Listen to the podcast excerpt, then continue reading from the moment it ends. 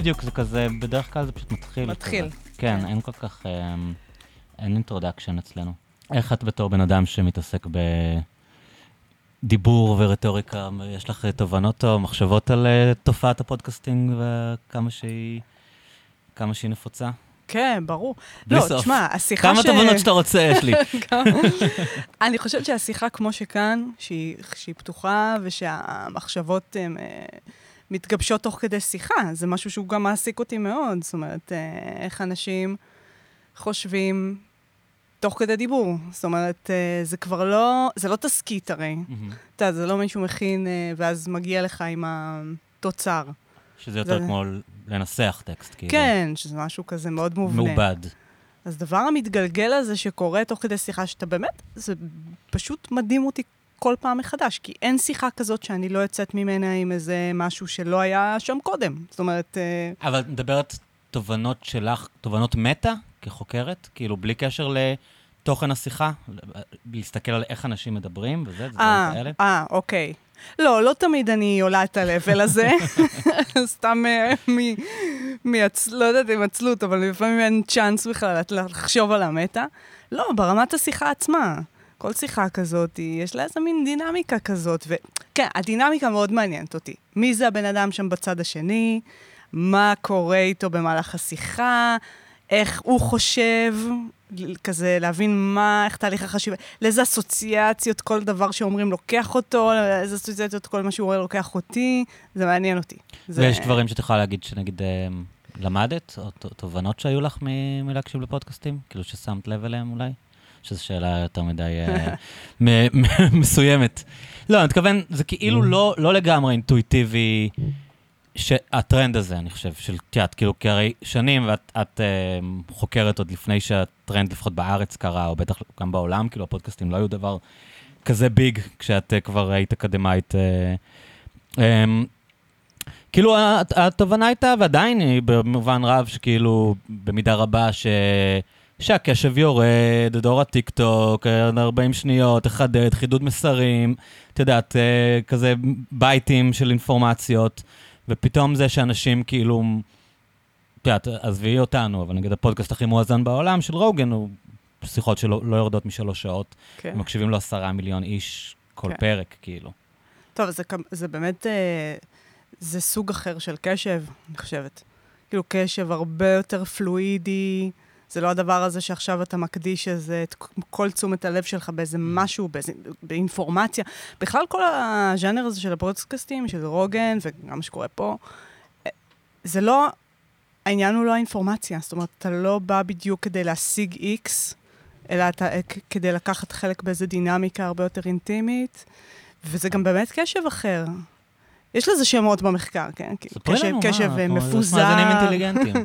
קשב מפוזר, מדברים על קשב מפוזר כזה, על הקשב שמה זה אומר? אני יכול לרוץ, כאילו, להריץ את זה ברקע, לעשות את הספורט שלי או לנהוג, ואני I'm catching up, אני לא צריך כן, כאילו, ל- כמו בהרצאה, לתפוס כל משפט, ואם אני drifting לשלוש דקות, אני בחוץ כזה. כן, כן. זה בכלל, זה שם גג לסוג הקשב הזה שמתרחש כשאתה לא מתרכז במשהו. ש... אתה יודע, תמיד אני שואלת אנשים, איפה אתם מגיעים לרעיונות? אז הם אומרים, במקלחת. כמעט כולם עונים את התשובה באמת? הזאת. כמעט כולם עונים את כי מה, התשובה כי הזאת. פתאום אין להם גירוי חיצוני? זה כן. הרגעים היחידים שהם בלי- בלי משהו באוזניות, או... כן, כן, כי שנייה יש את ההפוגה הזאת, ואז פתאום יש בזה, יש בזה, יש לזה הסברים אה, נוירונליים וקוגניטיביים כאלה, של באמת פתאום איזה רגע כזה זה שקוגניציה קטע שנייה... שפעם זה היה נגיד ריצה, היום כולם רוצים עם אוזניות, אפילו היום אנשים נכון. שוחים עם אוזניות, כאילו, נכון. זאת אומרת, אין... אה, נראה לי גם במקלחת יש כן, יכול להיות. אינסטרומנטים כאלה ש... מה, אני יוצא מהבית בלי אוזניות, אני נלחץ, כאילו. את כן. יודעת, אם נגיד, אני תמיד מוודא שיש לי מספיק בטריה באוזניות. כן, כן, אומרת לי עכשיו לעשות את הנסיעה מחיפה לתל אביב בלי אוזניות, אני מת, כאילו. כן. אין זמנים מתים. אין. ממתינים למשהו, ישר אתה טוב, זה. זה מביא אותי ישר, מהר- משתכננתי לקונספט של שעמום, כאילו, כן. שאני יודע שעסקת בו, לא, לא, לא כיוונתי לשם, אבל זה, זה, אמ, תספרי לי על זה קצת, כאילו, מה, מה, מה קרה לשעמום, וכמה שעמום זה חשוב. כן, או מה, שעמום, אה, נלך מההתחלה. מה הוביל אותך, תספרי על הספר, ומה הוביל אותך אה, לעשות, לכתוב אותו. אוקיי. אז אני כתבתי אני אגיד את זה. כן. אני כתבתי את הספר הכי משעמם בעולם. אה, זה ספר אה, לילדים. שזה השם שלו. זה השם שלו, אוקיי. הספר הכי משעמם בעולם. זה לא רק עדות סובייקטיבית, לדעתי זה הספר נכון. הכי משעמם בעולם. כן, כן. כן. אני אוהבת להגיד זה ככה, אבל אוקיי. זה, כן. אה, זה ספר לילדים ולמבוגרים שיצא בהוצאת אסיה בשיא הקורונה. והוא ספר על שעמום, מאוד קשה לתאר אותו, כי הוא מאוד גרפי, הוא, יש בו מעט מאוד מילים, הוא פשוט אה, לוקח את הקוראים לאיזשהו אה, מסע כזה של שעמום, שכולל כל מיני צורות ומילים, ומזמין להשתעמם. עכשיו, זה קצת, אתה יודע מה? וואלה, זה נהיה כבר לגמרי קלישה לדבר על יתרונות השעמום מאז, אני חושבת. זה כאילו, כולם מדברים על זה. לואי סי.קיי קטע כולם מדברים מפורסם. שהוא מדבר על זה, את בטח נתקלת בזה? כן, כן, כן. כן. זה... אבל זה נכון, זאת אומרת, שעמום זה חשוב. זה, אנחנו אה, לא מרשים לעצמנו לעשות את זה, אנחנו בעיקר לא מרשים ל- לילדים לעשות את זה. ברגע שילדים משתעממים, ישר תוקעים להם פעילויות. אה, וזה חשוב, זה חשוב את ה- להרגיש את התחושה הזאת של אין לי שום דבר שמגרה את התפיסה שלי, להיות באיזה ריק כזה, להתמודד עם זה ולצלוח את זה. עכשיו, למה זה חשוב באמת? זה יכול להיות חשוב מכמה, מכמה סיבות. אה, דבר ראשון, כי זה קורה הרבה בחיים וכדאי להתאמן בזה. אבל זה כבר לא קורה הרבה בחיים. נכון, זה לא קורה הרבה בחיים, אבל בגלל שאנחנו סותמים את זה, כי כל הזמן יש לנו אפשרות, כאילו... אוקיי, אז למה זה לא פשוט בעיה שפתרנו? נכון, שאלה טובה, שאלה טובה. כי, כי הפתרון שמצאנו, נגיד, אוקיי, השתעממתי רגע, אז עכשיו אני, אני בטיקטוק, אה, לא נותן לי את אותו benefit של עכשיו להשתעמם, ושנייה אחת להיות בתוך החיפוש הזה, ואז שנייה אחת להבין, רגע, אם, אם מה שעכשיו אני עושה משעמם אותי, מה יכול באמת לעניין אותי? זאת אומרת, זה לא נותן לי לעשות את הקפיצה הזאת, שהיא באמת קפיצת אמונה וקפיצה רגשית. כאילו אנחנו מתרחקים מעצמנו? אה, או. יכול להיות, כן, או שאפילו ליתר דיוק, השעמום יכול לקרב אותנו לעצמנו, להגיד משהו על, על מה שכן יכול, יכול לעניין לא, זה אותנו. מעניין שהיום, כאילו, אולי אפשר לקשור את זה לפריחה של מדיטציות. שאנשים, כאילו, הם צריכים באופן יזום בלו"ז שלהם לפנות זמן ללא לעשות כלום. כן. כי, כי ברור להם שבלי זה הם בטוח יעשו משהו, זה כאילו הופך להיות מין action item. כן, אה, אוקיי, עכשיו אני רבע שעה לא אעשה כלום, או חצי, כל אחד כמה זמן שהוא עושה, כאילו. כן, זה די מטריד בעיניי, שזה הכל, באמת, שה... כל העניין של גמילה מטכנולוגיות, או של כזה, של אה, ניסיון רגע... תנועת האטה, מכירה? לא, תנועת האטה זה באמת משהו מאוד רחב, אבל אוקיי. זה שגם ההפוגות מהקפיטליזם עוברות קפיטליזציה מה, כל נגיד הזמן. אפליקציה שמגבילה לך כן, את זמן המסך? בדיוק, כן. אפליקציה שמגבילה, או שפתאום אני בשיא העבודה ומלאה בגירויים, ופתאום אני חותכת לאיזה retreat שאין בו כלום. זה כאילו all or nothing כזה. כן, יש אה, לי וחברים שלי מאוד צוחקים, יש את העמודים האלה, האינספיריישנל בפייסבוק וכאלה של כזה, איך להיות מצליחן. ואז הרבה פעמים זה כזה, איך נראה בוקר של מצליחן? כן, ויש לך כזה, לקום בארבע בבוקר, לעשות ספורט, זה זה, עשר דקות מדיטציה. כן, לא יודע, זה כזה... כן. כן, זה מאוד, כן. זה, זה באמת, זה נורא, אמ, בוא נגיד, זה סוג של, זה עוויתות של, של הפוגה, הייתי קוראת לזה. זה לא באמת הפוגה, זה מין, אה, זה הופך להיות מין משהו שהוא כמעט, אה, כמעט, אה, לא יודעת, מין גחמות כאלה. זה לא משהו שהוא אורגני, ש, שבאמת, אתה, אוקיי, ש, שהוא קצת יותר משולב עם החיים.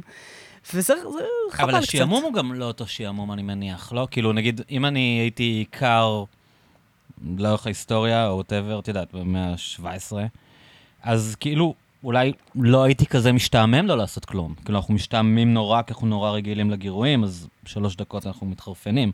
כלומר, עצם, מעבר לזה שאנחנו לא משתעממים, חוויית השעמום היא בטח מאוד שונה היום. כן, יש כל מיני מחקרים היסטוריים על זה. תראה, אני גם צריכה להגיד, אני לא אה, חוקרת של זה, כן. בשום צורה. ממש לא, אני כתבתי ספר ילדים. אבל, אה, אבל נגיד, סוג של שעמום, נגיד, של עבודות סיזיפיות שהיו. יש ציור נורא נורא יפה, אנשים, אה, שנשים, נשים מש, משועממות, Mhm. כזה שעושות עבודה כזאת של סוג של תפירה, כן. או משהו כזה. לרקום, זה כן, היה- זאת אומרת, ואתה רואה בעיניים, אתה יודע את הדבר הזה של בא לי למות, אה, מתי הדבר הזה ייגמר. ועכשיו, האם זה שעמום שונה?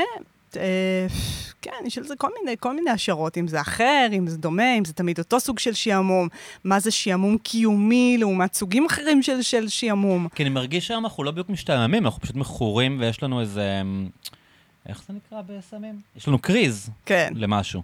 הסף קשב כאילו, יורד, כן, ואז פתאום הקריז. אם את לוקחת לי עכשיו את הטלפון, זה לא בדיוק שאני משתעמם, אני, אני נהיה עצבני, כאילו, איפה ה... אני חייב את האינפורמציה, אני מכור לאינפורמציה, כאילו. נכון, זה מעניין מה שאתה אומר. שזה בעצם, זה לא בדיוק השעמום הזה של כלום, ההפך, זה משהו מאוד agitated כזה, מאוד, אה, מאוד אה, ערני כזה, כמו, כמו קריז או crave למשהו ש... כן, אה, אז קיצור, זאת אומרת, זה מין ניסיון כזה שהוא... זה, זה דבר שהוא, הספר הזה, אני חושבת, בסוף הוא סוג של חלק מגל שקשור לתנועת האטה, לעוד כל מיני... שמנסים לעשות רגע אה, עצירה ולהזמין את עצמנו שנייה אחת, כן, לחוות בכלל את הרגש הזה, בכלל לחוות את זה. ובאמת לא מתוך איזה קריז, אלא לתת צ'אנס באמת לשעמום איכשהו לקרות, וזה דורש, דורש איזה כן. זמן, איזה פרק זמן כזה. זה מטורף כמה אנחנו מכורים. היה איזה יום שהיה תקלה ארצית בסלקום, והייתי ברכבת, ולא לא היה לי דאטה. כן. ואני פשוט השתגעתי. עכשיו, גם לי, כן? זאת אומרת... עכשיו, זה... יכול להיות שאם הייתי יודע שאין, הייתי מניח את הטלפון בצד ומסתכל מהחלון, אבל פשוט נלחמתי וכל הזמן רפרשתי, וניסיתי לשחק עם ההגדרות, כאילו פשוט כזה, תחזירו לי את הדאטה שלי, כאילו... כן. לא יודע אם הייתי מכור למשהו ככה, כאילו, חוץ מסיגריות. לא, בטוח, הרי, כן. טוב, אנחנו יודעים, זו התמכרות לגמרי, זאת אומרת, זו התמכרות במובן הכי קליני של, של התמכרות שיש, אה, וזה, כאילו, זה... אני לא מצליח, אני גם, זאת אומרת, זה לא שאני מטיפה לזה או משהו כזה, כי אני מצליחה לעשות את זה ואני איזה, לא יודעת, הגעתי לאיזה סטואיות כזאת של... ממש לא. אני נלחמת למשל כשאני ממתינה לאוטובוס, אין לי רכב. אה, או בכלל בסוג של המתנה, לא, אתה יודע, לא ליפול לדבר הזה של לשלוף את הטלפון, ואני כמעט לא מצליחה לעשות את זה, זה חבל. אבל זה, אני רוצה, אני ממש רוצה. להגיע למצב הזה שאני מתבוננת. כן, אני זוכר לפני, ש... לפני שהסמארטפונים, אני גרתי בטורונטו תקופה, והייתי יושב בבית קפה ומסתכל על אנשים, וזה היה לי מרתק, כאילו, והדמיון היה מתחיל לעבוד, כאילו, והייתי יושב ומשחק משחקים כאלה, כמו בשיר של פול סיימון, את יודעת, מנסה להמציא סיפור לכל בן אדם שאני רואה. זה דברים שאני כבר מזמן אני לא, לא עושה ואין לי, כאילו... כן. נראה, נראה לי הדמיון הולך לאיבוד איפשהו. אפשר לפעמים לראות את זה גם בסרטים ובסדרות, כי אתה מרגיש בחלק מהתוצרים התרבותיים שיש היום, ש, שזה, שזה דברים של אנשים שלא מתבוננים. Mm-hmm. או בספרות לפעמים גם. כן. כאילו שלא... שלא מרים את הראש, כאילו. כן. זאת אומרת, אולי זה, זה הרבה פעמים ספרות או קולנוע שהוא, שהוא בתוך המדיה, נורא נורא מתוחכם ברמת המטה של המדיה, זאת אומרת, הכ- הכל בתוך ה... מה, נדבר על התוצרים התרבותיים היום? כן, חלק, כן. והרבה פחות הדבר הזה של, של המבט הסקרני, הפשוט. Uh, המנגנון הזה של הסקרנות מאוד מעניין אותי בתקופה האחרונה. והוא קשור, במפתיע, הוא קשור לשעמום, כאילו, ברגע שמשתעממים מתוכו, hmm. תוך השעמום, איך הוא יכול לנבוע סקרנות, כן.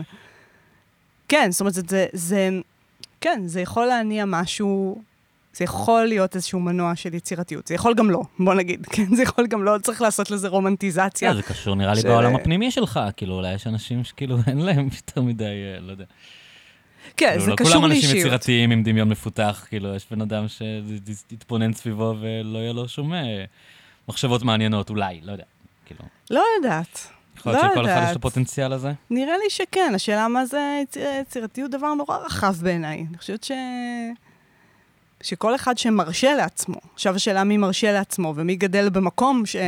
שיש בו... כאילו אתה קשור לפתיחות. כן, הרשאה, בוא נגיד הרשאה בכלל, להשתעמם ולבהות, והרשאה למחשבות לנדוד, ולא בכל המקומות יש. כאילו, הרבה פעמים זה נתפס בתור בזבוז זמן, אה, מה, עצלנות. כן. טוב, אז קפצנו מהר, תספרי טיפה, כאילו, במה את מתעסקת בחיים, כאילו, אוקיי? כי ככה היינו אמורים להתחיל את השיחה. בכיף. אה, בא לי להגיד עכשיו שאני מורה. כן. אני אוהבת את ההגדרה הזאת. אה, כן, אני מורה, אני מלמדת הרבה שנים באוניברסיטת תל אביב. אני מתעסקת ברטוריקה בעיקר, קלאסית ומודרנית. אה, המחקרים שלי היו מודרניים בעיקר. אה, ואני מתעסקת גם בלמידה, כל מה שקשור לאיך שאנשים לומדים. ואני גם, אה, אפשר להגיד, אה, מוציאה לאור בעוד אה, ענף בחיי. יש לי בית הוצאה לאור שהוא גם אה, בית דפוס ביתי, שהקמתי בבית שלי יחד עם הבן זוג שלי, אורי יואלי. אה, אלה כמה, דבר, כמה מהדברים. כן. במה, במה מתעסקים כשמתעסקים ברטוריקה? אני ראיתי איזו הרצאה כאילו על, על רומא, ששם זה היה כאילו... זה ומשפטים היו כאילו המקצועות הכי חשובים. כאילו, היו לומדים רטוריקה, וזה היה כאילו, את יודעת, לא יודע, מדעי המחשב של ימינו. כן. כאילו, אתה כזה... זו תכונה שהם העריצו, כאילו, רטוריקן טוב, את יודעת, גם הם חושבים על הדמויות, ה, דמויות המופת, קיקרו, סנקה וזה, הם כולם היו כאילו רטוריקנים. נכון. אה, אבל היום ברטוריקה אתם לא מלמדים להתנסח. להיות רטוריקנים, כן. כן. חוקרים... דבר ראשון, זה נכון שרטוריקה היה אחד המקצועות ה basic, כן? זאת אומרת, זה נקרא הטריוויום, בוא נגיד. Mm-hmm. אה, אה, נגיד, כשייסדו את האקדמיות אה, בימי הביניים, אז היה לך מה? רטוריקה, אריתמטיקה, מוזיקה, היו אוסף של מקצועות, וביניהם רטוריקה הייתה ממש ענף ממש מרכזי. אבל זה מתחיל ביוון. זה קשור לעלייה של הדמוקרטיה באתונה. Mm-hmm. שם מתחילים גם לדבר על זה בתור תחום. אה, ואני אוהבת להגיד ברמה הכי רחבה, שרטוריקה זה אה, האופן שבו אנשים משפיעים דרך השפה. אז נכון שבמובן הצר זה תורת, והמילולי גם, מה זה רטוריקה המילה? זה תורת הנאום והשכנוע ביוון העתיקה. אה, זה פרקטיקה, או, או לפעמים אומרים טכנה, טכניקה. אמ, אבל היום שאנחנו מלמדים רטוריקה, יש באמת איזו הפרדה די אה, קשוחה בין תיאוריה לפרקטיקה, זאת אומרת, יש את, ה, את התיאוריה, נגיד אני מלמדת אה, רטוריקה היסטוריה, תיאוריה, מיוון העתיקה ועד היום, ולחוד יש לך סדנאות מעשיות, ש, שגם חלקם, אבל כל התחום הזה של שכנוע... מעשיות של איך, איך לדבר בפומבי. אבל זה, התחום של השכנוע נלקח על ידי בתי ספר לניהול ותורת נכון, השיווק, לא? נכון, נכון, נכון. עכשיו, לא. באמת ביוון זה לא היה ככה. זאת אומרת, הלימוד של התורה, של הרטוריקה, נגיד שאריסטו כותב על, על תורת הרטוריקה, אז הוא, הוא כותב לאנשים שגם אה, עושים פרקטיקה באיזשהו מובן. לא, לא, ההפחדה, זה לא שהיא לא הייתה ולא הייתה כל כך חדה. וזה נכון שהתחום הזה קצת נחטף. אה, ועכשיו שמדברים על רטוריקה, זה פחות או יותר איך תמכור את עצמך, איך תמכור את הרעיון שלך. די עגום בעיניי. ו- ומה שמעניין אותי זה איך לומדים את התחום, גם את הפרקטיקה, אה, לא בצורה שכל כך מנותקת אה, מהאתיקה של זה, מהיסודות הקלאסיים של זה. ו- וגם, אתה יודע, שרואים... איך מלמדים את זה בהקשרים עסקיים הרבה פעמים. Mm. זה הולך לכיוון של איך תהיה רטוריקן מוצלח בעשרה צעדים, כן. או משהו כזה, בקטע של טיפים מאוד מאוד אה, נוקשים כאלה. איך תשיג מה שאתה רוצה. כן. עכשיו, אני, אני חושבת שזה... זה לא כל כך עובד ככה. זאת אומרת, זה לא כל כך עובד. הטיפים האלה של, אתה יודע, איך תעשה רטוריקה טובה ב-X ו-Y, במנותק מהקשר מסוים של מי מדבר, למי הוא מדבר, מתי הוא מדבר, זה די למכור אשליות לאנשים. אבל זה לא חלק מהמתודה?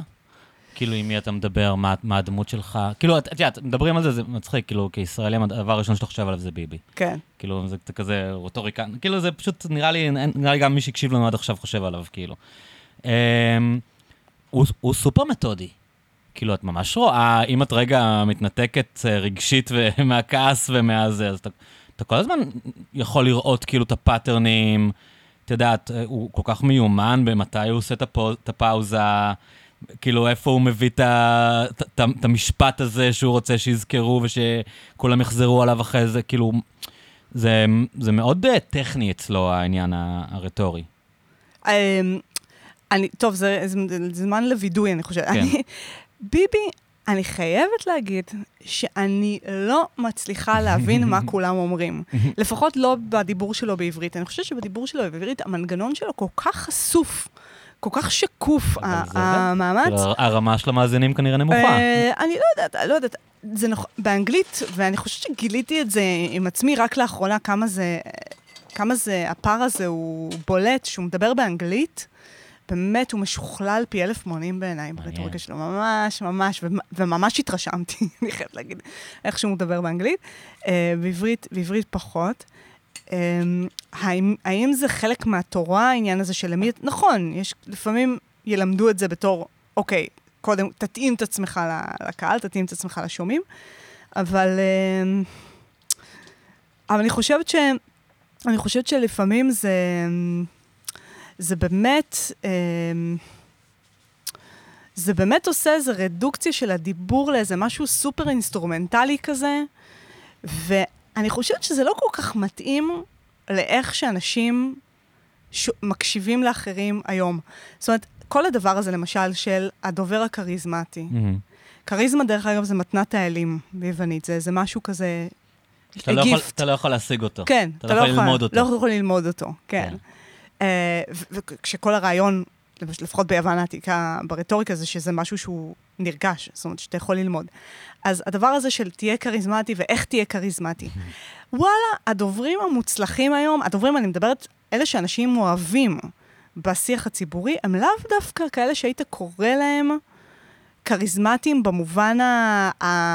אני יודעת מה, כאילו הנוקשה יותר של המילה. אני לא חושבת- לא על אה, זה. אבל אם אני חושב נגיד על אובמה, שהוא כאילו אולי, את יודעת, המקבילה, את יודעת, גדול ה...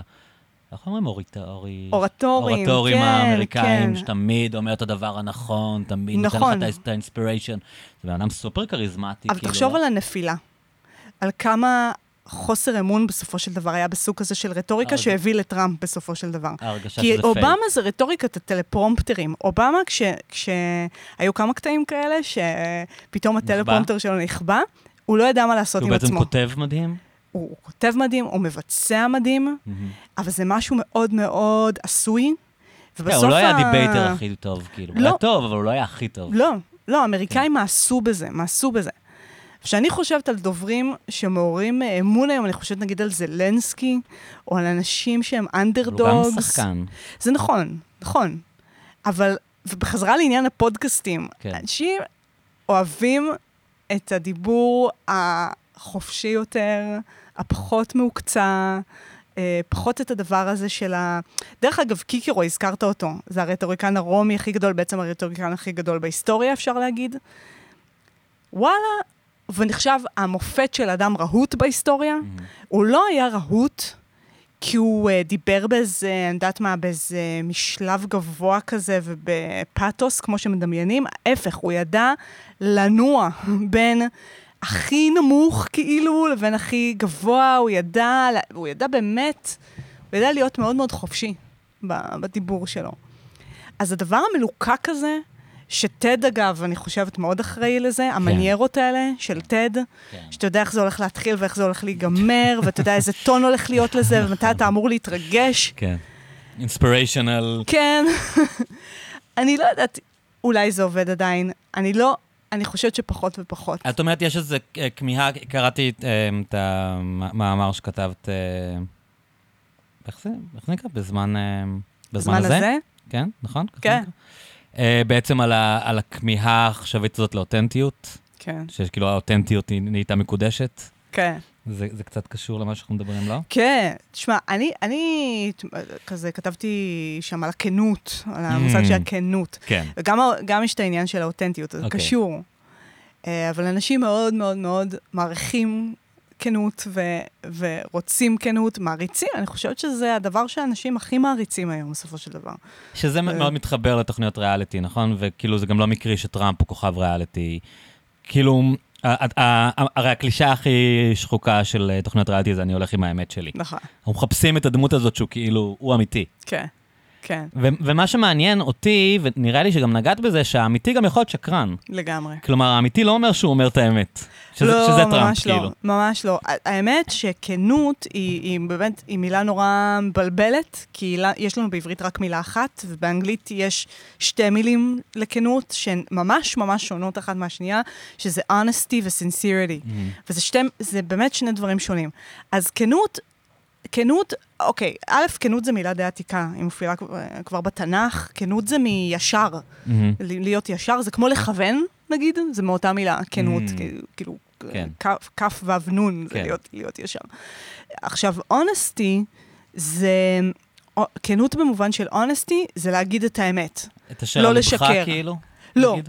לא, אה, לא אה, לשקר, אוקיי. לא לשקר, כמו בבית. משפט, אני עכשיו, מעיד. כן, אבל... אה, אבל צריך להגיד, אה, בשיח היומיומי, אנשים משתמשים בצורה מעורבבת. לגמרי ב-honesty ו-sincerity, כן? כאילו, זה לא ב- ביום-יום בשיח הפופולרי, אבל אם שנייה לדייק, אז uh, honesty זה נגיד ממש להגיד את האמת, לא לשקר, אני יודעת מה, אה, אני בוגדת אה, במישהו, אז I'm not being honest, אני משקרת.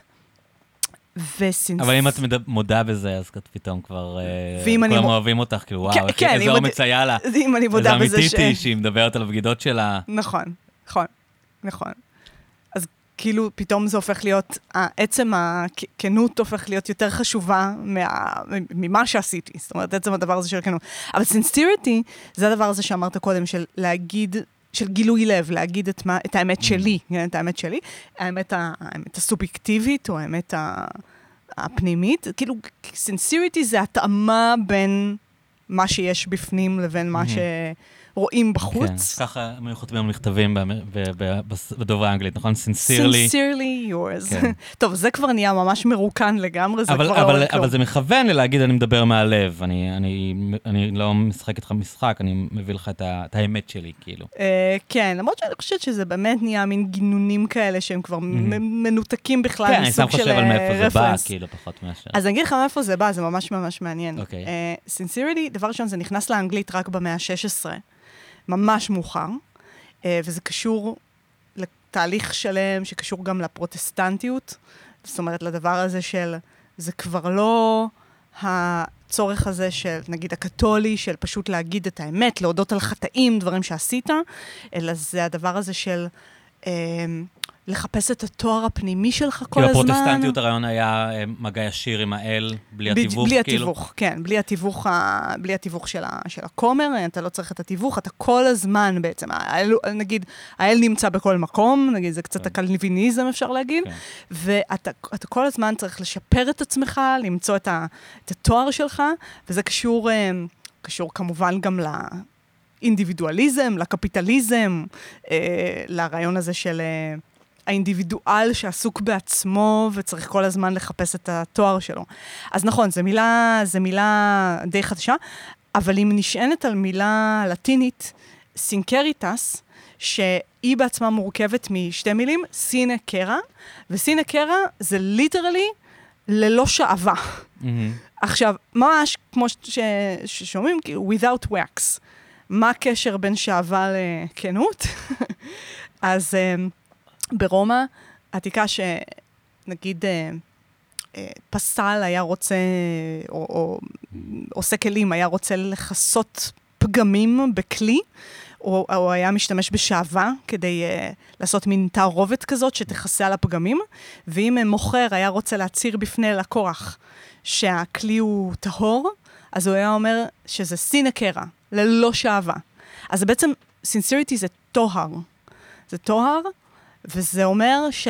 אמ, ש- what you see is what you get, ש... אמ, תוכו כברו, אנחנו אומרים בעברית, שמה שיש בפנים זה, זה כמו מה שיש בחוץ. אבל אז אפשר להבין שהסינסריטי זה לא, זה, זה לא כמו, שלא כמו honesty, זה לא משהו שהוא, זה לא משהו שאפשר לבדוק אותו. כאילו, sincerity זה לא משהו שאתה יכול, אוקיי, בגדתי, או עשיתי איזשהו, חטאתי, ובאופן תיאורטי אפשר לבדוק אם באמת עשיתי את זה או לא, לבדוק מהי האמת. Uh, לא, sincerity זה להגיד את מה שעל ליבי, ואתה אתה אף פעם לא יכול להיות באמת בטוח שמישהו הוא כן, אם ככה, רק אני יודעת אם אני כנה. סובייקטיבי. זה סובייקטיבי, ואז מה, כל מה שאתה יכול לקבל ממני זה כל מיני איתותים שאני, שאני כנה, שאני מעבירה דרך כל מיני, נגיד דרך הרטוריקה, וזה רטוריקה של כנות זה דבר ממש מעניין, איך אנשים מאותתים על הכנות שלהם, אה, בדיבור, במחוות גופניות, ואיך. אז תראה, יש את הדברים הממש קונבנציונליים, נגיד שאני אומרת לך... פאוזות כאלה? נגיד, אוקיי, כן, נגיד, אה, וואו, תקשיב, מישל אובמה, יצא לך פעם לשמוע אותה? כן, הרבה פעמים. מיש, מישל, כן. כמו שאנחנו אומרים. מישל היא, כשהיא נותנת נאום, והיא נותנת עם טלפרומטר, והיא בן אדם מאוד מאוד רהוט, אבל היא שותלת כל הזמן גמגומים. נדמה לך שזה כמעט בן אדם מגמגם. כל הזמן היא מנסה לאותת לך שהיא באמת שם, שהיא מאלתרת, שהיא כנה, שהיא מדברת מהלב, ו- והיא ממש שותלת את הגמגומים האלה במקומות אסטרטגיים, זה מדהים לראות את זה. אני זוכר, אמרתי את זה פעם, יכול להיות שאפילו לאח שלך, אה, שאברום בורג, כן. אה, הוא כאילו, הוא, הוא היה איזו הבטחה פוליטית ונכשל, ואת יודעת, ובסוף הוא כזה פרש. אבל, אה, אבל הוא אמר ש, שאמרו לו שהוא רהוט מדי והוא לא אומר מספיק אה, שזה מנכר אנשים.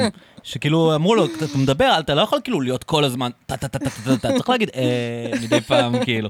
ולאובמה יש מלא כאלה, אגב. נכון. אפילו בפרום, ב- באמת בטלפרומפטר הוא כזה, אה, יודעת, אתה יודע מה כאילו, שמעתי עוצר- מדהים? עוצר לחשוב, כאילו. אתה יודע, יש בינה מלאכותית שעושה debate. מהמם.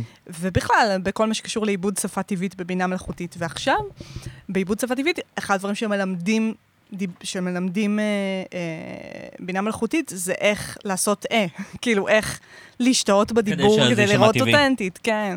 זאת אומרת, איך להכניס אומרת, את ה... נגיד, אנשים כמו מישל אובמה פשוט פיצחו את זה והם עושים את ה... אבל זה, זה מה שדיברתי לך מקודם על הפאוזות של ביבי. ש- כן. שבאמת לנו הן נראות מאוד שקופות, אבל אני לא יודע אם לכולם הן נראות שקופות. אני לא יודע אם, אם לקהל היד, כי הוא באמת הרבה פעמים עושה פאוזה כאילו כזה, לפני שהוא מפיל עליך את הפצצה. את יודעת, כאילו הוא חושב על זה עכשיו, יש לו את השטיק הזה. כן. אבל הפאוזה, יש הבדל בין פאוזה אה, שהיא דרמטית ואסטרטגית, כן. לבין אה, משהו שהוא כזה... אה, מאותת לך, אני, אני, אה, אני. ספונטנית, אני באמת לא הכנתי, אה, אני, זה, זה לא עשוי, חושב על זה עכשיו, חשבתי על זה לא עכשיו. עבדתי על זה, כן. כן. שזה משהו, משהו אחר.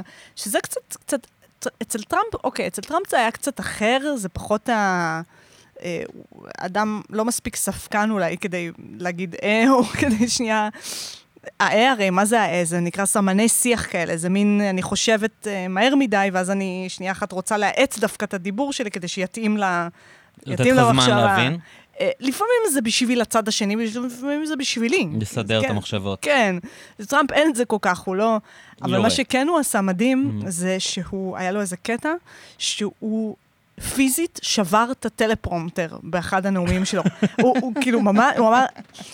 הוא, זה הפסיק לעבוד בהתחלה, ואז הוא בא והשליך את זה על הרצפה באיזה מין אקט אבל הוא כזה. בגדול לא מדבר עם טלפרומפטר בהצהרות האלה שהוא מדבר שעתיים, שלוש, כאילו, כל הצהרות המונים שלו, אני חושב שכל הקטע שלו זה שהוא בלי פרומפטר. גם- בהתחלה הוא היה בלי, אחר Mhm. כך באיזשהו שלב בנשיאות הוא כן היה.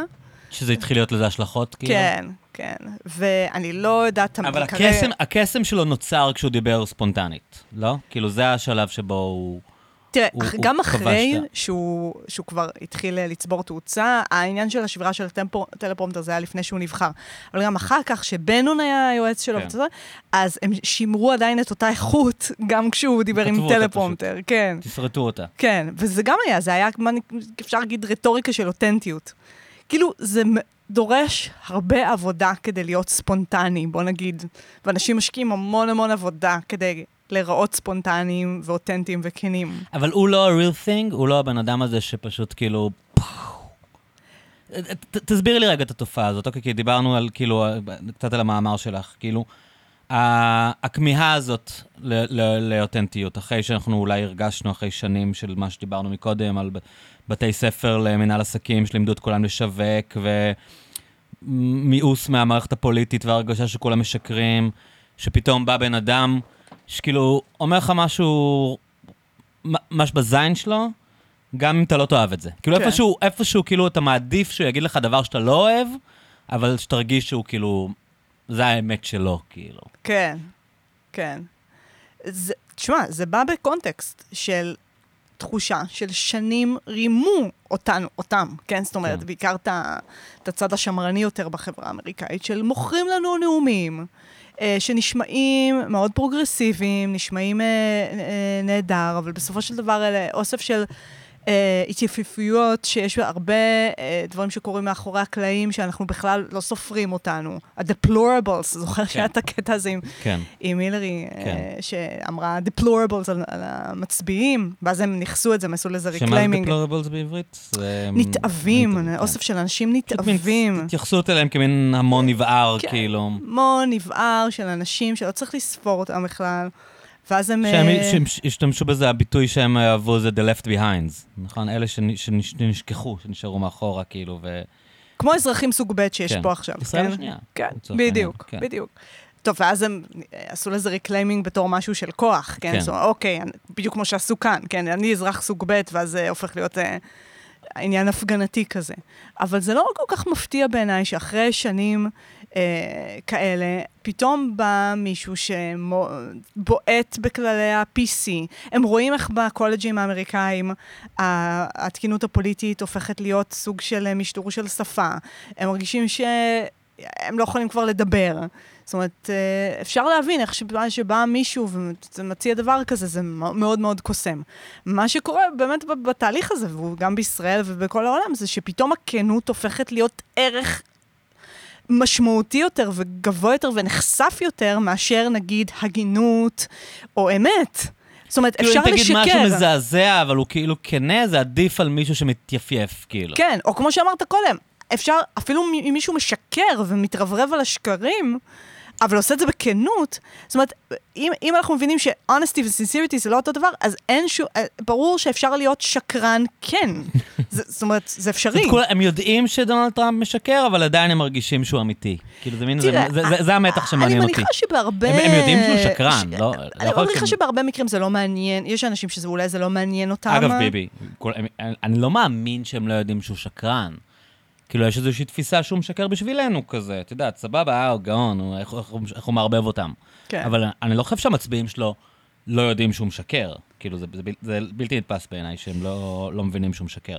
תראה, הם- הם הרי לא מקשה אחת. כן. אז אני מניחה שיש כאלה, ואני חושבת שאפשר לתת הרבה קרדיט למצביעי ימין, שיודעים בדיוק למה הם מצביעים, ויודעים מה הם מחפשים, ויודעים מה הם מקבלים, אה, ש...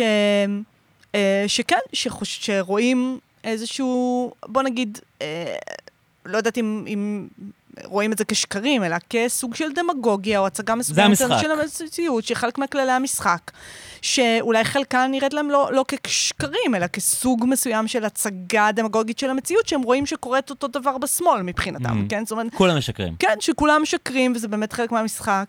אה, ואולי יש אחרים שלא מזהים את זה כשקרים, ואז אנחנו באמת ב- בכל הקטע של אה, פוסט אמת, ובדבר הזה של אי- אין הבחנה, ו... אה, ואנחנו בצרות. אבל, אה, אבל בגדול, כן, העניין הזה של... אנחנו מעדיפים שמישהו יגיד את האמת, וזה לא ביבי דרך אגב. זה, זה לא משהו נכון, שמזוהה נכון, עם ביבי נכון. בכלל לא. זה מזוהה יותר עם הפופוליסטים היותר, נגיד, עממיים מירי כביכול. רגב אולי יותר, כאילו, כן. למרות, כאילו, היא קצת אה, נלעגת מדי, אבל, אבל זה דור כזה, נגיד, איך קוראים לו? אמסלם. כן, זה בדיוק זה, כאילו. הרבה אומרים כאילו, עליו. הוא אומר ממש בראש שלו, על הזין שלו, אז לפעמים הוא פוגע, לפעמים הוא קצת הגזים, לא נורא, או דודי עם אלמוג השטויות כהן, שלו, אבל נגיד, הוא... כאילו- נכון? מי? אלמוג כהן, כן. כן.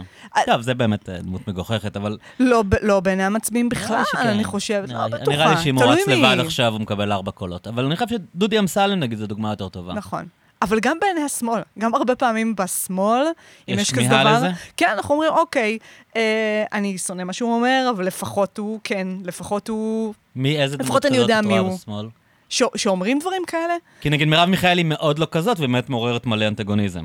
זאת אומרת, לא, אני אומרת שבשמאל הרבה פעמים אומרים על דמויות מהימין, אני שונא מה שהוא אומר, אבל לפחות אני יודע הוא מי הוא, לפחות הוא ישר. לפחות כן. נגיד על דודי אמסלם. כן. וזה די אה, פטרוני, הנקודת מבט הזאת, נכון? אני מקבל אותו כי הוא איזה דמות עממית כזאת, כמו איזה sidekick כזה. אבל נראה לי שהרוב שונאים אותו, לא? כאילו מה, זה חיים לוינסון כותב איזה טור, כאילו, הוא... הוא- נראה לי שרוב השמאל כאילו לא מסוגל לסבול אותו. אה, באמת, תשמעי, הוא באמת בא ממקום של שנאה, כי את יודעת, הוא כאילו באמת כל הזמן משחק על הקוטב השלילי. מה, דודי-. דודי אמסלם. נראה לי, כאילו... אתה יודע, הוא אומר דברים בלתי מתקבלים על הדעת, כאילו, דברים בלתי נסבלים, איך אפשר, כאילו, לא יודע, כן, זה אבל. אתה יודע, גם עם אלמוג כהן. שאומר דברים, נגיד, אני יודעת אה, הוא מה, גם באמת נורא טיפש, דודי אמסלם, אתה לאו דווקא כאילו חושב שהוא טיפש, אתה חושב שהוא... אמ, חוצפן, לא יודע מה, איך כזה, יצא לי הכי אשכנזי, כאילו, אבל מה אתכוון? כן. כאילו, הוא, הוא מרתיח אותך, הוא נתעב, אה, אבל אלמוג כהן סתם טיפש, כאילו. כן, אני חושב שמישהו מעריך אותו, מישהו מעריך אותו. לא, לא מעריך, אבל אני חושבת שכן, כזה, אתה יודע, בשיח היומיומי של משמאל, יש שיגידו, אוקיי, אני מעדיף את אה, אלמוג כהן, בפנים. כן, זה נגיד, שאני אוקיי, אדע נגיד, מי היו הוא. אומרים את זה על אריה אלדד כל השנים. אוקיי, זה נגיד דמות נכון. כזאת שכזה, הוא ימני, הוא פשיסט, אבל הוא אומר את האמת, והוא כן. לא מערבב, והוא לא משחק אותה כאילו. נכון. לפחות הוא איש ישר. כן, אני את מעדיף אותו. מביבי, כן, דברים כאלה. לפחות הוא לא מערבב אותי. אה, ואתה יודע מה? אני לא חושבת שאני מעדיפה את אלמוג כהן מביבי. אני לא חושבת, לא. לא. אבל זה בדיוק הצרה הזאת עם- עם הערצה ורומנטיזציה של הכנות. של, אוקיי, אני מעדיפה את ה- את האדם שאומר מה שהוא חושב, אה, לא משנה כמה זה נורא, מאשר אדם שאני כזה מתעתע בי. אני- אני אני לא בטוחה, לא בטוחה לגבי זה. יש ערך לתעתוע? יש ערך להם לשחק לפי, לפי הקודים, כאילו, ללא להגיד דברים שאסור להגיד, אתה מתכוון, כאילו, טראמפ הרי שבר את הכל. את יודעת, כאילו, נוצרה מין מציאות, ובארץ הדביקו את זה מהר מאוד. יש הרבה כזה, הם, הם מדברים על כזה, אם ביבי הקדים את טראמפ, או כמה ביבי הושפע מטראמפ, וכאילו מי עשה מה קודם, ובעיניי, כאילו, טראמפ הוא כן מקרה חדש. כי אני mm, old enough, כמו שאומרים, לזכור את ביבי לפני טראמפ. כאילו, היה מין איזה, הוא, הוא הביא איזה סטנדרט כזה של I don't give a fuck. ש, שאת זה את רואה נגיד מאוד בערוץ 14, את יודעת, ינון מגל נגיד, זו דוגמה נורא טובה, של כאילו, אה, שיקרתי? על הזין שלי, את יודעת, כאילו, ונגיד בטוויטר רואים את זה נורא חזק, שהם יכולים להעלות פוסט של פייק ניוז, ואומרים להם, אחי, זה לא נכון, והם לא, לא מורידים את זה. נכון. כאילו, בסדר, אז אתם לא מאמינים, לא אכפת לי, אבל, אבל כאילו, זה עובדתית לא נכון. כן. למה אתה משאיר את הפוסט? ולא מעניין אותם יותר. כן. וזה אני לא חושב היה לפני טראמפ, הרמה הזאת של ה... כמו ש... איך קוראים לה? קלי... קונווי. קלי- עובדות קונווי. אלטרנטיביות. כן, we have alternative facts, כאילו. כן. התפיסה הזאת של כאילו, מה כאילו, אתם חושבים שזה לא נכון, אנחנו חושבים שזה כן נכון. אין יותר כאילו, מה שקראת מקודם פוסט אמת, כאילו... נכון. וזה לדעתי, כי, כי ביבי תמיד היה שקרן, אבל היה איזשהו רפרנס, אתה מתכוון? זה לא היה כאילו מין בלון ששוחרר לגמרי. נכון. והיום יש הרגשה שאחרי טראמפ פשוט לא אכפת להם. כאילו, אתה, אתה יכול, בגלל זה נורא מצחיק אותי, כל הבודקי עובדות האלה. כאילו שכזה, הוא בכלל לא... לא אכפת להם. לא. כאילו, מה, מה אתה מנסה, למי אתה מנסה להוכיח את זה? נכון. הרי הקהל, הקהל היחידי שמתעניין בזה שהראית לו שהוא משקר, הוא חשב שהוא משקר גם ככה, והקהל שאתה כאילו השני, לא אכפת לו, כאילו שהוא שיקר. כן. נכון, נכון. לא, זו תופעה אחת. תשמע, כשהוא נבחר, הייתי, גרתי בארצות הברית, והרגשתי מאוד מאוד חזק את הדבר הזה של נפל דבר. משהו קרה. משהו קרה, גרתי באזור הכי ליברלי שאפשר אה, לדמיין, מה, בקיימברידג', מסצ'וסטס. אה, שזה הרווארד? כן, ושם, ה- בבית הספר לממשל, זה היה אה, פיזית, היועצים של הילרי כן, באו משם. זאת ברור. אומרת, אז זה היה באמת סצנות כאלה, ממש אה, מטורפות. הווידאוים האלה אה, של אנשים נשכבים על הרצפה ורוקעים ברגליים ובוכים בהיסטריה? מה, הגננות של הבת שלי, בת, הבאתי אותה בבוקר, לא, האמת שהייתי בשוק, כולם בכו, כולם בכו. ואז הלכתי לבית ספר לממשל שם, שבכלל לא הייתי קשורה אליהם בשלב הזה, ופשוט ישבתי שם כל היום לשמוע מה אנשים אומרים, והדיקן בא ועומד, זהו יום שחור, ו... ואז התחילו כל המחאות וצעדות הנשים ודברים כאלה. ואתה קולט שזה באמת, יש פה איזה שבר, שבר אה, של... כן, זה מצחיק, כי מצד אחד קל להגיד שהם היו. היסטריים, כן. מצד שני, באמת משהו השתנה. הם הם לא טעו בלהבין שכאילו הדברים לא הולכים אחורה ודבר אמיתי. זאת אומרת, הנשיאות שלו... היא לא הייתה אה, טוטליטרית כמו שהם חשבו, שארה"ב הפכה למדינה פשיסטית, אבל משהו באמת נשבר, כאילו משהו כנראה לא יחזור אחורה אחרי מה שהוא קרה. אה, להרבה נגיד אה, ישראלים יש את הפנטזיה, את יודעת, לבלפוריסטים, והיום לכל הדגלים השחורים וזה, יש את הפנטזיה שביבי ילך. רק ביבי ילך והכל יהיה בסדר, אבל אני, אני לא מאמין בזה, אני חושב שאנשים למדו, כאילו הבן אדם הבא, הוא לא, לא פתאום יהיה איזה סטנדרט כמו שהכרנו ב nineties. זה, זה המשחק עכשיו, המשחק לא הולך להשתנות, יהיה, יהיה ביבי אחר, כאילו. נכון, נכון. אה, אבל, תשמע, אני כן חושבת, והרגשתי שראיתי את זה בזמן אמת, שהשוק שלהם החליף את היכולת שלהם לעשות חשבון נפש, ובאמת, שנייה אחת לחשוב איך הגענו כן. למצב כזה. כן. זה היה מאוד מאוד בולט. אני גם, דרך אגב, אני חושבת שכשדיקן אה, בא ואומר בשם הסטודנטים, זהו יום שחור, כשיש אה, לא אולי מצביעי שלו. טראמפ אה, שם, ומקום שאמור להיות פלורליסטי, אני לא בטוחה שזה המקום ל- לעשות את זה. יש לי עמדה, אני חלוקה מאוד עם חלק מהאנשים אחרים בהקשר הזה, אבל אני חושבת ש... הם חשבו שזו המחויבות המוסרית שלהם, כן. למה אני יכול לעשות, כי בתוך התסכול העצום שהם היו בו. כן, וגם שאוניברסיטה צריכה ל- לנקוט עמדה מאוד... אה, טוב, אצלם, האמת שזה גם מאוד מקובל שבאוניברסיטה היא פוליטית.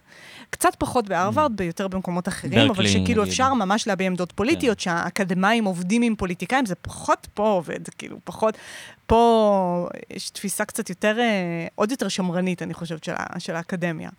אה, אבל מה שהיה מאוד בולט זה הדבר הזה של... אנחנו באיזה מין אבל, אנחנו לא יודעים מה לעשות עם עצמנו.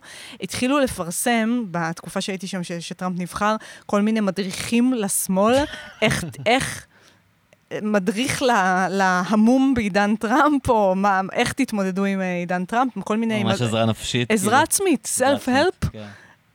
ל- ל- לאקטיביסטים של איך, איך שנייה אחת להבין את הסיטואציה הזאת, איך להתארגן. יש לי אוסף כזה, נורא עניין אותי כשהייתי שם. Uh, כן, אבל זה באמת, זה עשה שינוי בכל התפיסה של הרטוריקה בזירה הבינלאומית, ואיך שחושבים על זה, הפופוליזם הזה דברים קשור, שחשבנו אה, שהם בלתי אפשריים פשוט נהיו מובנים. מאליהם, כאילו. אבל אגב, לא הייתי מקלה ראש בתפקיד של צוקרברג בכל, ה... בכל אוקיי, התהליך זה- הזה. זה מעניין כבר, אה, כאילו. זה- זאת אומרת, זה כן, לא אני- בחלל אני- אני- ריק. אני, זה- אני עוצר אותך רגע. אמ, המחשבה שלי כל הזמן, כאילו, אני מסתכל מה השתנה בעולם, ו... ואנחנו כאילו נורא עסוקים בעצמנו כל הזמן, ומתייחסים, עושים איזה ניתוחים פנים-ישראלים כאלה של מה שקורה, אבל אם אתה לרגע מרים את הראש, אתה מבין שכל העולם fucked up. כאילו, אין, אין כאן איזה תופעה מיוחדת בישראל, יכול להיות שאצלנו דברים יותר אינטנסיביים, מדינה צפופה עם בעיות, אה, את יודעת, בעיות רקע עצומות, כאילו, שהופכות את הדברים ליותר מלוכלכים ומגעילים ומסוכנים, אולי במקומות אחרים, מבאוסטריה. אבל, אבל, את יודעת, האלטרנטיב פוי דויטשלנד, ה-FD בגרמניה עכשיו, אנשים לא מצליחים להבין כאילו בכלל מה קורה. ומה שקרה במדינות שהם היו המופת שלנו בשמאל, כאילו בשוודיה, ב- בכל מקום, כאילו, הדברים מתפוררים. הס- הסיביליזציה, אולי אני מגזים, מתפוררת. ואז אתה אומר, אוקיי, מה קרה? כאילו, זה, כי זה לא אה, ישראל, זה... ו- ונראה לי, כאילו, ה- התובנות הן אה, מתיקות, זה מין דטרמנ... לא עתיקות, אבל ישנות, דטרמיניזם טכנולוגי, כאילו בסוף, מה שקרה זה פייסבוק וטוויטר, זה, זה מה שקרה בעולם. אני לא חושב שסתם היה מספיק שנים כיבוש ואז זה יצא משליטה. זה כאילו משהו, וגם טראמפ, שהוא נשיא הטוויטר, כאילו, מה שקרה זה קרה באמצעי המדיה ובטכנולוגיות, לא? אני, אני חושבת ממש, אני חושבת ממש. אה, והדבר הזה שאתה אומר, אוקיי, יש שקרים, ואנשים בכלל לא טורחים לתקן, וזה קשור לאיזו אינפלציה של אינפורמציה, של... אוקיי, אז יש עוד שקר שנבלע בים האינפורמציה. מה אני עכשיו? מה, אני אה, אפרסם מודעת תיקון? מה, מה זה יעשה בדיוק? התנצלות. כאילו, התנצלות, אה, כמו בעיתון, זה לא... זה, זה קשור... אני מאוד מטריאליסטית בהקשר הזה, זאת אומרת, אני ממש חושבת שהתשתית החומרית, הטכנולוגית, אה, מכתיבה את התודעה, נניח, כאילו. תתארי את זה קצת, קחי רגע זה, ותתארי מה קרה מ... מתי פייסבוק באמת התחיל לקרות? 2007? נגיד, פייסבוק התחיל ב-2002, 2003, נהיה עולמי ב-2006-2007. אגב, זה מצחיק ש... לפני שאת אה, עונה, סורי, זה מצחיק אה, שזה בכלל כאילו קצת פילוסופי על איך אנחנו מתייחסים לטכנולוגיות. הייתה אופטימיות עצומה כן. בהתחלה לגבי פייסבוק. כאילו, אם אתה, היה את האביב הערבי, שאמרו, אוקיי, אנשים מתקשרים עם עצמם עם פייסבוק, הם לא הצליחו להמשיך לשלוט בנו. כן. ובישראל היה את 2011, שגם זו מחאה שהתחילה בפייסבוק. הייתה, הייתה מן הרגשה שהרשתות החברתיות זה מין כוח משחרר דמוקרטיזציה, כמו שקראו לזה אז. כאילו זה היה מין, אוקיי, הם לא, הם לא יצליחו להמשיך לשלוט בנו. האמת אה, תצוף על פני השטח, ולשמאלנים טיפשים כמוני, זה היה מין מחשבה שכאילו, אוקיי, אנחנו, הד- הד- הדברים הולכים להיות, להיות אנחנו יכולים לתקן את הדברים. כן. מבנה הכוח הולכים להתפורר, הזהות וזה- שלך הולכת להיות אה, נזילה, פחות, פחות אה, מקובעת, פחות לאומית. ואז פחות... אובמה היה נשיא הפייסבוק הראשון, כן. והרבה דיברו גם על איך הוא גייס את הכסף שלו בכלל בפייסבוק, הוא לא היה תלוי יותר בטייקונים, הוא הצליח לעשות אה, גיוסי מיקרו כאלה דרך פייסבוק, ופתאום אה, אה, כאילו העולם נפתח ואנחנו הולכים לאיזה עתיד יפהפה. ו... ואנחנו היום ב-2000, כמה, 20, מה אנחנו? 23? 23. עם הרשתות בוטים של אה, ביבי, ואת יודעת, וכאילו מה שקורה מכונת הרעל שהוא בנה, ששולטת בטוויטר ופייסבוק, זאת אומרת, כן. זה היה האינטרו שלי, סליחה. לא, לגמרי.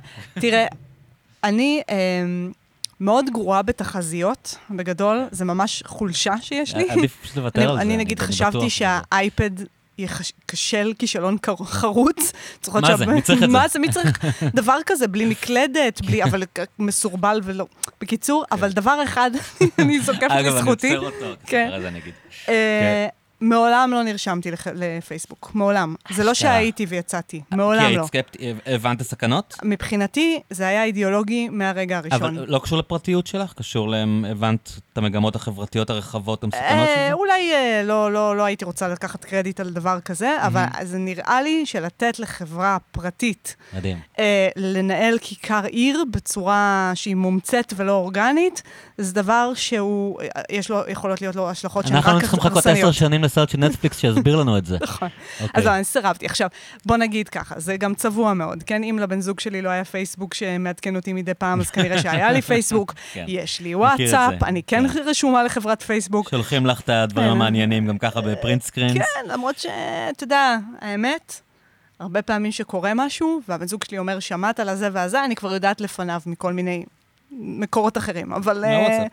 כן, אה, ש- שהיא של שזה הרשת פייסבוק. החברתית האמיתית, אגב. שהוא של פייסבוק. זה הרשת החברתית האחרונה, היא באמת רשת חברתית. נכון, כאילו. נכון, נכון.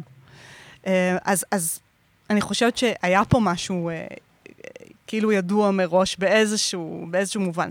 אבל תשמע, בכל הקשר טכנולוגי, תמיד יש את האוטופיסטים הטכנולוגיים שאומרים, זה יגאל אותנו, כן, נכון? זה ה... החררים. אה, תחת, זה ה... אה, זה תמיד היה, זה היה גם בהקשר של המהפכה התעשייתית. בכל הקשר טכנולוגי חדש יש את האוטופיסטים שאומרים, אוקיי, יש פה הזדמנות לתיקון חברתי, אבל תמיד יש לצידם כבר מה, מההתחלה, ולא רק בדיעבד, לדעתי גם את הקולות ה... בוא נגיד, ניקח את זה השמרניים, שאומרים, אוקיי, זה, זה, זה, זה יחריב את האנושיות, זה ימוטט אותנו, כן. שכמו שאמרו על הטלוויזיה, נכון. וכמו שאמרו על הרכבות, וכמו שאמרו על ה... אה, אני יודעת מה, על, על כל, כל, על הדפוס, כן. זאת אומרת, על כל חידוש טכנולוגי באשר, באשר הוא, תמיד יש את הקולות האלה, ותמיד ההשלכות של הטכנולוגיה בסופו של דבר הן גם, גם צפויות, אבל גם בלתי צפויות, שיש יש השלכות שהן, שהן by-products, שאי אפשר כל כך, אה, כל כך לצפות אותם. עכשיו, בהקשר של, ה, של הרשתות החברתיות, אתה יודע, אנחנו יודעים היום, זה באמת, זה לא סוד גדול, יש אה, אלגוריתמים שניזונים משנאה, ואוהבים אה, רפש. ולכן זה לא כל כך, זה, כאילו, זה באמת לא כל כך מפתיע שהדבר הזה בסופו של דבר קשור ל, ל, לפופוליזם, אה, לפופוליזם אה, כזה אה, מסוכן. זה, זה, זה, זה, זה משהו שהוא מעודד זה. באופן, כאילו, באופן אה, כמעט, כמעט אוטומטי. זה מעודד סוג מסוים של תקשורת. אה, וזה, זה לא... אבל זה לא חושף את מה שהאנשים, כאילו, אתה אתה מה מתכוון? כאילו, הרי האלגוריתם, כן, הוא לא מתוכנת לחפש שנאה. הוא מתוכנת, לח... הוא מתוכנת לחפש engagement. נכון, הוא מתוכנת לחפש מה מעניין אותך. נכון. ו... ומסתבר שכשמעצבנים אותך, או כשמעוררים אצלך אנטגוניזם, זה יותר מעניין אותך מ... אה, אה, איזה יופי, אה, נעים לי עכשיו. נכון. כלומר, זה לא איזה משהו במבנה הפסיכולוגי, אולי הבסיסי האנושי, כאילו? זאת אומרת, זה לא אומר משהו עלינו, אני לא יודע, סתם, כאילו... אני אה, חושבת שכל. טכנולוגיה שאנחנו מתמס- מתמסרים או מתמכרים אליה, אומרת משהו עלינו. Mm. אבל הטכנולוגיה רוכבת על זה כדי להוציא משהו שאנחנו, יודעת, אה, אנש, או אנשים כן. אוהבים מאוד מלוח ומתוק, אז אז הם אוהבים חטיפים. בוא נפוצץ להם כאילו, בסוכר כן, ומלח את זאת אומרת. אז זה שאני נוטה להתמכר לזה, או שיש נכון. לי אפשרות אז להתמכר לא לזה, זה לא... זה, בטח שזה לא מצדיק את זה, כן? זאת כן, אומרת, זה כמו לא... פורנו, את יודעת, כן. כאילו אתה נכנס, כמעט כל בן אדם, גם אנשים מאוד שמרנים, אתה נכנס לסרט שלהם, באינסטגרם אתה רואה רק כוסיות, אם אתה גבר, כן. כאילו. עכשיו, כאילו הקטע בפורנו, שברור שכאילו אם אתה עכשיו מעביר ערוצים ואתה תראה ציצים, אתה כנראה תעצור. כן. אבל זה לא אומר שאתה לא רוצה לראות דברים אחרים, זה לא אומר שלא מעניין אותך לראות אה, דוקומנטרי, נכון. זה פשוט איזושהי פנייה ליצרים אה, ש- שאולי כסיביליזציה הצלחנו לעדן אותם, ועכשיו הטכנולוגיה מאפשרת לנו, כאילו, לא מאפשרת, מכריחה אותנו אה, להיות ברמה הזאת כל הזמן. נכון, כאילו. לא חשבתי על זה, האמת, שהרבה מהטכנולוגיות מנסות להרחיק אותנו מהיצרים הקמאיים, כאילו, דווקא לקדם אותנו, כאילו, להיות אנשים שמתרחקים מהיצרים הכי בסיסיים, ודווקא הרשתות כאילו מקרבות אותנו בחזרה לבהמי איכשהו, אה, וזה שאנחנו בהמות, זה לא אומר שאנחנו חייבים להיות בהמות, כאילו, כן. כמו שאנחנו עושים הרבה דברים שאנחנו לא באופן טבעי אה, עושים, כאילו, מתוכנתים לעשות. את חושבת שאנחנו... סתם, אמרת שאת לא אוהבת תחזיות, ואני מעריך את זה, אבל מבחינת trajectory, כאילו... את חושבת שאנחנו מתישהו, הדור הבא, לא אנחנו, ילמד לחיות בתוך זה ולהתמודד עם זה, או ש... כי אני בזמן האחרון באמת, כל הזמן יש את המחשבה הזאת, כבר דיברתי על זה, וגם עכשיו אני בכלל רואה אמ, הרצאות על, אה, על ההתפוררות של האימפריה הרומית ועל ימי הביניים וזה, כאילו, יכול להיות שסיביליזציה שלנו מתפוררת, כאילו, בטח ישראל, באמת, כאילו, אני, זה נשמע נורא מדכא, ואפשר להסתכל על זה מכל מיני כיוונים, אבל אני, אני חושב שזה זה מתפורר. כאילו, יש סיכוי שאנחנו איפשהו... שאריות של הדור של ההורים שלנו, שזה אולי אחד הדורות בהיסטוריה שהאמינו שה, שהעתיד מתקדם. שאנחנו. אני לא חושב שאנשים בימי הביניים חשבו ככה.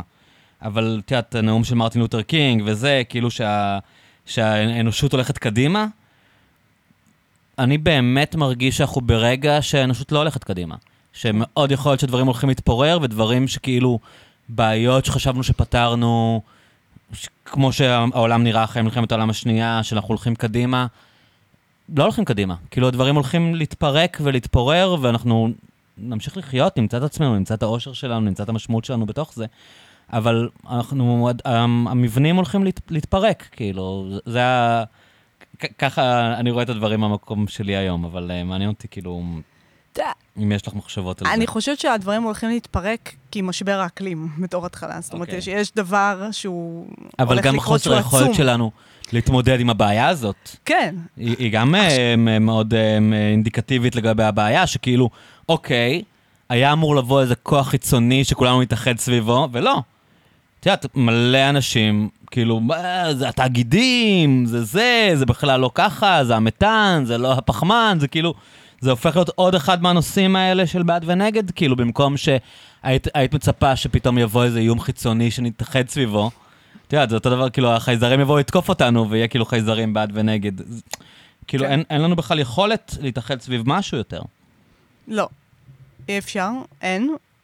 אני לא יודעת אם התאחדנו אי פעם סביב משהו, זאת אומרת, נגיד בעידן לא, האידיאולוגיות רצינו לנצח את הגדולות. הנאצים, אני יודע, כן, מה, אבל- קיבלנו את אבל- סטלין, אמרנו כאילו... אבל מי זה אנחנו? זאת אומרת, בעידן האידיאולוגיות, אז אוקיי, רצינו לנצח את סטלין, את היטלר, אבל היה גם סטלין, היטלר, שרצו לנצח אחרים. זאת אומרת, כן. זה היה גם עידן מאוד כן, מפורד. אבל לפחות בתוך חברה ספציפית היה קונצנזוס, כאילו, כן. ש- שהיום ההתפוררות היא- היא כאילו. אטומיזציה כזאת של החברה, שאין אה, אפשרות בכלל כאילו להתאחד בשלב סביב מסוים, משהו. במלחמת העולם השנייה, גם השונאי קומוניסטים אמרו, יאללה, סטלין נלחם איתנו, בואו ננצח את הפאקינג נאצים האלה. כן, כאילו, סתמו את האנטי-קומוניסטים וכולם נלחמו ביחד. כן. ונראה לי שאם אם מלחמת העולם השנייה הייתה קורית היום, ואת יכולה לראות את זה קצת במלחמה באוקראינה, כאילו היו הרבה יותר אה, כזה, למה אנחנו נלחמים שם, ובכלל משקרים לנו, וזה לא נכון, הם לא הורגים את היהודים, וזה פרופוגנדה, והיטלר הוא בכלל לא מה שהם אומרים לנו שהיטלר הוא. למה? אבל תראה איזה התאחדות אם היה- סך הכל הייתה סביב הקורונה. כאילו יש לך כן איזה פתאום כוח עולמי, נכון? זה לא אה, מלחמה, אבל זה משהו אחר. מלא התנגדות. מלא ש- שבסופו ו- של דבר דוכאה מאוד ונבלמה, ובסוף היה כוח מאוד מאוד דומיננטי. שמה שנייה בצד את השאלה מה... כן או לא, אבל כאילו... באמת קרה כוח- שם? כן, זאת אומרת, כוח מאוד דומיננטי ש, שכן התאחד סביב ה, כאילו הבלימה של הדבר הזה. אז כן, אני חושבת, יש כוחות מסוימים שמת... שזה כנראה פחד. ש- הכוח פחד- הכוח- הכוח שמתארת נקרא פחד. נכון, שנתפסים כמאיימים מספיק כן. בשביל שאנשים, אה, אתה יודע, דוקטרינת ההלם, או איך שלא תרצה לקרוא לזה, אה, כזה פתאום יתאחדו סביב, יתאחדו סביב משהו. אז מה זה התפוררות? נגיד, האם ההתפוררות זה התפוררות שתהיה של ה... אה, של הקפיטליזם, נגיד, שהדבר הזה שאנחנו. קוראים לו יציבות, זה בעצם סוג של לא, הקפיטליזם, זה לא מה ובעצם. ההתפוררות זה זה, לא לזה. התכוונתי. אני חושבת שזה יותר בתודעה של אני חושב ההפך. אחרי ש... באמת תקופה מאוד ארוכה יחסית של יותר ממאה שנים, פחות או יותר, של תחושה של we're going למעלה, אז פתאום התחושה הכללית היא של אה, אי-יציבות ושל התפוררות, נכון? זה יותר ב- בכיוון הזה, התודעתי, לא? האם יש התפוררות? כן, יש. לדעתי יש. אבל אתה מדבר על החברה הישראלית, כן. אתה מדבר על... אבל אני חושב שישראל היא, היא מין איזה ניסוי אה, גלובלי כזה של מקום שהכל יותר אינטנס בו, כן, ומה שאנחנו רואים כאן, אנחנו, כאילו, אנחנו, חי, אנחנו חיים, לא יודע אם זה מזל, את יודעת, זה קצת שאלות אה, אה, רוחניות מיסטיות, אם יש לנו מזל שנולדנו בתוך המעבדה הזאת, או ש... אבל, אבל כאילו אני מרגיש שישראל זה מין איזה סיר לחץ שכל הדברים בו נכווים בצורה הרבה יותר אינטנסיבית ממקומות אחרים בעולם. כן. ואני מדבר רק מהחוויה שלי של לגור בקנדה, שזה ה- הקוטב הכי רחוק כמה זמן מישראל. גרת שם? כמעט שנה. אוקיי. אבל מספיק כדי לטעום ולהבין משהו מהתרבות, כי אני לא מתיימר להבין אף תרבות אחרת, וגם אני לא מתיימר להבין את התרבות הקנדית, אבל כאילו, הייתה לי איזו הצצה לתרבות אחרת. כי הרבה ישראלים חושבים שהם מבינים את התרבות האמריקאית ואין להם מושג, כאילו. כי הם, כי הם רואים פרנדס, הם חושבים שהם מבינים את התרבות האמריקאית, הם לא מבינים כלום, כאילו. כן. זה מהמעט שנחשפתי לאמריקה והייתי שם הרבה פעמים, אני מרגיש שאנחנו לא מבינים אותה באמת. כן. אבל, אבל אני חושב שישראל, כאילו, לפחות אם אתה מסתכל uh, על פני השטח, היא, היא מקום קיצוני נורא. ו, ואני מרגיש שישראל מתפוררת. היא מתפוררת במובן של האינטנסיטי של הדברים, ההתפוררות של המוסדות, ההתפוררות של הערכים, ההתפוררות של ההסכמות, ההתפוררות של דברים ש... הדברים הפסיקו לעבוד. כאילו, אם הממשלה הזאת תמשיך ותהיה עוד ממשלה בסגנון הזה, המ- המערכות לא יתפקדו. אנחנו נחזור לאיזושהי תקופה, זה באמת נורא מזכיר לי את מה שקרה כשרומא קרסה. כאילו, דברים שהם היו מובנים מאליהם, את יודעת, משטרה, שירותי רפואה, זה, זה הולך להתפורר, זה לא, זה לא יכול להמשיך להחזיק, כאילו... זה המגמה כרגע, אנחנו רואים את הנ- את הניצנים של זה כבר היום. אבל אמ, כן, לפי הפרצופים שלך יותר לא, אופטימית לא, ממני. לא, לא, ההפך. דווקא רציתי להגיד, כאילו, ממבט על, שהמחשבה שהסידור הזה יכול להימשך המון זמן מבחינה אז היסטורית, מה, סתם היה לנו מזל, להורים שלנו היה מזל שהם נולדו לתקופה כזאת, וזה זה המצב הטבעי של האנושות, שהדברים הם כאילו... כן, אני חושבת שכן. זאת אומרת, אה. אין הרבה תקופות של יציבות בהיסטוריה כל כך ארוכות, וזה לא רק להורים שלנו, גם לנו יצא לגדול סך הכל לגדול, בתקופה אנחנו- הכי יציבה ever, באמת. נכון, אבל אנחנו לא נגדל את הילדים שלנו בתקופה לא, כזאת, שזה לא, נורא. זה נורא. יש לך ילדים? יש לי ילדה, כן. כן. לי יש ילדה אחת. בת כמה שלך? אה, חצי שנה. אה, וואו, כן. מזל טוב. כן, תודה. אז שלי בת עשר. אה, ווואלה, זה שעשיתי אחת ואין לי שום כוונה לעשות באמת? אה, עוד... כן, מה, מה לי עכשיו לעשות עוד ילד? מה, אני מפגרת? באמת. את, את, את יודעת שה-state of mind שלי, באמת, זה כאילו למצוא לה מקומות הגיוניים. כאילו, נגיד, עזבתי את תל אביב ועברתי לחיפה. אתה שאני אומר- עכשיו גר בחיפה? כן. אה, וואו. שאני אומר, אוקיי, זה מין מקום שהוא בדיליי, אנחנו באיזה 20 שנה אחורה. כן. כאילו, פשוט איך שאנשים מתנהגים אחד לשני, איך שהדברים נראים, הם, הם לא... תמצא מקום קריר, הם זה לא הכי ב- חשוב. כן, לא, דווקא לפי כל התחזיות ישראל היא לא המקום הכי נכון. מסוכן ל- בהתחממות הגלובלית, אבל, אבל כאילו אני אומר, אה, מצאתי איזשהו מפלט שהוא כזה קצת בדיליי, חיפה היא מאוד 90's, כן. מאוד מזכירה לי את התקופה שגדלתי בה, ולא את תל אביב שאני מכיר והייתי בה עד לפני כמה שנים. כן. ו- וכאילו כל ה-state of mind שלי זה, כשזה יגיע אלינו לחיפה, מה המקום הבא שאני אמצא. Hmm. כאילו, אני אלך ליער בפורטוגל, אני אלך לגליל, אולי בקפריסין, כאילו, זה סתם מין מחשבה שכאילו, אה, למצוא לה מקום שהוא, שהוא לא fucked up לגמרי, וכאילו ההתפוררות עוד לא, את יודעת, עוד לא הרגה אותו, כאילו. כן. כן, זאת אומרת... מתחברת. כן, כן, כן, כן, זאת אומרת... אה, אבל אתם גרים פה, כן, זה נורא מוזר. אני רוצה להמשיך לחיות פה, איכשהו. בעיר. בעיר ובארץ בעיקר. אה, כי זה מאוד שונה, יש איזה עניין עם תל אביב שהוא לא בדיוק ישראל. לי תמיד היה, עד כן. שעזבתי. כאילו איזה, היה משמעות מבחינתי בתל אביב. וגדלת בתל אביב? כן. נולדת וגדלת לא בתל אביב. כמוכם? אה, אתם בכלל, אתם גדלתם ברמת גן, לא? אה, כל- אחד גדל במקום... אה, אבל זה שנים אחרות, כן. אבל אה, בזוג שלי נולד בדימונה. לא, התכוונתי וגדל- ואבשלום. אה, אבשלום. אנחנו גדלנו ברמת גן. כן. כן, כן, כן. אה, אז אני גדלתי, זה זה סוג של רמת גן, גדלתי בצפון תל אביב, זה די דומה כן. לגדול ברמת גן. אה, אני אני תמיד הרגשתי שכאילו את. יש איזה אנטיטי שזה תל אביב. כאילו, יש יש לזה איזה משמעות, כאילו, ב- בתל אביב, שזה לא בדיוק כמו המשמעות של ישראל, כאילו, זה משהו אחר. כן, נראה לי גם. זאת אומרת, אה, היום אתם גרים?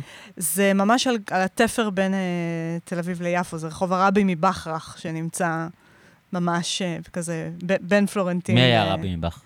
הרבי מבכרך זה. כותרת של, ש... של סיפור לא גמור של היינה. נכון. והיינה וואי. היה משומד באיזשהו כן. שלב, ולא היו יכולים לקרוא רחוב על שמו. בסוף יש רחוב על שמו, אבל בתקופה ההיא קראו על שם כן, כן, כן, הסיפור כן. שלו.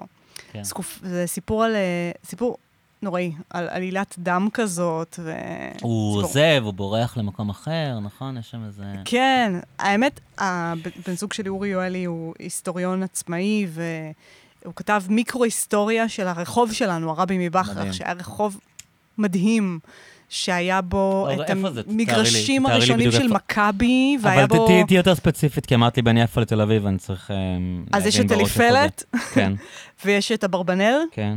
אז הרבי מבכרך מתחיל מאברבנל, שזה המושבה הוא האמריקאית הוא בערך? מקביל לרחוב אילת דרך יפו, איפה שהמושבה מקביל. האמריקאית. עוד ו- לפני, עוד. לפני, מתחיל מאברבנל ונמשך אז זה עד כמעט נגד יפו. צדק, תכלס. מהצד השני של כן, הכביש, כל ההבדל. הצד האפל. כצד האפל, כן. אוקיי. כן, שהג'נטריפיקציה הגיעה אליו רק עכשיו ולא לפני היא תגיע שנה. לכל מקום. בוודאי, כן. כן. עכשיו, הזוג שלי עבר לרחוב לפני 30 שנה בערך, הוא גר המון זמן באותו בניין, הוא היה הדייר הראשון ברחוב, חלוץ. חלוץ, הג'נטריפיקטורים, ולא היה שם כלום, הוא עבר למחסן בטח. דגים, כן, וגר זה שנים שם. היה בתי מלאכה וכאלה. כן, כן, כן. זה טוב, שינוי עצום עם הרכבת הקלה ועם התחנה, המסילה, אתה יודע, הפארק. הפער, כן. זה אזור בתהליך זה שינוי נורא. מטורף. זה נורא. כן. אבל אנחנו אוהבים לגור שם, מה אני יכולה להגיד? לא. תקשיבי, אני הייתי... סתם, אני באמת שואל את עצמי, אם נגיד היה לי יותר כסף, אם הייתי נשאר בתל אביב או לא, ואני כבר לא בטוח. כאילו, היום, אחרי שראיתי את האלטרנטיבה. יכול להיות שאם הייתי בתל אביב ברצף, אז לא הייתי עוזב, כ- כנראה שלא הייתי עוזב. אבל אה, תשמעי, זה לא אותה עיר, כאילו. זה פשוט לא אותה עיר. מה, לא אותה עיר שאתה גדלת בה, כן. זה מה שאתה מתכוון. זה לא אותה... כי גם אפשר שגרתי, לח- כי לא- אפשר לא לחיות גדלתי, ולהרשות לא גם העיר לעצמך להיות בה. שהייתי בה סטודנט, לא אותה עיר ש... שהייתי בה כשפתחתי את הבר הזה, לא, זה לא אותה עיר, זה פשוט לא דומה. ואיך זה לגור בחיפה ולהפעיל את המקום הזה בתל אביב? זה אתה מרגיש זרות? לא, אני לא ארגיש פה זר, ייקח זמן עד שאני ארגיש פה זר. מתי עברת? בקורונה. אה, אוקיי, סביב תחילת הקורונה. כן. אבל אני פה מלא, אז זה לא באמת, Mm. אין לי כזה את יודעת, כמו אנשים שכזה גרים בחו"ל, ואז באים אחרי כמה שנים. כן. כאילו, אני כל הזמן כאן, אני, אני רואה את השינויים בריל טיים, אז אני לא מגיע ומקבל הלם, את כן. יודעת. אני חושבת שהפתרון שמצאנו, אני לא יודעת, אולי זה לא סוסטיינבל לטווח הארוך, זה חיים די צנועים, בלי אוטו, בלי... אי אפשר ללכת למסעדה בתל אביב, אבל סליחה. מתישהו זה יבנו לא- פרויקטים גם ברב בכרך ויעיפו גם אתכם. בונים, בונים, בונים, זה כל הזמן, מקיפים אותנו. כן. Uh, כן, אנחנו קצת שריד שם. יש לנו גינה קהילתית כזאת, שאנחנו מפעילים, הגינה קהילתית, uh, אחת הראשונות שהיו בעיר, ואנחנו... כן, זה... האם זה זמן שאול? יכול להיות. תשמע, אני לא אומרת, התקופה האחרונה זה הפעם הראשונה שבכלל צץ לי בראש האפשרות של אולי זה לא המקום. אני לא אומרת שזה לא עבר לי בראש. אבל בסוף המסקנה שלי היא להישאר, היא להישאר איכשהו. עכשיו, זה קשור, אנחנו גם מאוד דומסטים, אני כן. והבן זוג שלי, מאוד נטועים. זה הכפר שלכם. ממש, כן. ממש. זאת אני- אומרת, אני אה, מאוד מתחבר לתחושה הזאת. אני, אני באמת, אם לא הייתה קורונה, הייתי עושה... הייתי גר ב-20 מטר, את מתכוון, כאילו הקונספט של לעזוב את תל אביב לא היה קיים בשבילי אם, אם הקורונה לא הייתה קורית. כאילו, שזה גם באמת עניין של, צריך, לה, נצטרך עוד לאבד אותו שנים. זה שהקורונה נגמרה, ואנחנו פשוט כאילו, אה, כן, היה איזה קטע, היה קורונה. זה כאילו... גם איזה מוזר זה עם הזמן, שפתאום זה נהיה עבר, משהו ש... לא, זה לפני ואחרי, זה אירוע יותר חזק ממלחמת יום כיפור. אני חושב כאילו באמת, מבחינת החלוקה של הזמן, גם אתה רואה, כאילו, אתה מדבר עם אנשים, אפילו אם אין להם את ההגדרות האלה. אנשים התגרשו, אנשים התח... כאילו, הד... הדברים שקרו בתקופה הזאת הם, הם פסיכיים לחלוטין. נכון. זה לא דבר שמישהו היה יכול לדמיין ב-2019 שיכול לקרות, זה כאילו... ו- ו- ונורא קשה לנו לה- ל- להתמודד עם זה ולעכל את זה ולהגדיר את זה, אז אנחנו פשוט כאילו חזרנו לעשות את השיט שלנו, נכון. אבל הוא לא אותו שיט. לא. לא. זה תקופת ה-BC, before corona, אבל זה באמת גם, אנחנו שמים את זה בזמן, כמו איזה סמן זמן כזה, הלפני ואחרי באמת, כן. וה... כאילו, זה נורא מגדיר. אני חושבת שמגדיר באמת את החיים של המון אנשים עכשיו, הדבר הזה, התקופה הזאת ומה שקרה, וזה קטע.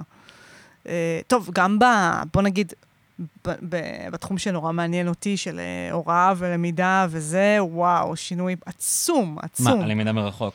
הלמידה מרחוק, מה שהיא עשתה, מה שהיא פתחה, מה שהיא חירבה, יש שיגידו אחרים, אה, זאת אומרת, זה... אז ספרי לי על זה קצת, כי אני, אני זוכר, כאילו, היה לי שיחה על זה עם עמוס פריבס, שהוא פסיכולוג קליני, כאילו שהוא אומר שיש דורות אבודים, שהוא כקליניקאי, כאילו, לא, אין לו את הכלים בכלל, או אולי יש לו, אבל כאילו, בעיות שהוא לא יכול היה לדמיין כשהוא נכנס למקצוע, שנוצרו שם.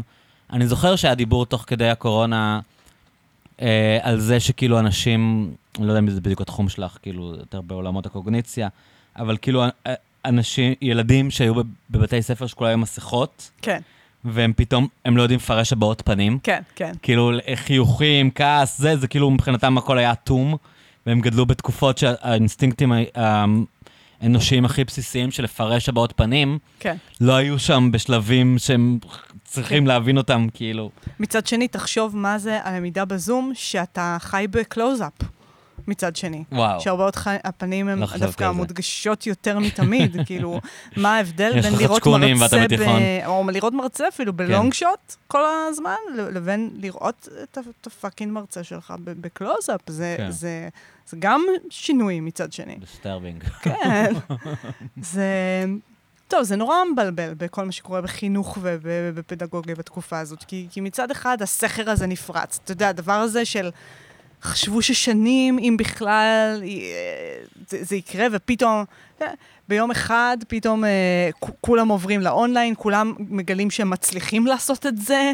זאת אומרת, כן. אתה יודע, בוא נגיד, להעביר מרצים באקדמיה שינוי טכנולוגי, זה הדבר הכי, כאילו, כאילו הכי קשה ש, שיכול להיות. זה, זה הקהל הכי כן. שמרן בדרך כלל. וביום אחד כולם ספצים טכנולוגיים שצריכים לי- להתעסק עם ה... להיות אדמין של הזום, כן, זה מטורף. ולאשר ולא לאשר, ו... עכשיו, ככל שההשכלה, העניין של העולם של ההשכלה אומר, אוקיי, צריך להיות, צריכים להיות יותר ויותר קורסים אונליין, ותקשיב, גם אני מלמד קורסים אונליין ויצרתי מוק, מה שנקרא, שזה, מוק זה Massive Open Online Course, כמו קורסרה? ואדקס, כן, קורסים שהם פתוחים, יש כאלה. אני, ככל שיותר ויותר אנשים הולכים לכיוון הזה, וגם אני ביניהם, אני מצד שני תופסת את העמדה השמרנית, אני אוהבת לעשות את זה בכוונה לפעמים, של וואלה, הרצאה באולם עם קהל אה, כמו פעם, לא רוצה שהדבר הזה ייעלם מהעולם. אני לא Mhm. חושבת שיש... אה, תחליט. יש עכשיו ממש שיח כזה של להוריד את המע"מ, שזה להוריד את המורה העומד המדבר. להוריד את המע"מ, להפחית כמה... בבית ותראו אותם. כן, כמה שפ... אבל גם בכיתה, כמה שפחות שהמורה יעמוד וידבר, וכמה שיותר שתהיה אינטראקציה. כיתה או בכיתה או אונליין. הלימודים הפרונטליים, מה שקראו, כן. כאילו, זה של פעם.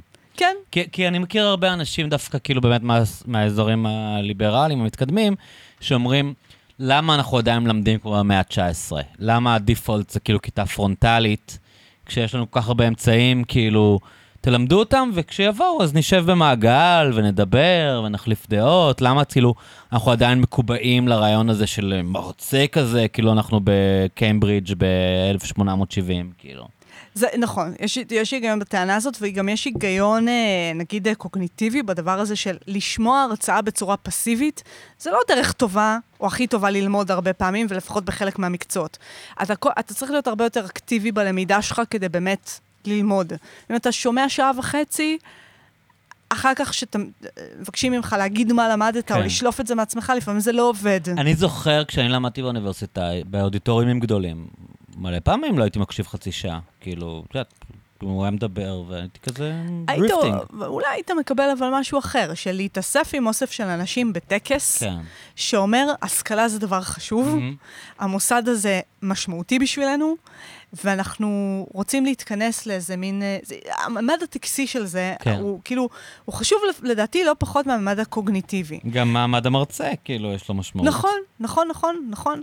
שאני לא אומרת שזה צריכה להיות פיגורה... כאילו, הדעה שלי, אפרופו פוסט-טרוth, כאילו, הדעה שלי שווה כמו הדעה נכון, של הפרופסור. לא. כאילו, מה, הוא חושב ככה, אני חושב ככה, הכל טוב, כאילו. לא, לא. יש ערך בעיניי עדיין כן. למודל. אני לא אומרת שזה צריך להיות המודל הגברי הזה, אתה יודע, כן. של המרצה, הכל, הכל יודע, כן. שלפעמים לא אפילו עונה לשאלות כי זה לא מכבודו. משתיק. אמ, למרות שגם בזה יש קסם מסוים, אני חייבת להגיד. אני אהבתי שהמרצים השתיקו, כן. כאילו שהיה בא איזה נודניק ומזיין את השכל והמרצה היה מייבש אותו, זה היה כן. כיף. אני מאוד מאוד אוהבת שיעורים שהם דיאלוגיים, אני אוהבת לשוחח עם סטודנטים, אבל וואלה, הדבר הזה של אוסף של אנשים שבאים, אולי זה לא מתאים למדויקים, אוקיי? Mm. אבל במדעי הרוח, הדבר הזה, אני חושבת שהוא בעל ערך. עכשיו, בסדר, אולי זה לא בעל ערך ברמה המאוד אה, של אה, קוגניטיבית של מדעי המוח, של איך ה mind mm, עובד. מה אתה קולט בסוף? אבל זה לא הדרך היחידה לחשוב על למידה והשכלה בעיניי. יש עוד דרכים. אה, וזה קשור ל... באמת אה, ל... אה, ליכולת שלך, למשל, אתה, המעבר הזה למודלים יותר פעילים של למידה, שיש בהם היגיון, הם בעצם גם מניחים שכל הזמן הלומדים צריכים עזרה בלהיות פעילים. ואולי אנחנו צריכים דווקא ללמד שעה וחצי להקשיב וללמד אותך להיות פעיל בתוך התודעה שלך, ולהסתקרן, ולפעמים לנדוד, בסדר. ואולי גם זה בסדר כן, לנדוד ולא לשמוע את כל ה... כן, נכון? ולהשתמם מחלק מההרצאה, זה אחלה, אתה לא צריך כל הזמן להתעניין בלמידה. יכול להיות שאתה תברור את הדברים שמעניינים אותך. אה, יכול להיות ש... תקשיב, הדברים שאני זוכרת מהלימודים שלי, אני לא יודעת מה איתך, הם דברים, מה זה איזוטריים? Mm-hmm. הם הדברים האלה אנקדוטה של... אנקדוטה, כן, איזה... או אטימולוגיה מעניינת, או איזה משהו כזה, באמת איזה סיפור, או איזה הפעם הראשונה שנתקלתי בטקסט מסוים שהמם אותי. כן. אני לא זוכרת את כל האינפורמציה. כן, אז, ברור. זה לא רק העניין של להבין אינפורמציה ולהפנים אותה ולשלוף אותה. עכשיו, אני קצת נקרעת פה, כי זה דברים גם שאני מלמדת את הדבר הזה של להיות פעילים בלמידה, ו- ובמיוחד זה קצת לא פייר, כי האנשים שמגיעים בלי הביטוס, מה שנקרא, כלומר, בלי ידע של איך אה, דברים עובדים, נגיד באקדמיה, אז הם... אה, הם הרבה פעמים אבודים. עכשיו, אני מדברת על אנשים, למשל, שהם דור ראשון לאקדמיה. שלא באו עם ידע מהבית של איך מקשיבים להרצאה, מה חשוב, מה, איך להבחין בין עיקר לטפל. אה, אנשים עם שפת אם שהיא לא עברית. אז זה קצת, זה נכון שיש משהו קצת יותר שוויוני בללמד איך ללמוד דרך עקרונות שהם אה, כאילו לא מניחים רק לך אה, עם הכלים שבאת מהבית, כן. אה, לעשות את ההבחנות וכאילו אה, להיות, להיות לגמרי עצמאי. אבל uh, אני חושבת, כן, אני קצת, אני, אני כאילו מאמצת את העמדה הזאת בכוונה, שהיא קצת uh, כנגד רוח הזמן בתחום הזה של הלמידה, ואומרת, אל ת, כאילו, אל תזרקו לפח מהר. חוץ מזה, אגב, להתחבר למה שדיברנו קודם, אני חושבת שהבקלש של להיפטר מטכנולוגיה, לקרוא ספרים, לעשות... אני חושבת שהוא הולך להיות הרבה יותר גדול ממה שנדמה לנו. תסבירי. אני חושבת שיש גבול בסופו של דבר יהיה גבול לכמה אנשים יכולים להיות בטיק-טוק, בדבר ההקטי הזה, ופתאום... אה, בגלל זה שאלתי אותך בהתחלה על הפודקאסטים, כי זה כאילו מין, את יודעת, זה כאילו הצד השני של הספקטרום מהטיק-טוק. כן, אבל הם לא שומעים את ה... הם לא יושבים את השלוש שעות ורואים את השעה וחצי ורק שומעים את הפודקאסט, הם עושים דברים תוך כדי. תקשיב, הבת שלי יכולה לעשות, לא יודעת, נגיד, לשמוע פודקאסט, לעשות שיעורי בית במתמטיקה ולבשל תוך כדי, או משהו כזה. מקשיבה לפודקאסטים בגיל עשר? כן, מלא, יש פה של ילדים, יש של הארי פוטר, אתה יודע, יש של כל מיני דברים כאלה. כן. כל הזמן היו בפודקאסטים. כל מדהים. או בכל מיני כאלה. אבל זה. לא מוזר, זה כן. לא counter intuitive? שמה? שבכלל זה קיים. ואני מתכוון, כאילו, תחשבי... ש- שקיים הפודקאסטים האלה ארוכים. שזה לא היה קיים גם ב-70's, גם ברשת ב', אז היה כאילו שיחה עם, אה, לא יודע מה, יצחק לבני, היה לו שיחות, או אנ- אנשים היו מנהלים שיחות כאלה, אז הם היו שעה, שעה היסטורית עם, אה, איך קורא, הר סגור. אבל גם היה שעה, הסרטים. אבל זה שהיום זה שלוש שעות... תחשוב על ה features. ה features של שלוש שעות, בקולנוע, גם. אה, שהסרטים. שכל ה Avengers זה פתאום... כן, אבל לא רק Avengers. אבל זה גם קצת, את יודעת שגם ההופעות live? התארכו מאוד. כן, כאילו, אה, מקארטני האשים את ספרינגסטין בזה. וואלה.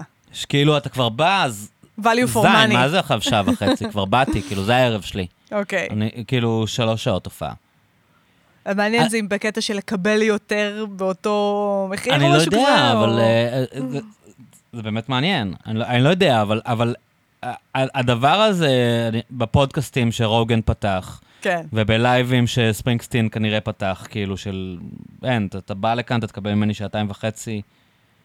מדובר באדם בן 75, כן. כאילו, ומקארטני 82. כן. ומקארטני העריך את ההופעות שלו. כאילו, כן. בארץ הוא לא, הוא לא היה נותן, הוא, הייתי בהופעה שלו, זה היה שעה וחצי.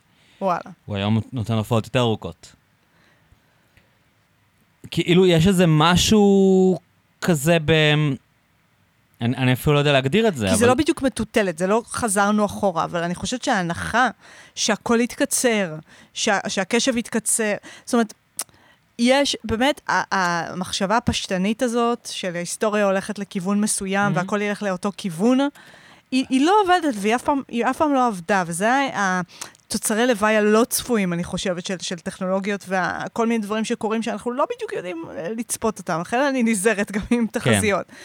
אבל אני זה אומרת, בדיוק. כמו שכאילו, בדיוק כמו שאתה אומר, הפודקאסטים, ואנחנו אומרים, הפיצ'רים התארחו והופעות, אז אני חושבת, וכבר זה קורה, אני שמעתי נגיד על אמ, נוער שחוזר לנוקיה, בכוונה, אני לא מאמין בשטויות האלה. לא יודעת, זה זה נראה קורה לי אבל. איזה עשרה אנשים אולי ש- זה היפסטרים שזה- בברוקלין, יכול להיות, כן, אבל... שזה אה, כאילו מעניין כאייטם. למרות שמצד שני אומרים את זה על תקליטים, והתקליטים זה דבר אמיתי. נכון, זה אמיתי. תקליטים זה דבר אמיתי זה לגמרי. קורה. אי אפשר נכון. לבטל את זה נכון, נכון, נכון. כתופעה אה, נישתית, כאילו. זה דבר נכון. אמיתי לגמרי. נכון. שזה מוזר, לא? לא, זה ממש מוזר.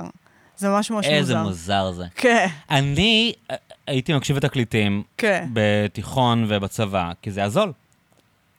היום זה עולה הרבה יותר מדיסקים, ברור. אבל אני בשלב מסוים, עוד לא היה, עוד לא היה נאפסטר. אגב, כשהיה נאפסטר זרקתי את זה מהחלון ברגע. אוקיי. אבל עוד לא היה, עוד לא היה mp3 אה, ברמה של אתה יכול לשמוע כל מוזיקה שאתה רוצה, בטח לא סטרימרים, Spotify ו shit. ופשוט קניתי תקליטים כי זה היה זול. כן. כל דבר שרציתי לשמוע היה ב-15-20 שקל, כאילו. אבל uh, המחשבה שכאילו בעולם שבו יש לך את כל המוזיקה בחינם בעולם במנוי שעולה עשרה דולר, ואתה עדיין מעדיף לשים תקליט על מחט, אני, אני, עד- אני גם עכשיו לא מבין אותה. תראה, א', זה לא שלא הבנתי את ה- בוא נגיד, כאילו- זה פורמט טוב, נגיד, לעומת דיסקים, שזה הפורמט הגרוע ביותר שנמצא אבל היום אי אנחנו פעם. אומרים את זה, אף אחד לא חשב את זה אז, כאילו. נכון, אבל הוא באמת טוב. הוא באמת, הוא באמת פורמט אבל טוב, השאלה הוא היא, עמיד. מה באמת טוב בזה? כי אני מאוד סקפטי לגבי האוזן, לא מדבר על אבשלום, את יודעת, אנשים רגילים, כאילו. כן. לא באמת מאמין שבמערכת הביתית המסריחה שלהם, שהכבל לא בטוח מחובר טוב. אה, לא מדברת על איכות סאונד, שזה הדבר הכי אומר בעולם אה, בעיניי. בדיוק, אוקיי, אז כן. מה- אז מה זה פורמט טוב? אה, עמיד יותר, זאת אומרת, כאילו, פיזית יש בו משהו כזה יציב ספר, כזה. זה מין ספר, זה נכון, הספר של המוזיקה. כן. כאילו, תחשוב באמת על. דיסק, שזה באמת, זה. בררה, באמת, זה חרא של דבר, זה פח. פסיק בהיסטוריה. לי יש אוסף דיסקים עצום, כן. שאני כאילו פשוט לא יודע איפה הוא. יש לי ארבעה דיסקים חתומים של ניק קייב, Oh שהם היחידים God. שאני שומר עליהם. כן. ו... ו... אבל אני מדבר איתך, כאילו, בשנת איזה 2000 הגיע שמאי להעריך את הבית של ההורים שלי, והוא אמר להם, הדבר הכי יקר שיש לכם בבית זה האוסף דיסקים של אריאל. כאילו. גדול. זה, זה, זה כאילו. הנכס שלכם, האוסף דיסקים, והיום כאילו... לא, טוב שאתה אומר לי שאני נשמור קצת את מה שיש. לא, כאילו. זה היה אז, אני לא יודע אם. זה מעניין מישהו, כאילו. אז תשמע, לא, אבל יש את הדבר הזה שבאמת הform, שהתקליט הוא, כאילו, הוא באמת, זה good stuff, באמת, כן. לעומת זה דיסקים. כיף לגעת אה, בזה, נו, מה זהו, לעשות? אז זה העניין השני. הקרטון, זה העניין. השני, העניין הטקטילי, כאילו המישושי, הדבר. הזה של, אה, של המגע. ואני חושבת שככל שיש אה, תרבות יותר דיגיטלית, שהכל מטא והכל זה, אז יש לך את השיבה, שזה דבר שקורה, למגע, לפורמטים של. מגע, לדפדוף, אה, לארטיזנליות מכל מיני סוגים. אה, זה חוש מאוד מוזנח, לא? איזה? כי- מגע. כאילו, חוץ Mm. מסקס, כן. שאולי בגלל זה הוא כאילו, הוא עצם, לא יודע. אבל אנחנו, המ- המגע, תחשוב- המגע אצלנו הוא, הוא, בעצם, הוא בעצם החוש הכי מוזנח שיש, לא? חושבים כאילו על, את יודעת, נטפליקס ועל איך שאנחנו חיים ועל סמארטפונים ועל אייפדים. מה, בתרבות, כאילו? באיך שאנחנו חיים, כאילו, את יודעת, visuals ושמיעה וראייה, ריח קיבל אה, אה, העצמה עצומה עם, ה, עם תרבות האוכל. כן, נכון. אז כאילו טעם וריח משחקים אותה. כן, הם, ב, הם בריצה טובה כן. עם, ה, עם עניין האוכל כרגע. אבל המגע, שעוד פעם, אני אומר, אולי בגלל זה סקס, כאילו, יש לו את המקום שלו, אבל... אבל ב- אין לו כל כך, יום, כי אומרים הם לא, גם שלא לא עושים סקס. אולי כן. גם לא אין, אולי כאילו כולם מסתכלים באינסטגרם ומעוניינים, אני לא יודע, אבל, כן. אבל כאילו, אבל כאילו, אמ, זה, זה, זה, זה, זה החוש הכי מוזנח, אני חושב, לא? זה כן, אבל נגיד, אני חושבת על מה שקורה עם ילדים ונוער, שהצעצועים הכי, אה, הכי כן. אה, פופולריים, נכון. נגיד של אה, pop it. זה, אתה יודע מה זה pop it? זה לא. הדבר הזה עם בועות, שלוחצים פנימה, כן, את הבועות. אני רואה את זה אצל הילדה שלי. זהו. אם אתה מביא לה משהו רך, יפה על זה. אבל זה כי היא תינוקת. שהם אוהבים הכי פתקים, נכון? של, כאילו, תוויות של בגדים. היא אישית הכי עפה על מגבונים לחים. זה וואלה. הצעצוע האהוב עליה. אבל גם כן. אצל הילדים והנוער, זה כבר, הפופית זה כבר פסה, אבל אבל מה זה פופית? לא פופית הבנתי. זה מין משטח כזה פלסטיק, יוצא- אתה יוצא בומר עכשיו, רק אני- שתדע. לא אכפת לי. אוקיי. אני-. שואף לשם. וגם אני. אה, אני גם באותה מידה, כן, כי אני גם אוקיי. מסבירה, כן? אה, אז זה מין משטח כזה את של אישה, אז יותר פלסטיק. קל לך. כן. נכון. אה, שעם בועיות כאלה, שמכניסים אותם פנימה. שזה לא ה- כל הפיגורס ודברים כאלה מאוד, זה משהו הכי פשוט שכל המשמעות שלו לגעת. אתה מכיר שהילדים אומרים עכשיו שמשהו מספק? המילה מספק היא נורא נורא מהמם. חזרה, שמספק זה אומר משהו גופני שעושה לך איזה משהו, איזה קטע, או ASMR, כן, התחושה הזאת, מעניין. שפתאום חזרה, שלו- כאילו במקביל גם הסקס יורד, אבל ה-ASMR פתאום... אה, אז אני חושבת ש- שהחושניות והגופניות, היא, היא, יש לה קאמבק. יש לה קאמבק ויש לה ביטויים, אבל הם באזורים אולי אה, שהם באמת פחות דווקא סקס, ו, ואני חושבת שהבקלאש של ה- לחיות בענן, הוא, הוא, הוא קורה והוא הולך להיות אדיר. וזה קורה באמת בתקליטים. אני חושבת שזה יקרה בספרים. אתה יודע, כאילו לא קוראים. אני, אני כאילו, באמת מאמין שהספרים יהיו התקליטים הבאים. אני גם כאילו חושבת. זה שכולם בקינדל שלהם ובזה, אני, אני, אני בטוח, ובגלל זה כל הספרים שלי לא הייתי בחיפה, הם זרוקים פה במחסן, וחלק מהם הוטבעו בהצפות, אבל אני, אני לא זרקתי אף ספר. אני באמת מאמין ש, שהספרים יהיו התקליטים הבאים. כאילו, אני, אה, היום זה פשוט בעיניי שערורייה, מה שקורה עם סיפור חוזר. אני, אני קונה ספרים נדירים, שבאמת, פעם הייתי הולך לאלפר לחפש אותם ב-150 שקל, ואני קונה אותם ב-25 שקלים. כאילו, אנשים פשוט זורקים את הספרים שלהם, אני, אני לא מאמין בזה, אני חושב ש... שהספרים יחזרו. אני גם חושבת, ממש, אני גם חושבת שזה, אורי אמר לי, ובצדק גמור, מה עוד יש לתת במתנה? מה עוד יש? נכון, נכון, נכון. איזה עוד מתנה אפשר לתת? אני קונה רק ספרים. כאילו, כן. באמת, מה אתה תיתן?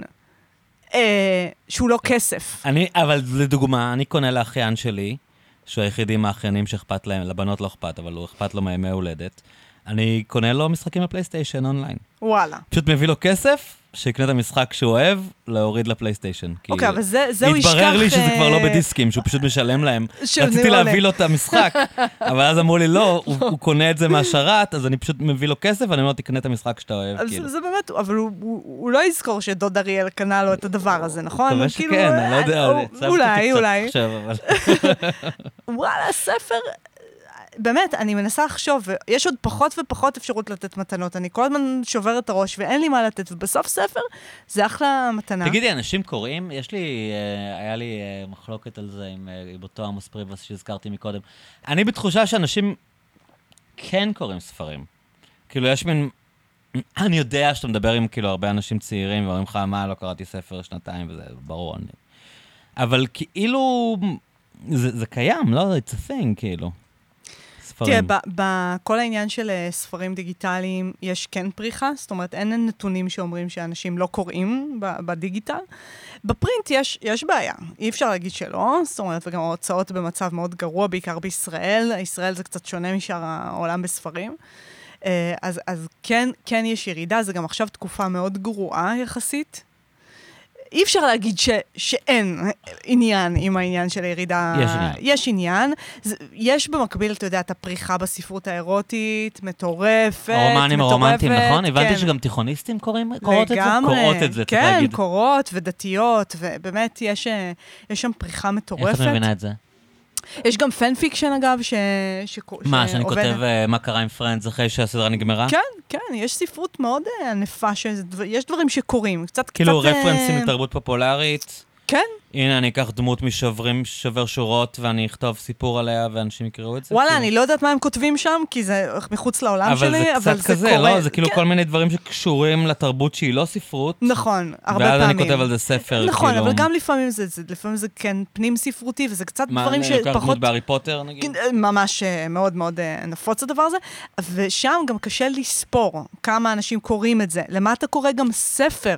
כאילו, למה אתה קורא ספר? מה היחידה שאתה נכון, קורא לספר? נכון. אז יש פה עניין שקשור כאילו למדידה שהוא קצת, קצת יותר קשה. אמ, אז, אז, אתה יודע, הקלישאה הגדולה, קוראים, אבל רק אחרת, קוראים דברים אחרים. זה לא שלא קוראים, אבל קוראים דברים אחרים. אה, ונגיד, אני חושבת שבכל מה, שקור... מה, שכל מה שקורה בהוצאות קטנות, סך הכל בישראל יש פריחה ממש גדולה. יש uh, הוצאות נפ... מעולות, וקשה להם להתקיים, אין ספק. הרבה יותר קל להם להתקיים באירופה. Mm. Uh, יש uh, הרבה יותר הגבלות לגבי... Uh, בשוק, זאת אומרת, למשל... כן, יש את הקלישאה שאתה נוסע בגרמניה, אנשים ב...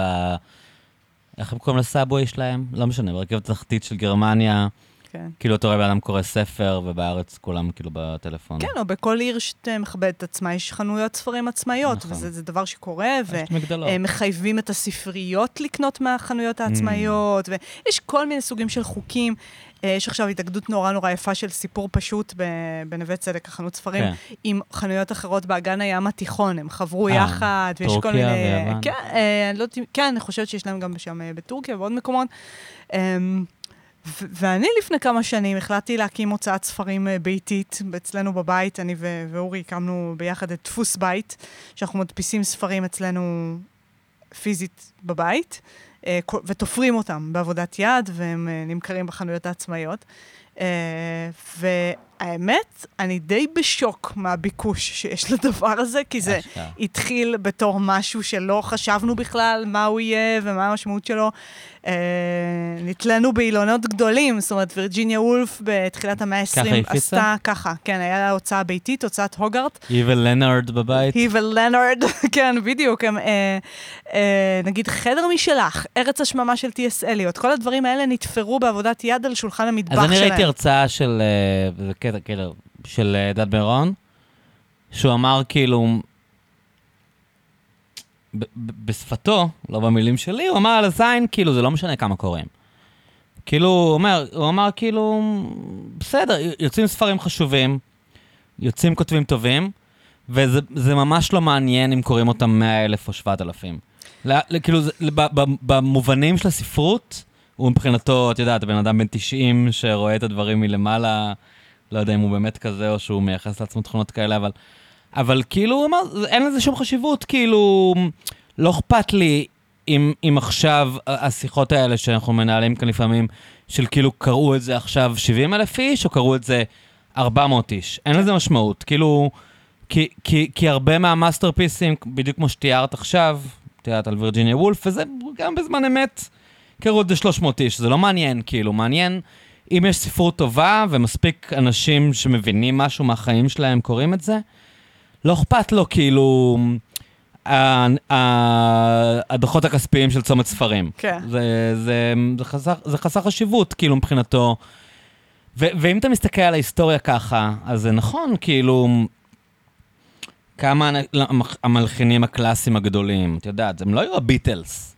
לרובם הקשיבו 2% מהאוכלוסייה, וכמה אנשים קראו את uh, בעקבות הזמן האבוד כשהוא יצא. אין לי מושג, אני סתם מעריך, כאילו, שלא הרבה אנשים. כן. כאילו, הדברים האלה, מבחינתו זה מתקיים בספירה שהיא נפרדת לגמרי מהשאלות האלה של שבוע הספר העברי, של כמה אנשים ביקרו ב... זה כבר לא, זה, בפ... זה בשרונה, נכון? זה כבר לא בכיכר רבין. כל הזמן זז.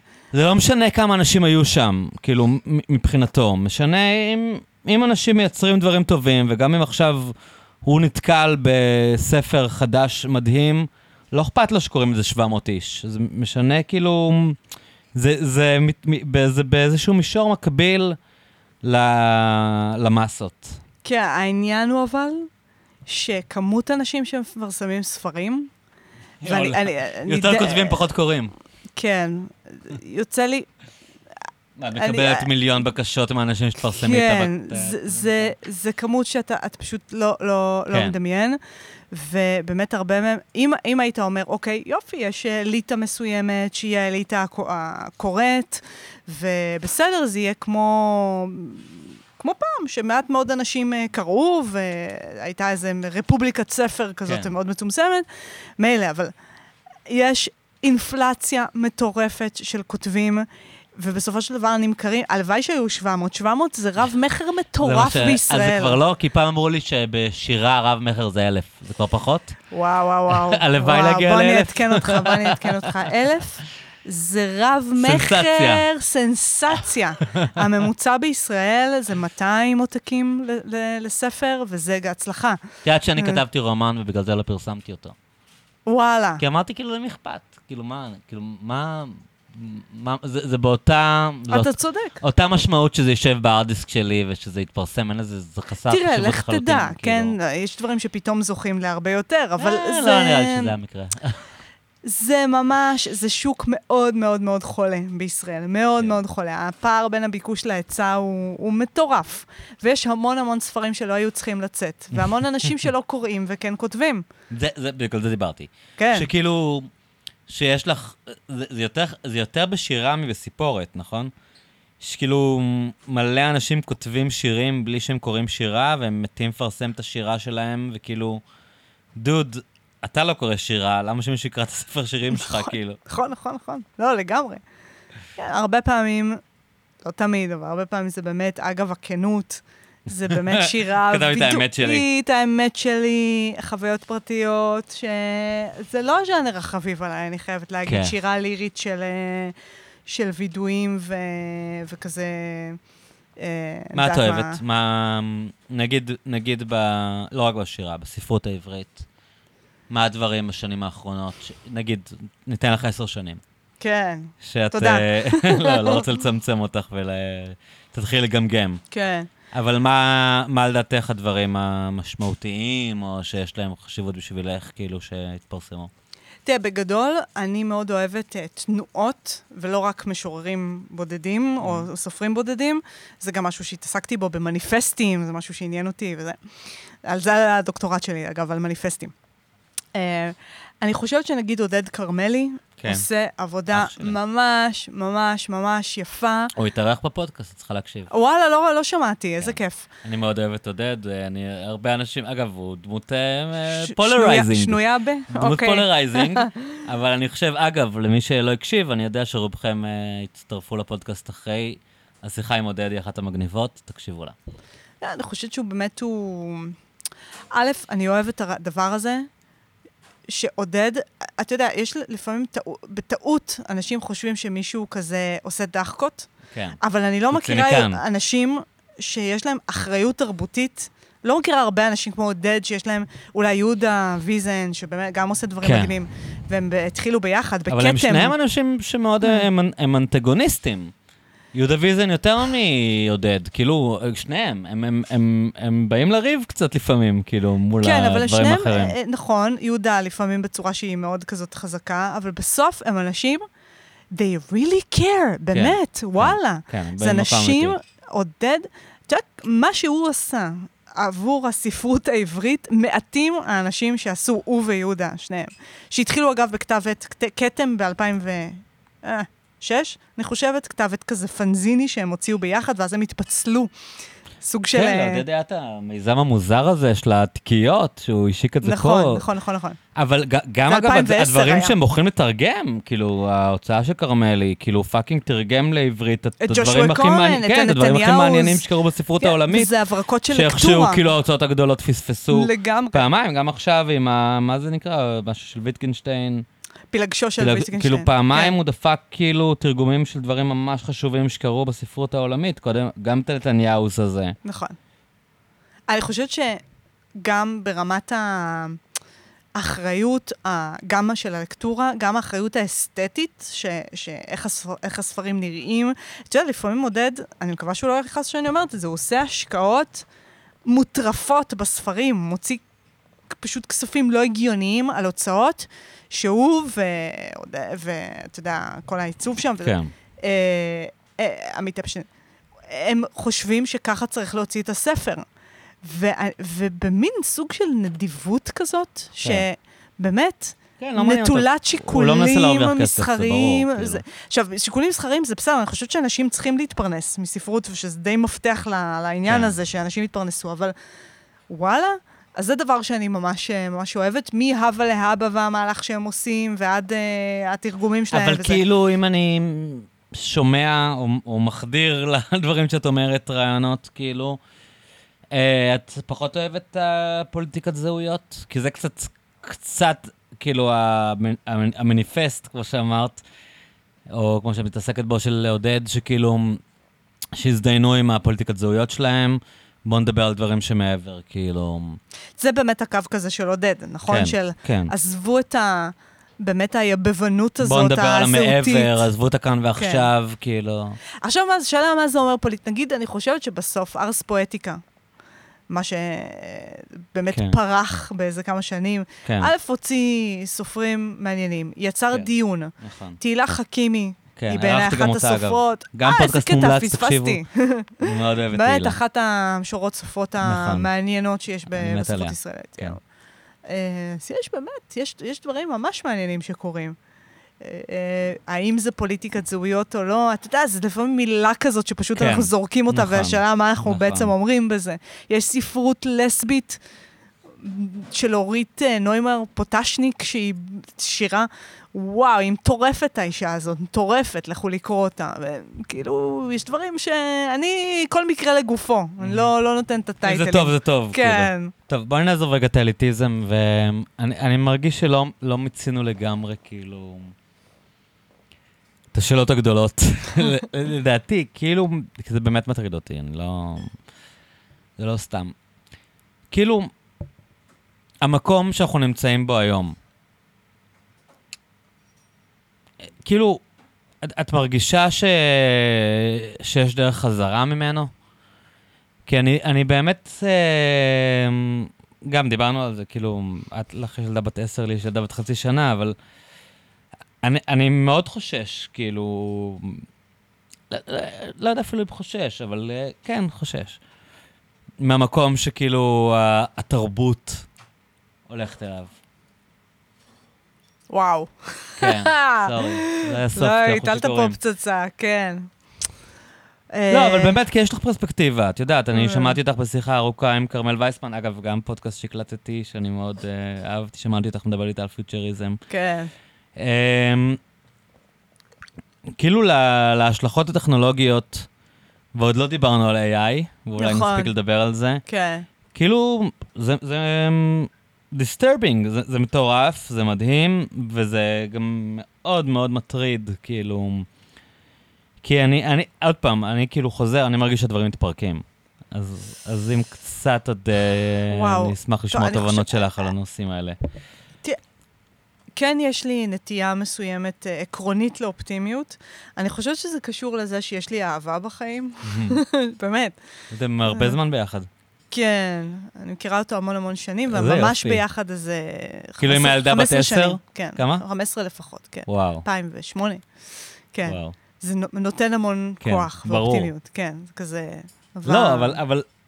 אני קצת אבל, עוצר אה, אותך, אני רגע כן. עוצר אותך לפני שאת ממשיכה. כאילו, אני קצת מרגיש שזה הופך להיות העניין. אתה מתכוון? כאילו, אנחנו, המציאות האינדיבידואלית המאוד ספציפית שיצרת עם הבן זוג שלך והבת שלך, מול העולם. כאילו, האופטימיות שלך נובעת מהיחידה שלך, ולא מהמצב לא, של הדברים. לגמרי, אבל זה באמת העניין. אני חושבת שזה מי שחזק אה, מבחינה כלכלית, שזה לא אני, אבל למרות זאת, נגיד, סוג של פריבילגיות יש לי. אה, זה הבדל עצום ממי שאין. זאת אומרת, נכון. שהפערים האלה, זה, נכון. זה הסיפור. אני חושבת שאני יכולה להרשות לעצמי להיות, אה, להיות אופטימית. כי אתם אמ, תפתרו את זה? תתמודדו עם זה, כאילו? אני חושבת שכן. אבל את לא חושבת על הגלים. הגבוהים שאתם תצטרכו להתמודד איתם, על הצונאמי שמגיע וכבר אולי אנחנו בתוכו? כאילו, אה, אה, סיפרתי לך על כל ההרצאות האלה, על האימפריה הרומית, ש... כן. שאני עכשיו מקשיב להם. כאילו, אף אחד לא ידע מה הנקודה שבה זה התפורר. נכון. כאילו, ציירו את זה במאה ה-17, ה-18, פתאום אמרו, אה, זה הרגע. נכון. אבל היום, כאילו אומרים, אין איזה רגע ספציפי, זה פשוט כאילו התפורר. כן. ואני קצת מרגיש שאנחנו בתקופה של ההתפוררות הזאת, שאנחנו... את יודעת, יכול להיות שהיסטוריונים יבואו ויגידו, אה, זה היה כשהודיעו במרץ 20 כשהקורונה קרתה, ואולי זה קרה כשטראמפ נבחר, ואולי זה קרה כשאובמה נבחר, אבל... או אולי זה קרה כשצוקרברג השיק את פייסבוק, אבל... אבל כאילו, אנחנו בתוך התהליך הזה כל הזמן, וזה לא איזה רגע אחד, כן. כאילו. כן. אמ, נכון. זאת אומרת, אני חושבת שבמעטות הנקודות בהיסטוריה, כאילו, זה לא פומפיי שבשנייה אחת הכל נחרב, זה כן. באמת איזה תהליכים כאלה שאתה בדרך כלל, אין לך את הפרספקטיבה לראות שאתה בתוכם. מבחינת ה-state of mind, השאלה מה... אני נוטה לחסוך אנרגיות, זאת אומרת, אוקיי, נגיד אם אני חרדה עכשיו, אז השאלה עבור מה? מה אני אעשה עם זה? כן, האם זה מניע אותי, נגיד, לפעולה, והשאלה לאיזה פעולה שתיטיב עם העולם, או איתי באופן אישי. אה, ואם אין לי אפשרות כזאת, אז אני מעדיפה לפעול באיזה מיקרו, ברמת מיקרו, שמנווטת כזה, ובגלל שמאוד קשה שזה אולי לחזות המהות את העתיד. האנושית האמיתית, כאילו. זאת אומרת, יכול להיות ש... שהיינו באיזה אשליה של העידן המודרניסטי, של לחשוב במונחים של העולם, כשזה לא, זה לא החשיבה שהיא טבעית לנו. יכול להיות שאנחנו כאילו צריכים לחשוב ככה, אני לא... אה, סתם נזרוק. תראה, אני, אני חושבת שבגלל... מה שבטוח שהוא כן חדש, ואי אפשר כאילו ללמוד מההיסטוריה, זה כמה שזה מואץ, באמת, השינויים הטכנולוגיים, כמה שבינה מלאכותית זה כן סוג של המצאה טכנולוגית ש... נכון שכל ההמצאות, אי אפשר היה ממש לחזות את ההשלכות שלהם, אבל AI by far זה ככה. זאת אומרת, זה משהו שיוצר את עצמו. אז אני חושבת שזה באמת... אה, בוא נגיד ככה, אני, אני לוקחת את זה שנייה אחת לכיוון אחר. הרעיון הזה של בוא נכין את עצמנו לעולם של מחר, כאילו אנחנו יודעים מה הוא יהיה, כן. זה כשל אז מה כן אפשר בחשיבה. לעשות? אני חושבת שאפשר להיות מאוד דרוכים בכל שלב ושלב, בכל רגע ורגע, ולס... ואולי התכונה שהכי שווה כזה לסגל היא סוג של גמישות מחשבתית. וסקרנות אם ללכת לכיוון החיובי וזהירות אם ללכת לכיוון היותר אה, שמרני, ש, שבאמת מסוגל שנייה אחת כל פעם מחדש לראות את המציאות ו, וכזה לתמרן בתוכה. אנשים שיהיו נורא נורא מקובעים, אה, יחוו נפילות מאוד גדולות. Hmm. עכשיו, אני לא אומרת שאי אפשר לחלום ולהגיד, אה, אוקיי, אני רוצה, יש לי איזה מטרה לח, לחמש שנים הקרובות, אבל, אבל אני חושבת שהגמישים, יהיה להם יתרון הם ינצחו. אה, הרבה יותר גדול. אה, זה מה שאני אז- מנסה אז לעשות. בואי נדבר רגע על זה, כי כן. סיפרת לי שהיית קצת בפודקאסטים שקראו לך בהקשר הזה, של כאילו, אוקיי, הצ'אט GPT פאקינג דופק לכולנו את המוח ואנחנו לא צריכים להבין. אני סיפרתי כאילו שצ'ומסקי בטח משיק איכשהו לדברים שמתעסקת בהם. את יודעת, כאילו, נראה לי בקוגניציה הוא עדיין איזה legend, למרות שמדובר בבן אדם שמתקרב ל-90. הוא כאילו מגחך על, ה... על המודלים האלה, הוא אומר שזה, איך הוא אמר? glorified autofill. הוא אומר שזה כמו שאתה כותב בוואטסאפ, בוואטסאפ בשיחה והוא לך את המילה הבאה. הוא אומר שזה בערך זה, וזה חרטא, וכולם חיים בסרט, ו- וזה שטויות. מצד שני, אנחנו רואים כל השיחות האלה על אמת ועל פוסט אמת, אנחנו רואים זיוף משכנע מאוד, כאילו fucking, את יודעת, קצת כמו, אנחנו יכולים לראות את זה בגרפיקה, ש... שמזייפים לנו תמונות שהן נראות לנו אמיתיות מאוד, ועכשיו הם יכולים לזייף לנו מאמרים. ואני לא יודע, את יודעת, אני כאילו מעריץ את דילן, כן. אבל uh, יום אחד מישהו יבוא וישמיע לי uh, הקלטת AI, ישתמש בקול של דילן עם איזה צ'אט GPT שמייצר טקסט של דילן, ויגיד לי, הנה שיר של דילן שמצאתי שאני לא, שאתה לא מכיר, ואני צריך להתייחס לזה, ואני לא יודע אם אני אדע להגיד, כאילו, באינסטינקט, אה, זכרת, מה, מה אתה בא לערבב אותי? זה לא דילן, דילן הוא נשגב, ואתה סתם טכנולוג מסריח, כאילו. כן. Um, thoughts. כן.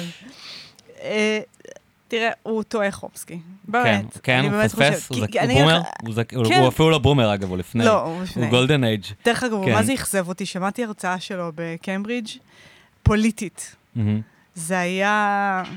הלכנו באמצע, אני מודה. כי מה, כי הוא בקונבנציות של האידיאולוגיה שלו? כן, ממש, ממש. כאילו הוא לא היה- מספיק גמיש מחשבתית אה, לעכל את המציאות שאנחנו חיים בה? כן. ובעניין של האוטופיל, עכשיו, ברמה הטכנולוגית, הוא צודק. הבינה המלאכותית היא באמת מבוססת על פרדיקציות מהסוג הזה. אבל אני חושבת שהוא לא מביא בחשבון לאיזה סוג של קפיצה היא מסוגלת ב... כשהיא, שהיא מבוססת על סוג של השלמות, השלמות של משפטים שהיא כלומר, כבר זה מכירה. אוטופיל, אבל האוטופיל הזה הוא פסיכי ברמה שאתה לא מצליח להבין. בדיוק, זאת אומרת, זה ממש חורג ממה שאנחנו יכולים אה, לקלוט. זה, זאת אומרת, זה לא, זה באמת ממש ממש חורג. אבל זה די חרא בינתיים, לא? אפשר להסכים על זה שזה חרא. כאילו כל פעם מישהו מעלה כזה, הנה, כתבתי סצנה מסיינפלד, ואתה כזה, אחי, זה לא מצחיק. כן, אתה מתכוון? כאילו יש את היצירתיות של לארי דיוויד, או ג'רי סיינפלד, של להביא לך משהו שאתה כזה, וואו, זה מגניב, ויש כזה, אה, אוקיי, כתבתי לך עוד פרק גנרי מעפן של סיינפלד. אתה קורא, מלא אנשים עושים את זה כל הזמן, נכון? כאילו, הנה פרק של סיינפלד על איזה משהו אקטואלי, כן. ואתה כזה, "אה, סבבה, אחי, זה נשמע, הם מדברים כמו הדמות בסיינפלד, אבל זה לא מצחיק. זה לא מצחיק. זה לא, לא בגלל זה אני אוהב את סיינפלד, כן. כאילו. תקשיב, אני חושבת שיצירתיות אנושית זה overrated. פה דווקא. יש לי עמדה. אוקיי, זה, זה, זה נגעת בנקודה, אוקיי. אני חושבת ש... זאת אומרת, שהיצירתיות שלנו היא סך כל הדברים שנחשפנו אליהם, כן. וככל שהבינה המלאכותית... אני רגע עוצר אותך, יש כן. לי חבר טוב שאני מארח בפודקאסט, אה, מיכאל גלעד, הוא איתך באוניברסיטה. אוקיי. נתקלת בו פעם? לא בטוחה, חוקר מוח, אוקיי. אוקיי. אז, אמ, אז, אה, אז דיברתי איתו על הקסם של הביטלס. כאילו, שזה באמת כאילו משהו שאתה... באמת, אה, זו תופעה בלתי נתפסת בעיניי. נכון, בלתי כאילו, נתפסת. הם, אני, אני מכיר ילדים של חברים שלי, כן, בני 15, 16, הם אוהבים אותם יותר מכל הלהקות בשנות ה-90. כן. שזה כאילו ד, דבר שאיכשהו לא מתיישן, ו- ו- וכאילו, אני חוויתי את זה 30 שנה אחרי, והם חווים את זה 50 שנה אחרי, כן. וזה אותו דבר. אין, אין הבדל בין החוויה של הילד של חבר שלי בגיל 13 להקשיב לביטלס, לאני וחבר שלי בגיל 13 להקשיב לזה. והוא כאילו חוקר קוגניציה וזה, ואז הוא אומר, אה, כן, הם העתיקו את זה ממישהו כנראה. כאילו פשוט עשה לזה, והוא גם מעריץ אותם, אגב. כן, אבל הוא אמר, זה לא, אין כאן איזה משהו, את יודעת, אגב, מטריאליזם. כן. כאילו, אמר, בסוף, כן, הם, הם גם העתיקו משהו ממישהו, כאילו, אין כאן משהו מעבר. כן, תשמע, אין כזה דבר המצאה. מה זה המצאה? אין כזה דבר. אתה קיבלת, אוקיי, נגיד להיות הכי מכניסטית עכשיו, קיבלת דאטה כל החיים שלך, מכל מיני דברים. אה, חלק מזה זה מתבטא ברגשות, חלק מזה זה מתבטא בידע, והדברים האלה מייצרים בסופו של דבר דברים חדשים. אני חושבת שאין שום סיבה להניח שעוד אוטוטו בינה מלאכותית לא תוכל להוציא את- אה, תוצרים. שהביטלס הבא יהיה AI? אני ממש בטוחה בזה. אני ממש בטוחה בזה, וזה לא שאני כל כך אתרגש מטריד מ-AI אותי. כמו שאני מתרגש מהביטלס? אני חושבת שכן. העניין שאמרת קודם, של מה אמת ומה שקר, הוא כן מטריד אותי. שיש המצאה, שלא נדע, נגיד שנהיה ההיסטוריים, שלא נדע מה היה בהיסטוריה, כי כל הזמן יהיו עובדות מומצאות, זה כן מטריד אותי. לא מטריד אותי שאני אהנה מ-AI כמו שאני נהנית בסדר, עזבי מיצירתיות את אנושית. המימד האתי. אני, אני מתכוון, כאילו, כל מה שהיה בביטלס זה היה אנשים שידעו ליצור את ה-sync הזה יותר טוב, הם, הם, הם ידעו כאילו לאבד, יש איזו מילה שלא עולה לי עכשיו. את יודעת, כאילו ידעו, י, י, ייצרו את ה-fusion הזה יותר טוב מאנשים אחרים? זה כל מה שזה? תראה, ראית את הסרט הזה המטורף, איך קוראים לזה? נו.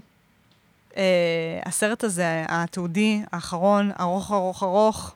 נו, איך קוראים את לזה? צריכה לתת לי איזשהו רפרנס חוץ מזה שזה ארוך. הש- השם של זה זה שם של שיר של הביטלס, שמתעד בזמן אמת איך הם יצרו את, שכחתי איזה שיר. סרט מטורף, מטורף. אה, נו, וואי, שכחתי. לא אדם קרטיס. לא. הסרט הזה, אה, שרואים את פול, שיר ספציפי? השם של זה זה שיר ספציפי, פתאום ברח לי Get השם. back? Get Back, אוקיי. כן. ראית את הסרט הזה? בטח. וואו. לא, אז רואים את התהליך ראיתי אותו היצירתי. שלוש פעמים, יש להגיד. וואלה. כן, כן. סרט מדהים בעיניי. מדהים. מדהים, מדהים, מדהים. אגב, כן, אפרופו AI, כן. את יודעת שהסרט הזה היה בלתי אפשרי בלי AI. כי מה שקרה זה שפיטר ג'קסון, אהובנו שיצר הצהרת טבעות וכולי, הוא קיבל מפול מקארטני את כל השעות שהם, ש, שהם צילמו בהם בשביל ליצור את אה, Let It Be, את הסרט Let It Be. כן. האלבום והסרט.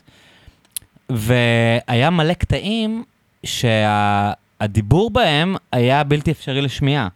והוא פיתח אלגוריתמים, עוד לפני צ'אט GPT וכל זה, אבל טכנולוגיות כבר התחילו להיות קיימות, של לבודד את הדברים, מה שהיום כולם עושים, מוזיקאים היום, בכלל, עולם הרימיקסים והמוזיקה, זה עוד שיחה לפעם אחרת, מה שקורה בו, תעשיית המוזיקה הולכת לא יודע, הולכת להתחרפן לגמרי בקרוב, כאילו, זה, זה עוד לא התחיל בכלל, כאילו, אנשים הולכים להקליט את עצמם בגראז' ולשים את ג'ון לנון שר להם כל שני.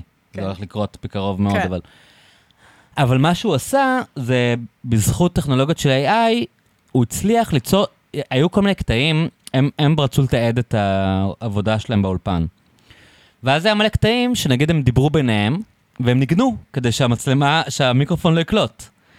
אז כאילו נגיד אה, ג'ון לנון דיבר על זה שהוא עושה הרואין, ואז הוא מנגן בגיטרה, כי הוא יודע שהמיקרופון לא יקלוט את זה על הרקע של, המיקרופ... של הגיטרה, גדול. ובגלל הכלים שפיטר ג'קסון פיתח, והיום הם כבר נגישים לכולנו, אז הוא הצליח לבודד את הערוצי סאונד, שרק בזכותם הסרט הזה קיים בכלל. גדול. כי יש מלא דיאלוגים שהביטלס לא רצו שיהיו קיימים, והם קיימים, כאילו. כן, גדול, גדול. עכשיו, בסצנות עצמן אתה קולט את הרגעים האלה שכאילו יש ניצוץ, נכון? כן, את הדבר כן, הזה של השראה. השראה, המצאה, נכון? כולם עסוקים, ג'ון עסוק ב-shit שלו, כן. ופתאום פול ממציא את, אני יודעת מה, את, הוא מנגן כאילו, It Be והם לא מקשיבים. הם לא מקשיבים.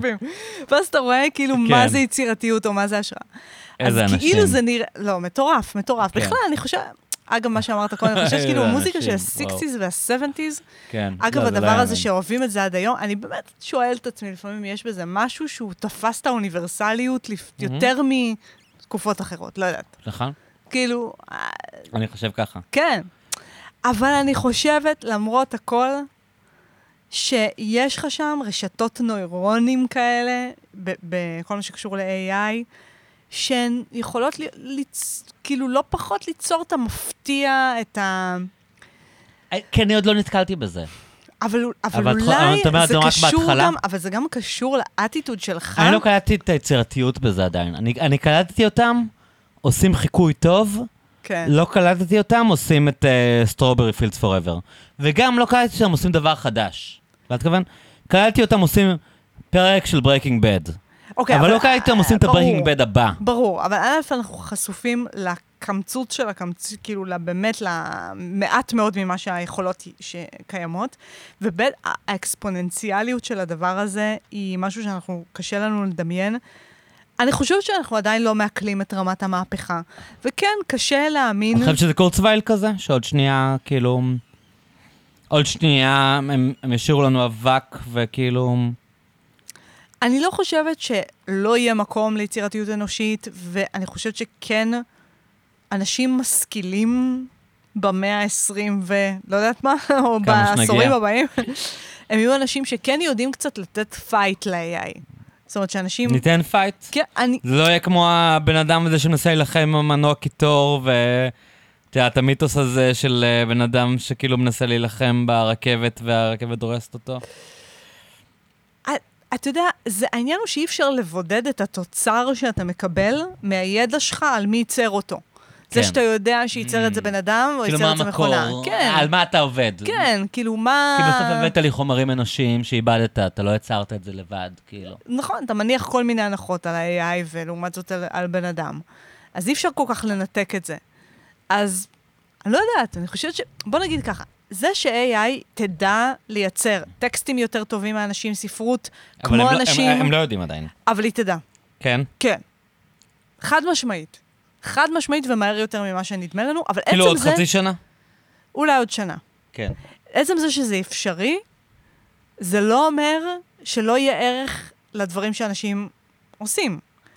גם ברמת התוצר, אבל בטח ברמת התהליך, כי אתה יודע, כל הזמן אנחנו חושבים על תוצר, תוצר, תוצר.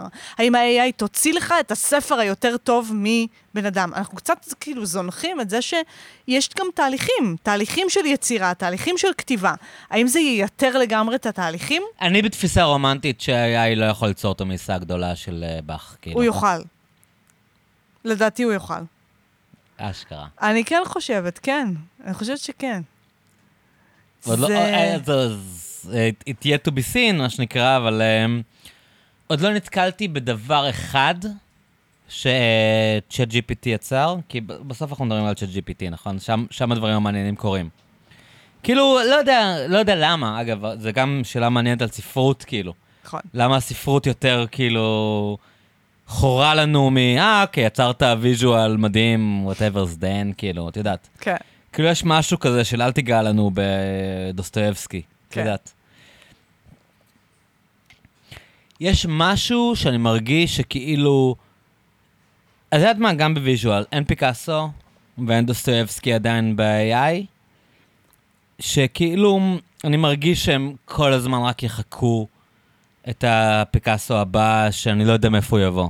אבל, אבל כאילו, הם לא באמת מייצרים את הדבר הזה. הם לא מייצרים את הגרניקה או את המתאוס פסיון, כאילו, או את ה-Strawberry Fields שאנשים ייצרו. אני חושבת שהם כן, וגם כשאתה מדבר היום על... כבר? אה, כן. אבל גם כשאנחנו חושבים את ה... תסלחי לי, כי אני לא, לא פגשתי. אבל אני חושבת שגם כשאנחנו חושבים על הגרניקה ועל המטאוס פסיון, אנחנו חושבים מנקודת מבט של איזשהו שיפוט ערך כזה, שאפשר לשפוט את יצירת המופת בה"א הידיעה. ובעידן של כל כך הרבה ביזור, שקשה לך להגיד, אוקיי, מה זה החדש בכלל? אז גם השיפוט הוא משתנה. זאת אומרת, גם מה שאתה תשפוט כיצירת מופת או לא כיצירת מופת, קצת, כאילו, הקריטריונים קצת משתנים, ואז זה גם קשור לשאלה איך אתה, איך אתה תעריך, כאילו, יצירה של AI.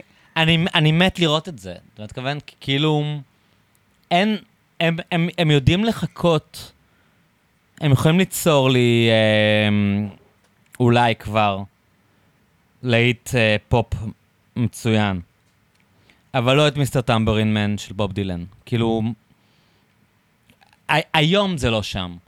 ומעניין אותי אם יש איזושהי קפיצה, אם, אם יש משהו, אוקיי, זו שאלה פילוסופית יותר עמוקה. או אולי אפילו מיסטית. או אולי רוחנית, כאילו. אם יש משהו, שזה קצת כמו שמיכאל אמר לי, בסוף הביטלס אה, חיכו אנשים, אם יש משהו ב... ב...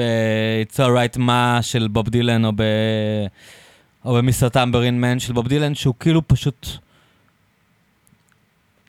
מחוץ לסקאלה. אתה מתכוון? דבר, דברים שהם מחוץ לסקאלה. כאילו, אני באמת מאמין שהם יכולים ליצור... אה, ת- תחשבי, נטפליקס הם יכולים ליצור, אוקיי? הם יכולים ליצור פרק של בית הקלפים.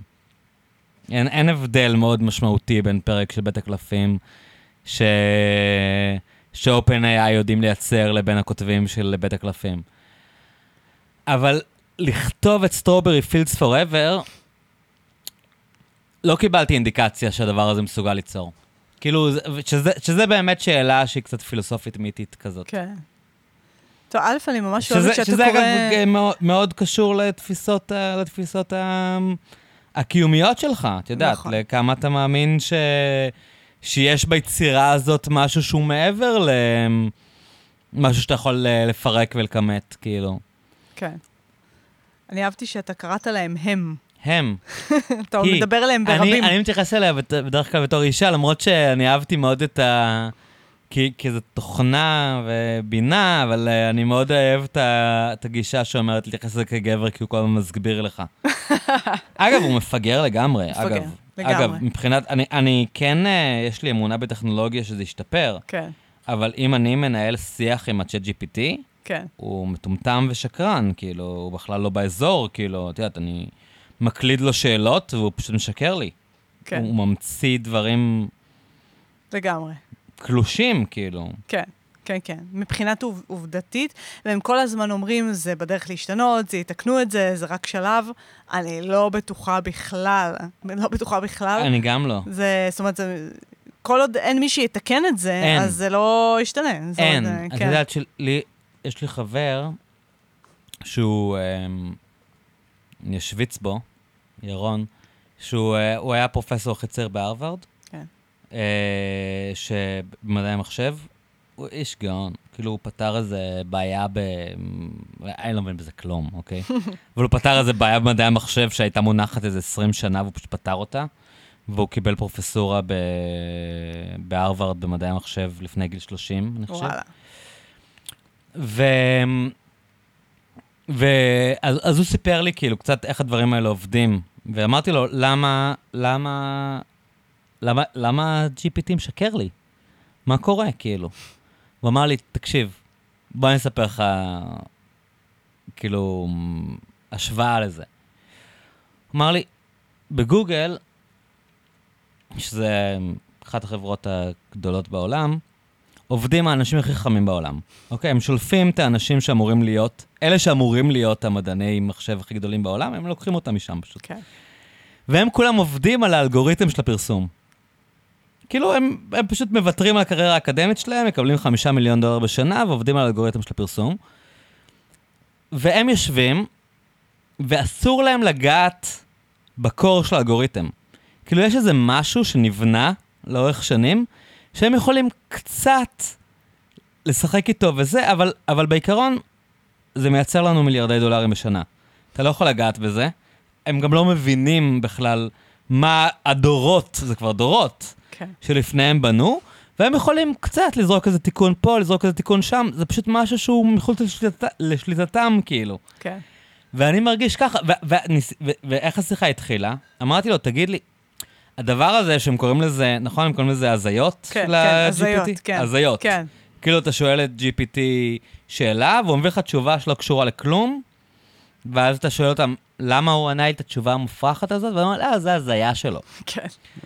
אז הוא אמר, כאילו, ה-OpenAI זה מין איזה משהו שפותח, והיום יש אנשים שכאילו הם, הם עובדים על זה, אבל אין להם אומץ, וגם אין להם את היכולת אולי אפילו, להבין כאילו מה האלגוריתם הזה היה בבסיס שלו, והם גם לא נוגעים בזה. הם כן. סתם יכולים כאילו להיות במעטפת החיצונית כדי קצת לגעת בו. אין לי מה להגיד על זה, אני לא יודע כן. אפילו מה, אין לי שום ציפייה ממך להגיד על זה משהו, אני מצטער. לא, תקשיב, זה, כי זה, זה. לא, אבל זה באמת, זה טירוף. זה, האמת, זה מטורף שאבידן כתב על זה בשנות ה-60 כבר, על מה הוא הדברים כתב? הוא יצר, בסוף שנות ה-60, תחילת ה-70, את הספר AI הראשון, אחד, בע- אחד הראשונים בעולם. אז זה נקרא פסיכיאטור האלקטרוני שלי. הוא יצר קשר עם MIT, והייתה את התוכנה אלייזה, שהייתה המודל שפה המוקד... הראשון בעולם בעצם, אם אני לא טועה, והוא לקח מהם את ה... נו, את הסוג של כרטיסיות המחוררות או משהו כזה שמפעילות את הדבר הזה. הוא שוחח עם אלייזה, דיאלוג, כמו עם פסיכיאט, פסיכיאטר, הוא קרא לזה פסיכ- פסיכיאטור, והוא תרגם את זה לעברית, והוא פרסם את זה כספר בתחילת שנות ה-70, פסיכואטר האלקטרוני שלי, שיחות עם, אה, עם מחשב. איזה הוא איש מדהים. כן, והוא לי אמר, הוא. אמר, אנשים, הם צריכים להיות יותר מחשביים, ומחשבים צריכים להיות יותר אנושיים. יש לי סיפור עליו, שלי יש אה, קרוב משפחה מופרך, שכשהייתי טס לניו יורק הייתי ישן אצלו. והוא היה כבר אלמן, דיכאוני, והייתי אה, ישן אצלו, והייתי מאוד מעודד אותו, וכאילו הוא היה אוהב לספר לי סיפורים, למרות שהיה בניו יורק כבר איזה 50 שנה, הוא אהב לספר לי סיפורים מתל אביב של פעם, אפרופו תל אביב, שמתה... בשבילו גם תל אביב שלנו כבר הייתה חרא, כאילו.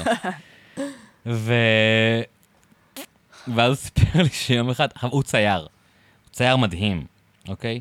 כאילו, בן אדם שבאמת, כאילו, אמן טוטאלי וזה. ואז הוא סיפר לי שאיזה יום הוא ישב. בכסית, ואבידן הביא לו מין פלייר, או איך שקראו לזה אז, לבוא לתערוכה שלו.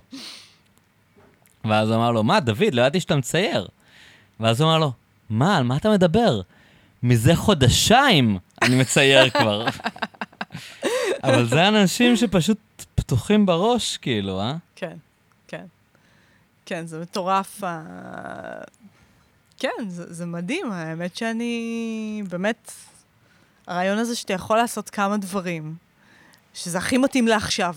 כן. ששווה לך לפתוח כמה, אז כאילו, ל, ל, הדבר הזה שפעם היו יורדים עליך, שאתה מתעסק בכמה דברים, כן. עכשיו הוא נהיה אסנשל. זאת אומרת, אה, מה, מה אתה תלך? להיות אה, בום בראש אה, דבר אחד? כאילו, לא תדע אלא אם לאן כן זה אתה הולך. בפיננסים. כן, גם אותם יחליפו עוד שנייה, דווקא אותם הראשונים, אני זה חושבת. מה שמצחיק אותי כל כן. הזמן, למרות שאני חושב שאני טועה בזה, אבל יש לי איזו פנטזיה, היא לא נכונה. אבל יש לי איזו פנטזיה שכל המקצועות האלה שאמרו לנו, הם העתיד, אותם ה-GPT יחליף ראשון, כאילו. כי את המתכנתים, את הפיננסיירים, ודווקא כאילו האנשים האלה שכותבים שירים, את בדוק. העודד כרמלים של העולם, כן, נצטרך, ואת כל האנשים האלה שכותבים קוד, ה-chat GPT ידע לכתוב את הקוד לבד אבל ולא כבר יצטרכו עכשיו, אותם. כי אתה יודע, זה תהליכים נורא מהירים. לפני שנייה אמרו לנו הייטק הייטק. פתאום הבועה הזאת מתפוצצת. אה, יש תפ- תפקידים י- שכבר אגב, מוחלפים. י- י- זה לא, זה לא אנחנו מדברים בפודקאסט, זה דבר אמיתי. לא, ברור. לי יש חבר טוב שעובד בשופיפיי, שזה החברה הכי גדולה אחרי אמזון במסחר אלקטרוני, באי-קומרס, מה שקוראים. והם, בזכות הכלים של ה-AI, פיטרו כאילו כמות עצומה של עובדים, שכאילו, אוקיי, כאילו, אנחנו לא צריכים אתכם. כן. יש לנו את הכלים היום.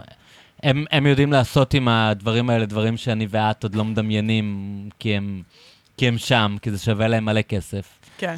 והם כבר עשו לזה utilizing, והם פשוט פיטרו כמות עצומה מהכוח הד- אה, העבודה שלהם, כי לא צריך אותם. כן. ברור. לא, ברור. אנשים ברור. שכאילו אמרו להם, העתיד זה מדעי המחשב, בוא תלמד תכנות ואתה בסדר.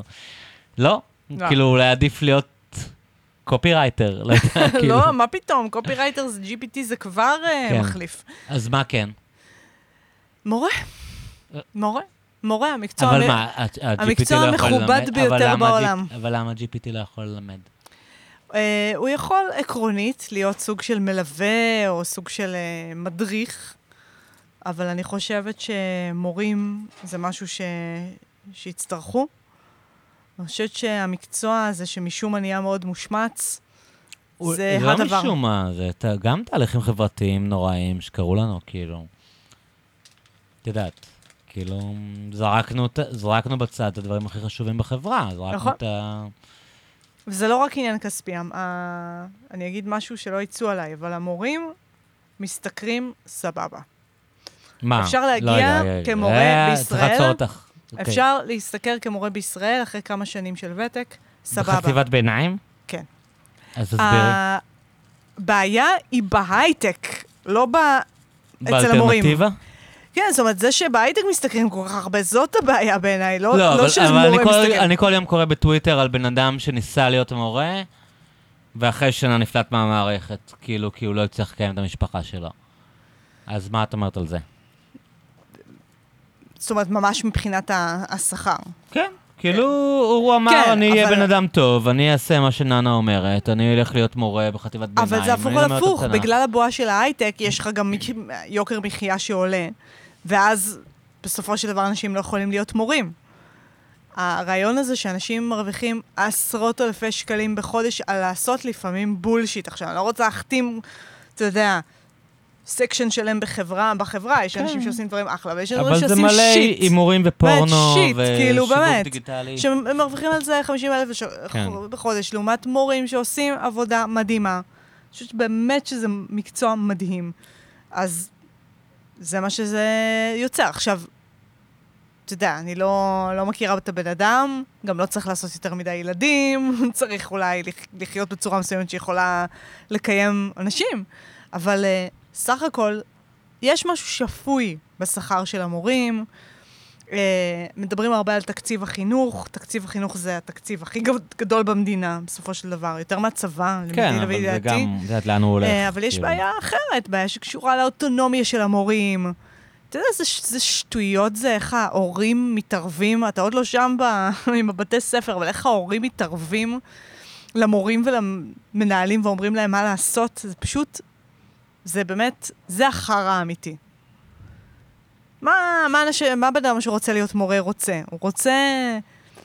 אה, הוא רוצה איזשהו, איזושהי עצמאות, הוא רוצה, הוא בא לשם מכוונות טובות. יש המון מורים מעולים. ואני חושבת שזה משהו שיישאר. וואלה, אני חושבת שזה משהו שיישאר. בסדר, דרך- AI יתערב, יש...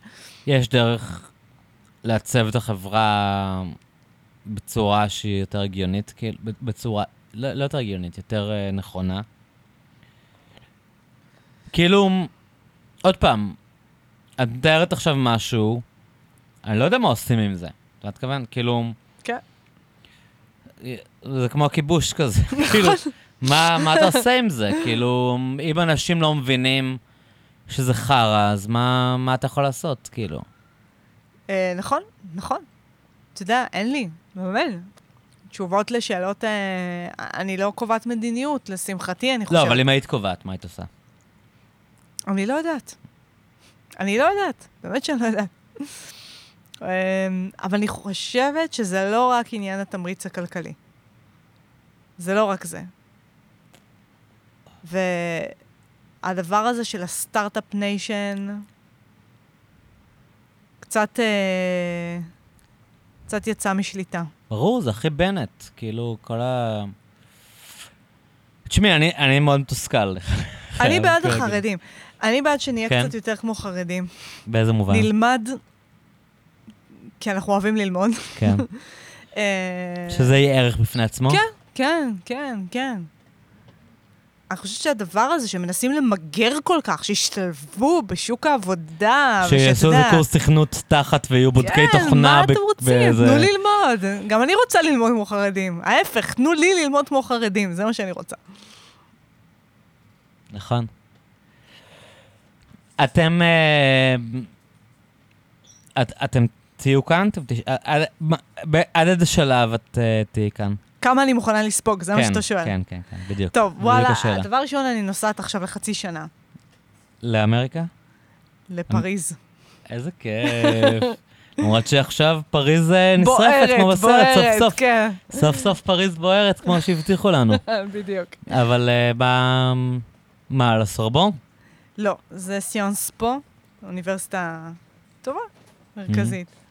אמ, אבל אה, עד, עד כמה לספוג? מה יגרום לך לחזור? בוא נגיד ככה, כאילו, מה...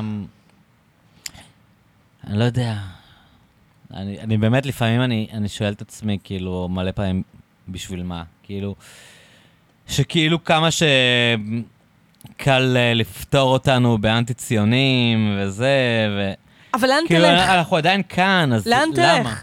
כי- זאת אומרת, לאן? פשוט למקום שיותר נוח בו. כאילו נוח, אז זהו, זה לא העניין המוסרי. לא, כמו בשיר של חנוך לוין, כמו בחווה אלברשטיין. הייאוש. כן. כן. פשוט יותר, יהיה לי יותר טוב, כן. כאילו, את יודעת, למה אני צריך, למה כל דבר צריך להיות עטוף במלא רעיונות גדולים? כן, יכול להיות שיהיה לי פשוט יותר סבבה למצ... לגור בפורטו. כן. לא, אבל בלי רעיונות גדולים, עדיין פשוט כיף לי וסבבה לי לחיות בתל אביב. עדיין. פשוט ככה, כן, אוקיי. כן. ומה, מה, מה, מתי זה לא יהיה ככה? תשמע, העניין שהכלכלי... תצטרכי לשלם אה, 17,000 שכר דירה? אני לא... לא יודעת. לא יודעת, אני חושבת ש... כש, כשלא יהיה כבר מה להוריד ברמת החיים, כאילו, כן. למסעדה אין סיכוי. אתה יודע, באמת, אין כזה דבר ללכת למסעדה מבחינתי, זה לא... באמת? לא, מה פתאום? לי זה מתסכל זה? כי, כי, כי אותי זה החוויה... לא מתסכל, אין לי בעיה עם אבל זה. החוויה התל אביבית בשביל מלא אנשים זה זה. נכון, אבל מגעיל במסעדות. אני גם, אני שונא מסעדות. אני, זה, זה בילוי מוזר בעיניי. כן. אז- כאילו, באמת יותר טעים לי לאכול בבית, אבל כן. אני... אבל אני... אבל... זה כאילו, זה ההוויה התל אביבית היום. אז, אז מתי. מתי את מרגישה חלק מזה ומתי את מרגישה מנוכרת של- לזה? רמה מסוימת של צפיפות. הצפיפות קשה. כן. אפילו לפני שאנחנו, אתה יודע, אם נחשוב על 15-20 שנה, צפוף. אה, מה עוד? וואלה, יש לי, פגשתי חברים מקנטקי מהמם, אתמול, הם באים מקנטקי. כן. והם פרוגרסיביים, ליברליים כאלה, שמלמדים שם באוניברסיטת קנטקי. עכשיו, בקנטקי יש איסור על הפלות, אשכרה. ויש, אה, אתה יודע, מערכת משפט שבאמת יש לה כזה מאוד אז הם מאוד עולים על אה, אוטובוס ונוסעים לעשות הפלה כן. במסצ'וסטס? והם או עדיין חיים רוצה? שם. הם עדיין חיים שם. וחיים את החיים שלהם עם הערכים שלהם. אני לא, אני, אני לא יודעת, זאת אומרת, אה, לאן? לאן, לאן תלך? הייתי לא מזמן במונטריאול, מונטריאול מדהימה, בטח אתה מכיר, כן, כי הייתי. גרת שם. הייתי, כן. אה, וואלה, אחלה מקום. איזה מקום יפה זה. התרשמתי שזה נגיד מקום, נגיד שהייתי שם, פתאום הרגשתי, זה מקום שהייתי יכולה מהמם. לגור בו, מקום דו-לשוני, לא רב-לשוני. לא הייתי בחורף. את לא מבינה מה לא, קורה שם. לא, את לא מבינה מה קורה. שם בחורף. רואים את זה רק מהדלתות הכפולות, אתה לא, יכול זה לא לדמיין. הגיוני. אבל אוקיי. כן. אז פתאום, פתאום פעם ראשונה הייתה לי התחושה הזאת של, שלא הייתה לי אף, באף מקום בעולם, של... פה, אתה יודע, יש להם, זה, במונטריאול לא, יש קטע קנדה, כזה שזה, אני אומר, הם קנ- לא מגעילים כמו האמריקאים והם לא מגעילים כמו האירופאים, נכון, משהו נכון, באמצע נכון. כזה. ואמרתי לעצמי פתאום, וואלה. אבל אה, העברית חשובה לי, מה אני אגיד לך? העברית חשובה לי, Mm. מאוד, מאוד. אוהבת את העברית מאוד. אה, יש איזו מקומיות כאן, יש... אה, לא, אני במקום שלך, אני כאילו אעשה הכל כדי לא, עד שזה כאילו יהיה לא הגיוני, אבל... אבל זה פשוט, אני... אנשים אני- סביבך עוזבים? במסות? זה העניין, זה העניין. כאילו של... מה, מה זה אומר אנשים סביבי עוזבים? את מבינה מתכוון? כאילו, הם לא עוזבים בקטע פרואקטיבי נוראי של אני לא יכול יותר, אני... כאילו, אתה פתאום מקבל איזה הצעה לרילוקיישן, פתאום אתה מקבל איזה הצעת עבודה. החברה שאתה עובד בה, אם אתה עובד בשביל תאגיד בינלאומי, אתה יכול לקחת את אותו ג'וב בלונדון. אז כן, למה לא? כן. את יודעת, כאילו אם אתה יכול להיות פתאום בברלין, או להיות פתאום בלונדון, או להיות פתאום בת... בניו יורק, כן, זה נהיה יותר אפילינג. כן. זה לא ברמת ה...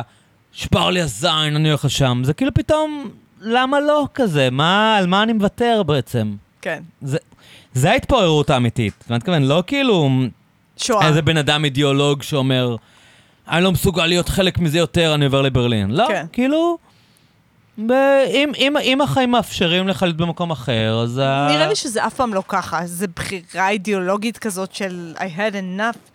ברגע ש... אתה זוכר שפעם אמרנו, כשליברמן יהיה כן, בכנסת, היה שר ביטחון. נ- לא נהיה פה יותר. כאילו, מיני- שרון היה ראש ממשלה, ששרון, אמרו שהם יעזבו, כן. ברור. כל מיני קווים אדומים מדומיינים כאלה, כן. שהם לא קשורים למציאות, וגם אתה לא יודע אף פעם איך הפוליטיקה באמת משפיעה על המציאות. זה מה נכון. שמטריף אותי. לי הייתה שיחה ממש מעניינת אה, עם איתמר מן, שהקלטתי איתו פודקאסט שהוא אה, פרופסור למשפטים, והוא הוא בכלל ממשפחה אמריקאית. והוא אמר לי את זה ככה, הוא אמר, תשמע, כי, כי בדיוק בשיא, עוד לפני שהבנו שהמהפכה המשפטית הזו זה חרטא וזה לא יקרה. לדעתי, כן, זה לא, זה לא קורה. אוקיי. סורי להוריד לאנשים את הזה, אבל זה, הדבר הזה לא קורה. אבל, אבל יש כל כך הרבה חרא שכן קורה, זה לא דבר אופטימי. כן. כאילו, אנשים, אני אומר לאנשים שאני חושב שההפיכה המשפטית לא קורית, הם אומרים לי, מה, אתה אופטימי? לא, אני לא אופטימי. כאילו, אתם מסתכלים סביבכם, הכל חרא. כן. אבל, אמ, אבל הוא אמר לי, תשמע, כאילו, אני מבין מה זה הגירה, ההורים שלי מהגרים. הילדים שלי הם דוברי עברית. כאילו, לקחת אותם עכשיו לתלוש אותם למקום אחר, שהתחילו לי- להיטמע שם בתרבות בתור זרים, ילדים מהגרים, כאילו, הם, הם לא כאלה צעירים. זה חרא, וכאילו, הוא אומר, אני יכול לחיות גם במקום נוראי, ו- ו- ו- ולבנות לעצמי את החיים שלי ב- בעולם שלי. כי, כי יש לי חבר ש... שעבר, היגר לאיטליה לפני הרבה שנים. אגב, היה מטכליסט, היה כאילו, את יודעת, כאילו פוסטר בוי של התנועה הציונית וזה. והוא היגר לאיטליה, ו- ו- והוא שנא את ישראל, כמו כולנו, אבל החברים שלי, אני לא אוהב את המדינה כמו שהיא היום. ואמרתי לו, כאילו, מה, אבל כאילו גם באיטליה יש כאילו, זו התקופה של ברלוסקוני וזה, זה מפחיד, ושנאת זרים וזה, והוא אמר לי, כן, זה לא שלי, כאילו. כאילו, בסדר, החיים שלי טובים פה, לא אכפת לי, כאילו... כן.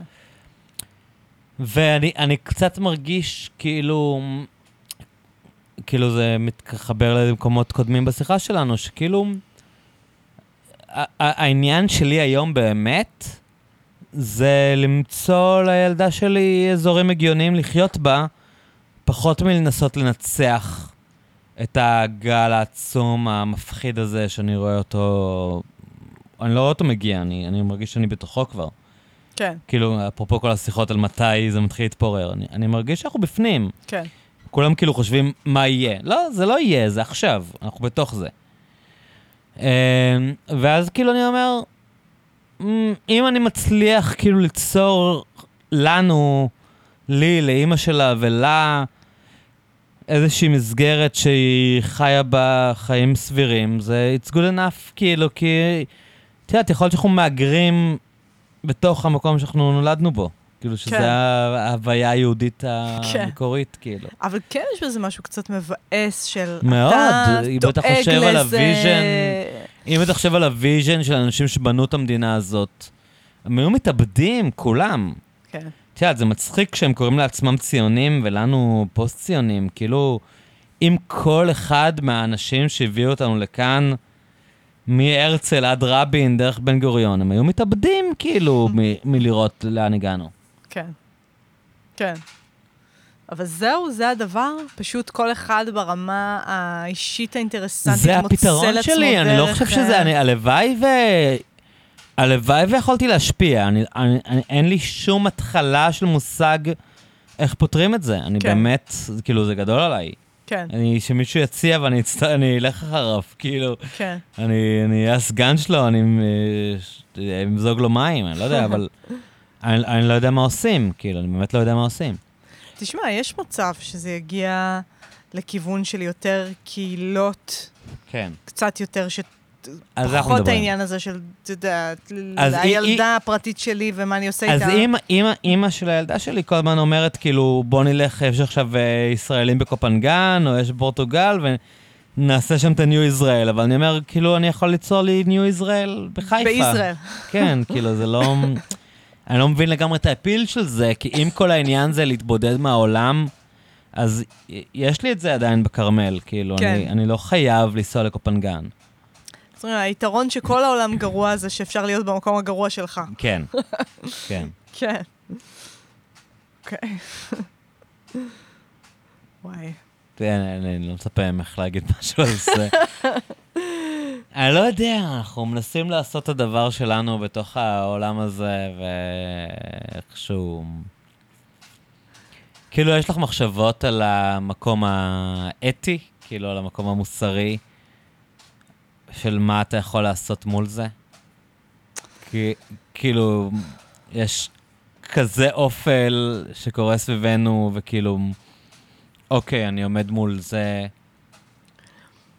אני חושבת שמה שבאמת מפחיד, זה שאי אפשר לדעת מהו האופל באמת. מאיפה הוא באמת מגיע. Mhm. כאילו, נדמה לך כרגע שזה מגיע כן. מכיוון פוליטי מסוים. pointing. אתה לא באמת יודע מי מדרדר אותך. זה מפחיד לחשוב על זה, כי אתה רוצה להזדהות פוליטית, ואתה רוצה, ואני גם... כן, זאת אומרת, הגדרה עצמית פעיל, כן. כלשהי. מי עושה את זה יותר גרוע? אתה לא, לא, אתה לא באמת יודע. כן, אתה לא באמת יודע מי משפיע לרעה על החיים הפרטיים נכון. שלך. נכון.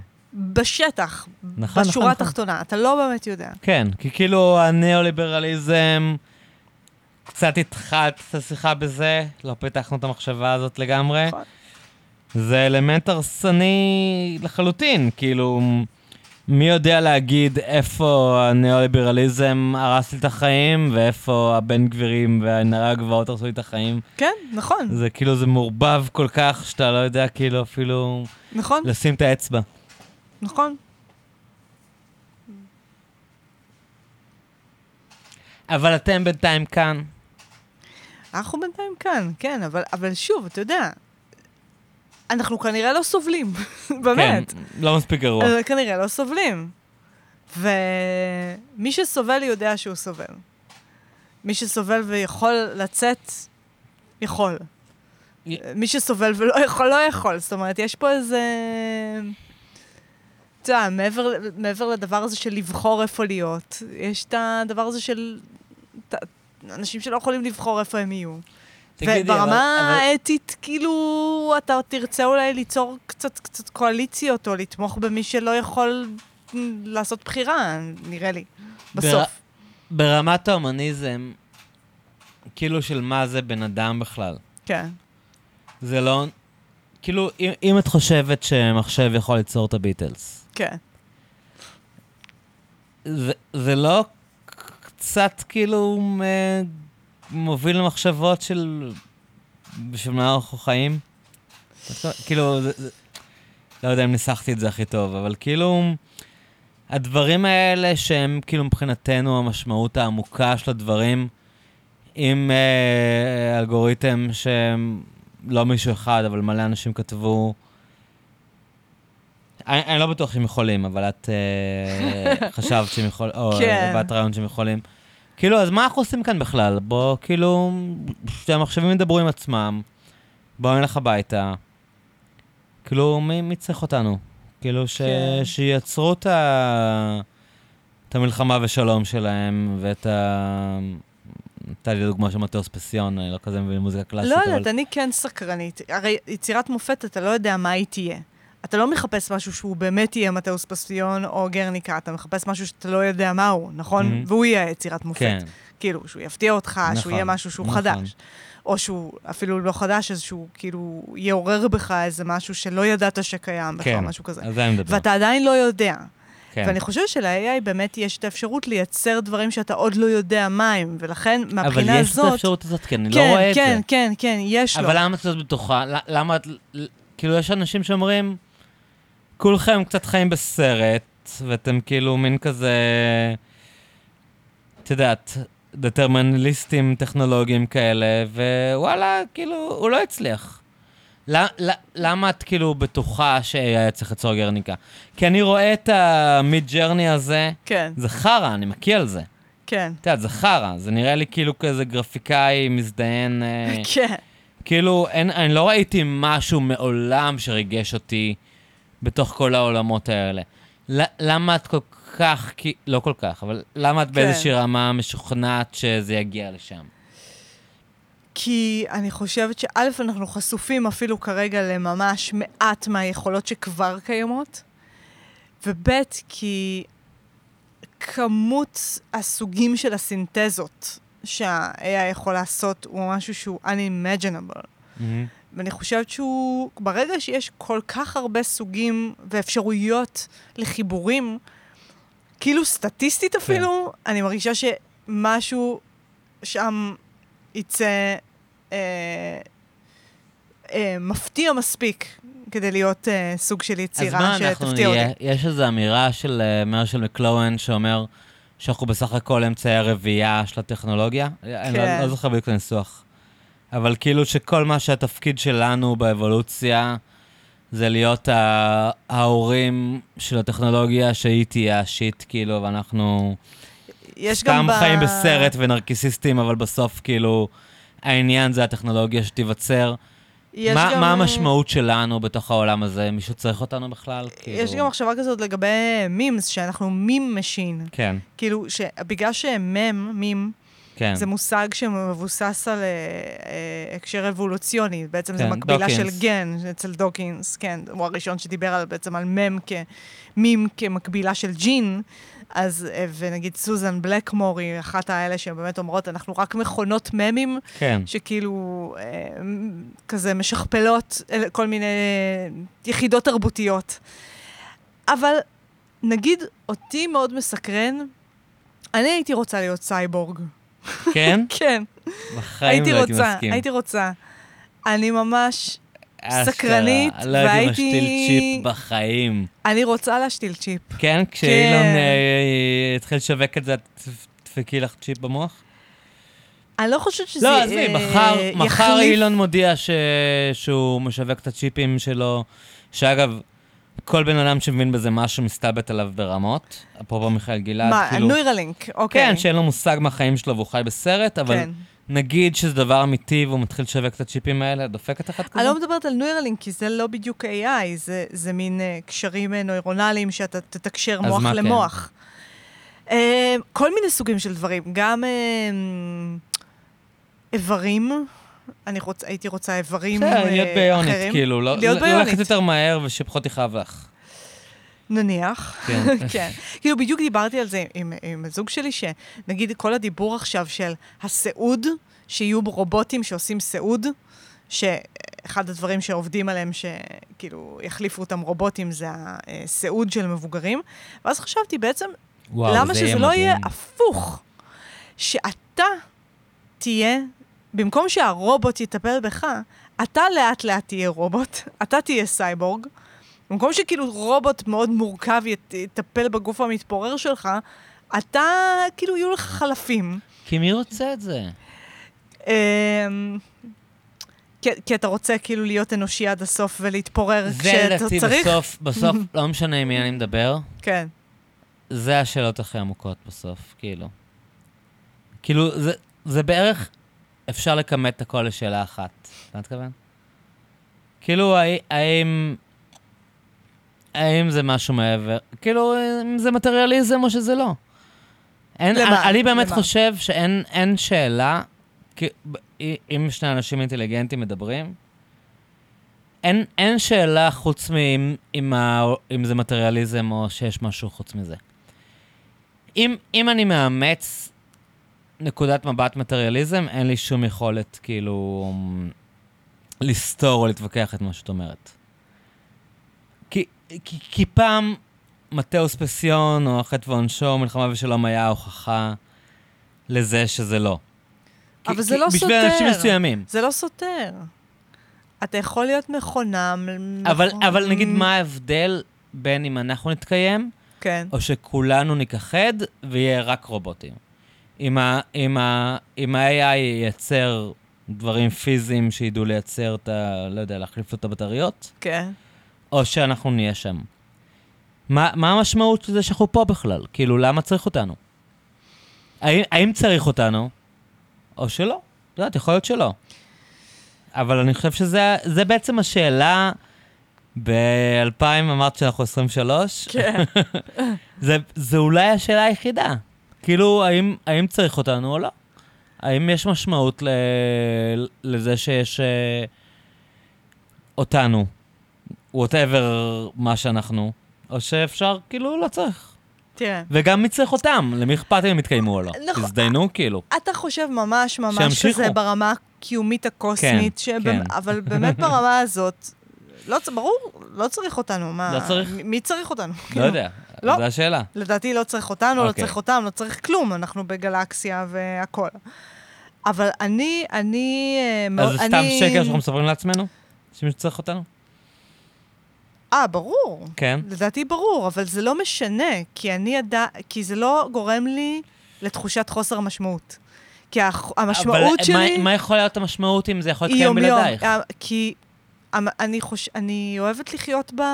לא, במיקרו. את נהנית, אבל זה לא משמעות ליהנות. לא, זה משמעות. מש... כי מה המשמעות מפגש של זה? אנושי זה משמעות. ודברים שעובדים וחמלה זה משמעות. אני... אבל למה, למה, למה זה משנה משהו? כאילו, זה אם, לא משנה. אם עוד 20 שנה, ואז עוד 100 אלף שנה, זה יתקיים בלעדייך. אבל עוד כך וכך מיליארד ענק אדום, בסופו של דבר גם יחריב את נכון. הגלקסיה שלך גם ברמה מכניסטית. נכון, אז כאילו, נכון. אין, ברור שאין משמעות, אבל כן? אני, לדעתי לא, בוא, כאילו, אלא אם אתה דתי. מיסטיק, מיסטיקן או דתי. כן. אבל אני לא חושבת שיש סתירה. יש גם חשיבה מטריאליסטית ומכניסטית, וכזאת אה, אינסטרומנטליסטית ומדעית, שאומרת שאנחנו רק חומר, וגם יש משמעות. גם וגם. כאילו, אבל אם, נגיד, סתם, בגלל שזה כל כך רחוק ממני, כן, אנשים שרואים את העולם באופן מטריאליסטי לחלוטין, כאילו. כן. מה זה מבחינתך, אה, אני, אני סתם מניתי יצירות אומנות שמשמעותיות בשבילי, כאילו מניתי את Strawberry Fields Forever ושירים של דילן ומטאוס פסיון, אבל נגיד דעתי יותר באה מספרות. מה, מה הספר הכי משמעותי בשבילך? סתם, אחד מהם, לא, לא ה, כדי לא לסבך אותך.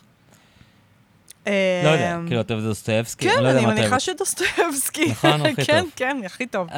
בוא נלך הכי כן, טוב, בסדר? אז, אז נגיד, האידיוט? אחים קרמזוב, אוקיי, לא יודעת. כן, אחים כן. קרמזוב. כן, אחים קרמזוב זה קל כן, להסכים, הכי כן. טוב. הספר הכי טוב. כן, בעיניי זה הספר הכי טוב. כן. אז נגיד, מה המשמעות של זה? אין לזה משמעות בעצם? סתם, אני, אני מבין שזו שאלה אמ, אמ, כן. פרובוקטיבית או מאתגרת, לא, אבל, ברור, אבל, מה, אבל, מה המשמעות אה, של זה בכלל? מעניין אבל מה זה אומר מילים שאומרים, כמו משמעות. תמיד כשאומרים מילים, אני אוהבת שנייה, אתה יודע. אז כאילו, משמעות זה, זה משהו מטאפיזי כזה, קוסמי, על זמני, או שזה משהו שאומר משהו למישהו ברגע מסוים, ובשבילי זה משהו שאומר משהו למישהו. אה, לא אכפת לי שלא... וכשהוא לא קיים זה לא משנה כבר? לא, זה לא משמעות משנה. בפני עצמו? אה, כשהאדם הספציפי לא קיים? כן. אבל בגלל שאנחנו חיים בתרבות, אז יש המון אנשים ספציפיים שאחים קרמזוב חשוב בשבילם, ואז הוא כן נמצא באיזשהו חלל תודעה קולקטיבי, ומתישהו לא יהיה. אה, האם אני מתאבלת על זה שמתישהו החי... האחים קרמזוב לא יהיה? קצת עצוב, אבל אה, לא, אני בסדר עם is. זה, כן. ביטלס שלא יהיה, קצת עצוב, אפילו עוד יותר, באיזשהו קטע. אבל נגיד עוד אבל 200 לא- שנה, כן. הם, הם, הם מסתדרו עם עצמם, הבריאות האלה שיצרנו, ואנחנו בסדר, אנחנו לא רלוונטיים יותר. It's all good, כאילו. תראה, כאילו, having said that, אני, כן, אני כן מתעקשת ורוצה נורא להתעקש שנגיד בתוכניות לימודים יהיו את הדברים האלה, שאנשים לא יעשו דברים שאולי הם counter intuitive בשבילם, כמו לקרוא אחים קרמזוב, אה, או אולי להוכיח להם שזה דווקא intuitive בעידן של פודקאסטים ארוכים, לקרוא דווקא ספר בשני חלקים עם רשימת דמויות ארוכה. אבל לא יודעת מה זה משמעות. לא יודעת, אני... לא, זה קטע, אני... זה סתם מעניין אותי. כן. כאילו, השיחה איתך המחישה לי, המחישה לי את זה יותר משיחות אחרות, שזה בסוף מגיע לשאלה אחת. זה, זה מה שמעניין אותי נורא. שבסוף זה כאילו מין, מין, ש, שאגב, אני לא, אני לא סגור על זה שאני יודע לנסח את השאלה, אבל, אבל זה בסוף אותה שאלה, כאילו, אם יש לזה משמעות או אין לזה משמעות. ו... אני נורא נהנה מזה שאני יכול אה, לפעמים לעשות שיחות יותר עמוקות ומעניינות עם אנשים שחושבים אחרת ממני, שאין לזה משמעות. כן, כאילו לפעמים אני יכול לנהל שיחות דביליות עם אנשים שחושבים כמוני, כן. אבל, אה, אבל זה סתם, אה, זה איזושהי רדוקציה ממש משמעותית ל... למה... מה, מה, מה השאלה האמיתית, וגם מה זה שאלה, אם, את כבר כן. רוצה להתפלסף, כאילו, אבל... אה, אבל אתה יודע, תוך כדי שאתה אומר את זה, אני פתאום מבינה שנגיד, מה שמעניין אותי, זה לא אחים קרמזוב שהישות הזאת תהיה, התרבותית. מה שנגיד מעניין אותי זה שיהיה זולת כלשהו, שהאחים קרמזוב נכון. גם מעניין אותו. נכון. אז בעצם מה שמעניין אותי זה הזולת הזה, זה לא אחים קרמזוב. זאת אומרת, זה לא התוצר הזה, אלא זה משהו שהוא בין אישי. משהו שיותר קשור לחיים ביחד. אבל ל... אם זה יהיה אלגוריתמים שמדברים אחד עם השני, והם, והם הכירו אחים קרמזוב גם? הם יקראו הכל, את יודעת, הם יקראו אחים קרמזוב. הם קראו כבר, דרך פרקים אגב. של- של אה, רמזור, את כן, יודעת, כאילו, הם נכון. יקראו הכל. נכון. השאלה, השאלה המעניינת, אם הם ידעו, אם יהיה להם הבדל ערכי בין פרק של האחים, בין לקרוא את. האחים קרמזוב לפרק של רמזור. אם נגיד להם, מה שנגיד להם זה מה שיהיה, אתה אז, יודע. אז יש לנו משמעות. אם אנחנו אלה שמכתיבים להם. אני לא יודעת, אולי הם ייצרו היררכיות משלהם. אולי הם ייצרו היררכיות משלהם, אנחנו לא יודעים איזה סוג של היררכיות. יש מיליון אה, נעלמים פה. אני שמה רגע בצד את העניין ה... הבטיחותי, כן? האם הם יחסלו אותנו או לא, כן? זה לא, בסוף לא יחסלו כרגע. אותנו, לא? מי יצטר... לא, לא יצטרכו אותנו, את יודעת. אה, כאילו, א', זה לא כל כך קרוב לדעתי, כמו שאנחנו חושבים. את לא בקורצווייל של כזה 70 שנה אנחנו שם? זה נורא תלוי במה שנעשה. אני אגיד לך, שוב אני אומרת את הדבר הזה. כל המחשבה הזאת על מה יהיה, איך להתאים את עצמנו למה שיהיה, כל העתיד הזה הוא עתיד מדומיין לחלוטין ותלוי בפעולות אנושיות. כאילו, זה תלוי, מה שנעשה היום, זה מה שיהיה בעוד 70 שנה. אז זה- מה צריך לעשות לדעתך? מה את היית עושה? אם היו אומרים לך, אה, נאנה, את פשוטה. אוקיי, דבר ראשון, לא הייתי מגבילה באופן איזה, באופן טוטאלי או מחרימה את ה-AI, לא הייתי מונעת מסטודנטים להשתמש ב-AI. הייתי כן עובדת על רגולציה, אנשים עושים את זה. אבל אה, בשביל מה? הייתי אם מאוד, אם זה לא משנה, אז אה, בשביל מה? לא, זה כן משנה. בטח שזה משנה. סתם בשביל הפאן שלנו? למה? כאילו? לא, זה משנה. מה זאת אומרת? מה שנעשה זה מה שיהיה. לא, אבל למה זה משנה מה יהיה? כאילו, למה זה לא למה משנה. זה חשוב? זה, זה חשוב כי, כי אנחנו אומרים שזה חשוב. בשבילנו. אין, בשבילנו, בטח. אין, אין בעיניי איזו משמעות מטאפיזית אוניברסלית. זה לאנשים דתיים, אני לא שם. אני, אני באמת לא שם. אבל בעיניי, אני אומרת, היום-יום, המפגש, זה מה שאני מתה עליו, ב, נגיד, בהוראה. מה, זה, זה, זה, זה הדבר. זה הדבר. אני מה זה מסתפקת בזה, אתה יודע? זה מה זה good enough בשבילי? זה המון. זה המון. זה הכל. אוקיי, אז אנחנו, אני אגיד שאנחנו מתקרבים לסיום. אנחנו, אתם תשמעו רעשים של קרח ברקע, תתמודדו עם זה. אמ, אז כאילו בתוך השיח הזה, שהוא הפך להיות קצת השיח באזורים האלה שאנחנו מדברים עליהם, של פוסט-הומניזם מול הומניזם, איפה את רואה את עצמך? כי זה מרגיש לי שאת קצת חצויה. נכון. כאילו, את לא, את לא מתמסרת לפוסט-הומניזם, מצד שני את uh, סקפטית לגבי ההומניזם. או, אני, אני סתם, אני אתן לך להגיד uh, מה, א- א- איפה את uh, רואה את עצמך. האמת, אה, באמת נזכרתי שבפעם הראשונה שקראתי את המניפסט הפוטוריסטי האיטלקי, אימא'לה. זה היה כזה, ממש בתחילת הלימודים שלי, הייתי בת 20 או whatever. נפלתי, באמת. כן, אהבת? נפלתי. אני חושבת שזה אז הטקסט תתני שהכי קצת השפיע רקע. עליי. אגב, אני אמליץ על השיחה שלך, אה, גם אני אמליץ על השיחה שלי עם כרמל וייסמן, אבל גם אני כבר המלצתי על הפודקאסט שלה, שהוא לדעתי אחד הפודקאסטים הכי טובים בארץ, המצב הפוסט-אנושי. כן. שהוא אה, כאילו, אני מתנגד נחרץ לפוסט-הומניזם, אבל, אבל אה, היא, היא, נו- היא נוגעת שם בשאלות לדעתי הכי חשובות של זמננו, ומדברת עם אנשים חכמים כמוך אה, על השאלות הגדולות, כאילו, שהגענו אליהן בסוף השיחה באופן אה, ראוי, כאילו. נכון. אז זהו, אז... תשמע, זה טקסט שהוא נכתב ב-1909, כתב אותו מרינטי האיטלקי. לא האמנתי שמישהו יכול לכתוב ככה. כתב על אה, באמת איזה מין אה, עולם עתידני של מכונות וזה.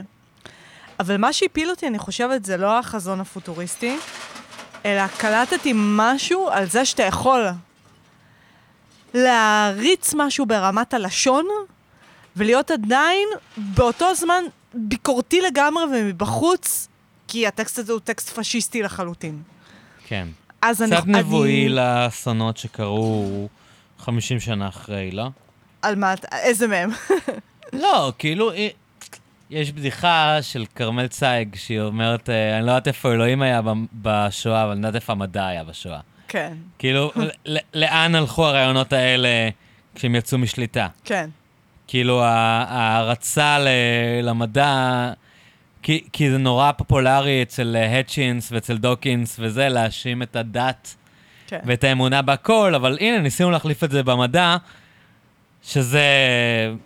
זאת השואה, השואה לא הייתה מלח, מלחמת דת, כן. אלא אם כן המ- המדע הוא דת, אבל, אבל- הם באמת אבל חשבו זה- שהם מבוססים מדעית. אבל זה הגיע עוד הרבה קודם, כי גם במלחמת העולם הראשונה, אתה רואה את ה...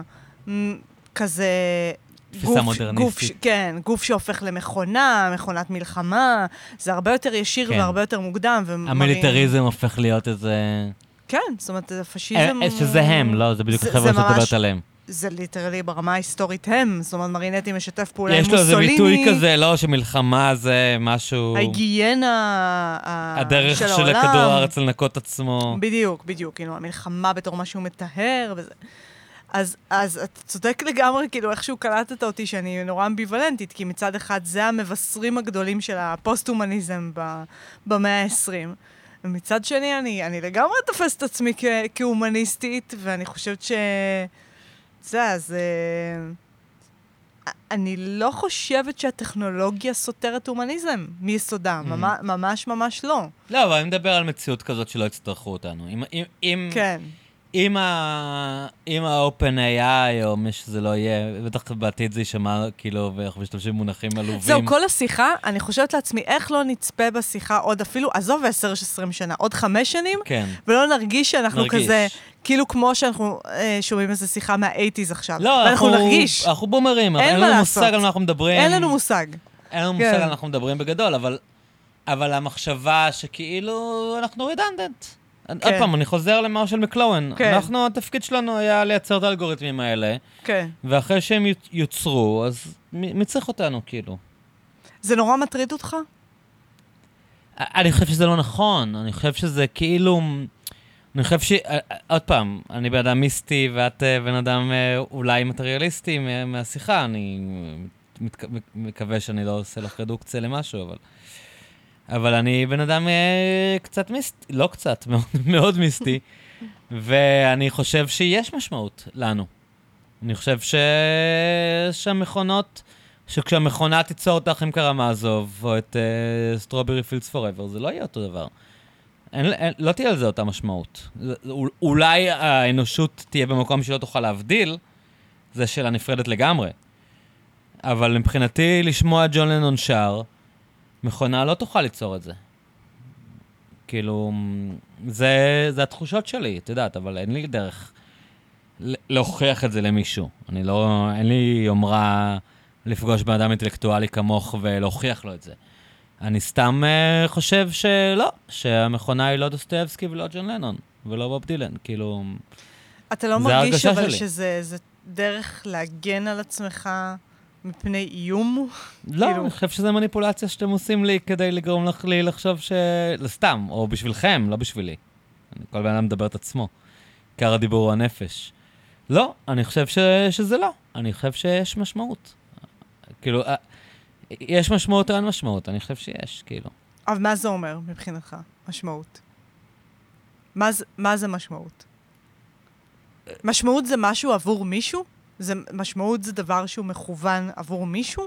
או זה דבר אבסולוטי שהוא לא, עומד בפני אבסולוטי. עצמו? זה אבסולוטי. כן, זאת אומרת, זה זה. זה כן. כוח? זה דבר, כן, זה דבר שקיים באמת. Mm. אני חושב שזה דבר... אני אני חושב שזה... זאת רק השאלה. עכשיו אתה מביא את זה בשיחה, כן? אני נתת לי שזה- לדבר, ולא לא אמרת אני עד חושב שזה עכשיו. דבר שקיים באמת. את יודעת, אה, ישבתי עם אה, אחיך, אולי... אולי נ- נ- שיחה לא- מדהימה, לא ממליצה. הזכרנו את זה. אבשלום אריאל. אבשלום האחד אריאל, והיחיד. שהוא אה, באמת... אני נפעם ממנו. את יודעת. מדהים, מדהים. כאילו, באמת... אה, אחד האמנים שאני יותר מעריך בארץ. אפרופו כל השיחה של דן מירון, שכמה מקשיבים, את יודעת, הוא עושה דברים נטע, אבל הדברים שלו, שלא משנה אם מקשיבים לזה 700 איש או 1,000 איש, אני חושב שיש להם משמעות עמוקה באמת. כאילו, לגמרי. ואני אני באמת... אה, אין, אין... אה, אני- חושב ש, שזה אבסולוטי. אני חושב ש, שיש יש משמעות אה, אמיתית לדברים האלה. שהם לא... מחשב לא יוכל לעשות מה שאבשלום עושה. הוא יוכל, עוד פעם, הוא יוכל לבלבל אנשים. הוא יוכל, אה, הוא, יוכל לעשות איזה מבחן הטעימה של פפסי, של האם זה טרק של אבשלום אריאל או אם זה מחשב, ואנשים יטעו. זה מחשב יוכל לעשות. אבל המחשבות שלי היו כשהקשבתי לדברים שאבשלום עושה, וה... כן, הרגשות והדברים ש, ש, שהוא מצליח ליצור לי באמנות שלו, אני לא חושב שמחשב יוכל לגרום לי בחיים, ואם כן, אז fuck it, אני לא רוצה חלק מזה, כאילו, אני מעדיף לפרוש, כאילו, אבל לא... אם זה כן יגרום לך ואתה לא תדע במבחן טיורינג לדעת... אוקיי. אז, אז זה המבחן טיורינג הזה, נכון? אה, אני חושב שאנחנו לא שם, ואני חושב שעוד פעם, שקרן יכול להיות שקרן מדהים, אבל לא יודע אני אהיה שקרן, מה אתכוון? עצם זה שמישהו הצליח לשקר לי, זה לא הופך אותו לדובר אמת. אז מישהו צריך לשקר לי, אז, אז מישהו צריך לערבב אותי. אני לא חושב שאני... אני לא מחמיא לעצמי להגיד שאני תמיד אדע. ומה עם הדבר הזה של co-existence, אדם מכונה, שזאת לא, אומרת אני שיהיה- בסדר עם זה, בכמה מכונות אבשלום משתמש. כן. הוא עובד, הוא מקליט במחשב, ויש שם מלא אלגוריתמים שרצים, ויש עיוותים, ויש... יודע, אה, הוא לא מתנתק מהטכנולוגיה. אבל, אה, אבל אני חושב ש... שלשמוע שבאופן בלתי אמצעי לכתוב אה, אלבום על בת ים, ובאופן אה, כל כך לא שיפוטי לדבר על האנשים האלה, שהם אנשים אמיתיים, הם לא אלגוריתמים, ולהצליח להביא לך ממש בניואנס איזה משהו שהוא פשוט רעה. את יודעת, כאילו כשהוא כותב לך שיר על ה... כן. על האי של... אה, שיש שיש חופשה קבוצתית והיא רוצה לטוס אליה. זה משהו שהוא, שהוא אמיתי, ואני לא יודע, אני, אני... יהיה לי יותר קל אם מחשב לא יצליח ליצור את זה, אבל גם אם הוא ייצור את זה, זה לא יהיה זה. כאילו... ואולי זה בחירה אידיאולוגית להאמין שהוא לא יצליח לעשות את זה, אבל אני לא חושב שהוא... זה, זה לא אותו דבר בשבילי. זה לא אותו דבר. זה פשוט לא אותו דבר. ואם אם העולם הולך לשם, אז העולם ילך לשם. אתה יודע, תודה לאל שהיה לי 40 שנה לחיות בלי זה. אבל אני לא, אני, אני לא חושב, כאילו. ואני גם זה לא מנסה מסקרן גדל... אותך? נגיד, אתה לא מסקרן אותך לחשוב מה יהיה בלי להניח מה יהיה. לא שהמחשב ידע או לא ידע לייצר את יצירת אומנות בסטנדרטים המוכרים לך, אלא שאתה לא יודע מה היה ייצר. זה כבר קרה לי. אוקיי. זה כבר קרה לי. את יודעת, ברגע שהם הצליחו ליצור את העניין הזה, אז הם הצליחו ליצור... אה, אני יודע מה, ראיתי, אה, איך קוראים לו? נוי אלוש. כן. עשה את אה, קניה ווסט שר שיר של טונה. כן. זה בלבל אותי לגמרי.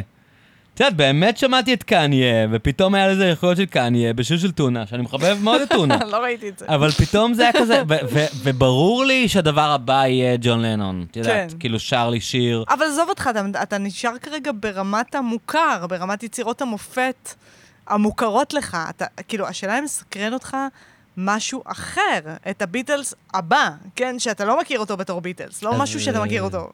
משהו שהוא חורג לגמרי ממה שאתה תופס אותו בכלל כיצירת מופת. שיכתבו אותך עם קרמזוב, כאילו? כן. לא פחות. אני, לא, אני, אני אצטרך להתייחס לזה כשאני אפגוש את זה. אני אולי... אולי כן, אני לא יודע, את יודעת, גם הדפוס היה כאילו משהו שאנשים, כמו שאמרת בתחילת השיחה. כן. ואולי אני אצליח לראות את המקור האנושי של זה. אולי אני יכול להגיד, כאילו, סבבה, המחשב שכלל משהו שבן אדם עשה, והוא um, למד את דוסטויבסקי ויצר עוד דוסטויבסקי. אני, אני באמת, זה מוקדם לי... מוקדם לי להגיד את זה. אבל אני... אני לא חושב שאנחנו, שאין לנו משמעות. נראה לי שאיפשהו, כאילו, מה שאמרתי לך, בסוף זו שאלה כאילו, אחת. ספציפית... זו שאלה אחת שאנחנו לא, ה- שאני לא יודע לנסח. כמה אני... אלפי שנים המזדיינות שאנחנו גרים על הכוכב הזה, לזה יש משמעות ספציפית זה- זה לא למי שנהיינו לך? קופים זה לא- עד זה ה... לא- זה לא מעניין אותך שכאילו, עם כל כמה שהתקדמנו לטרגדיות היווניות ולתנ"ך, יש משמעות בשבילך? אין, כאילו, את מה אתכוון? ברור שיש משמעות בשבילי, אבל אתה מדבר על משהו אבל מטאפיזי. את לא חשובה? אבל, אבל מי זה את? את לא חשובה? את כאילו מין משהו אינסידנטל שקרה באבולוציה? את, את לא חשובה? זה סתם כאילו מקרה שאת חווה משהו ככה כי אני מדבר איתך, אבל אבל באותה מידה יכולת לא להיות ואין לזה שום משמעות? זה, זה עוד פעם, אני אומר, זו שאלה אחת, כן, אני משהו כאילו. שהוא מקרי, הייתי יכולה לא להיות, וזה מדהים ובעל משמעות שאנחנו יושבים כאן. באותה, באותה נשימה. אבל זה בעל משמעות. זה בעל משמעות. אבל זה משמעות שאנחנו מדמיינים אותה? זה משמעות מדומיינת, או שזה משמעות באמת? היא לא מדומיינת כי היא עבורנו, וכי היא קשורה עבורנו. לזמן ולמרחב שבו אנחנו נמצאים. אה, אבל מבחינתי אבל זה באותה מאוד מידה מאוד יכולנו לא משמעות. להיות. כן. והמחשב זה- היה מדבר עם עצמו. לא, זה אותו דבר?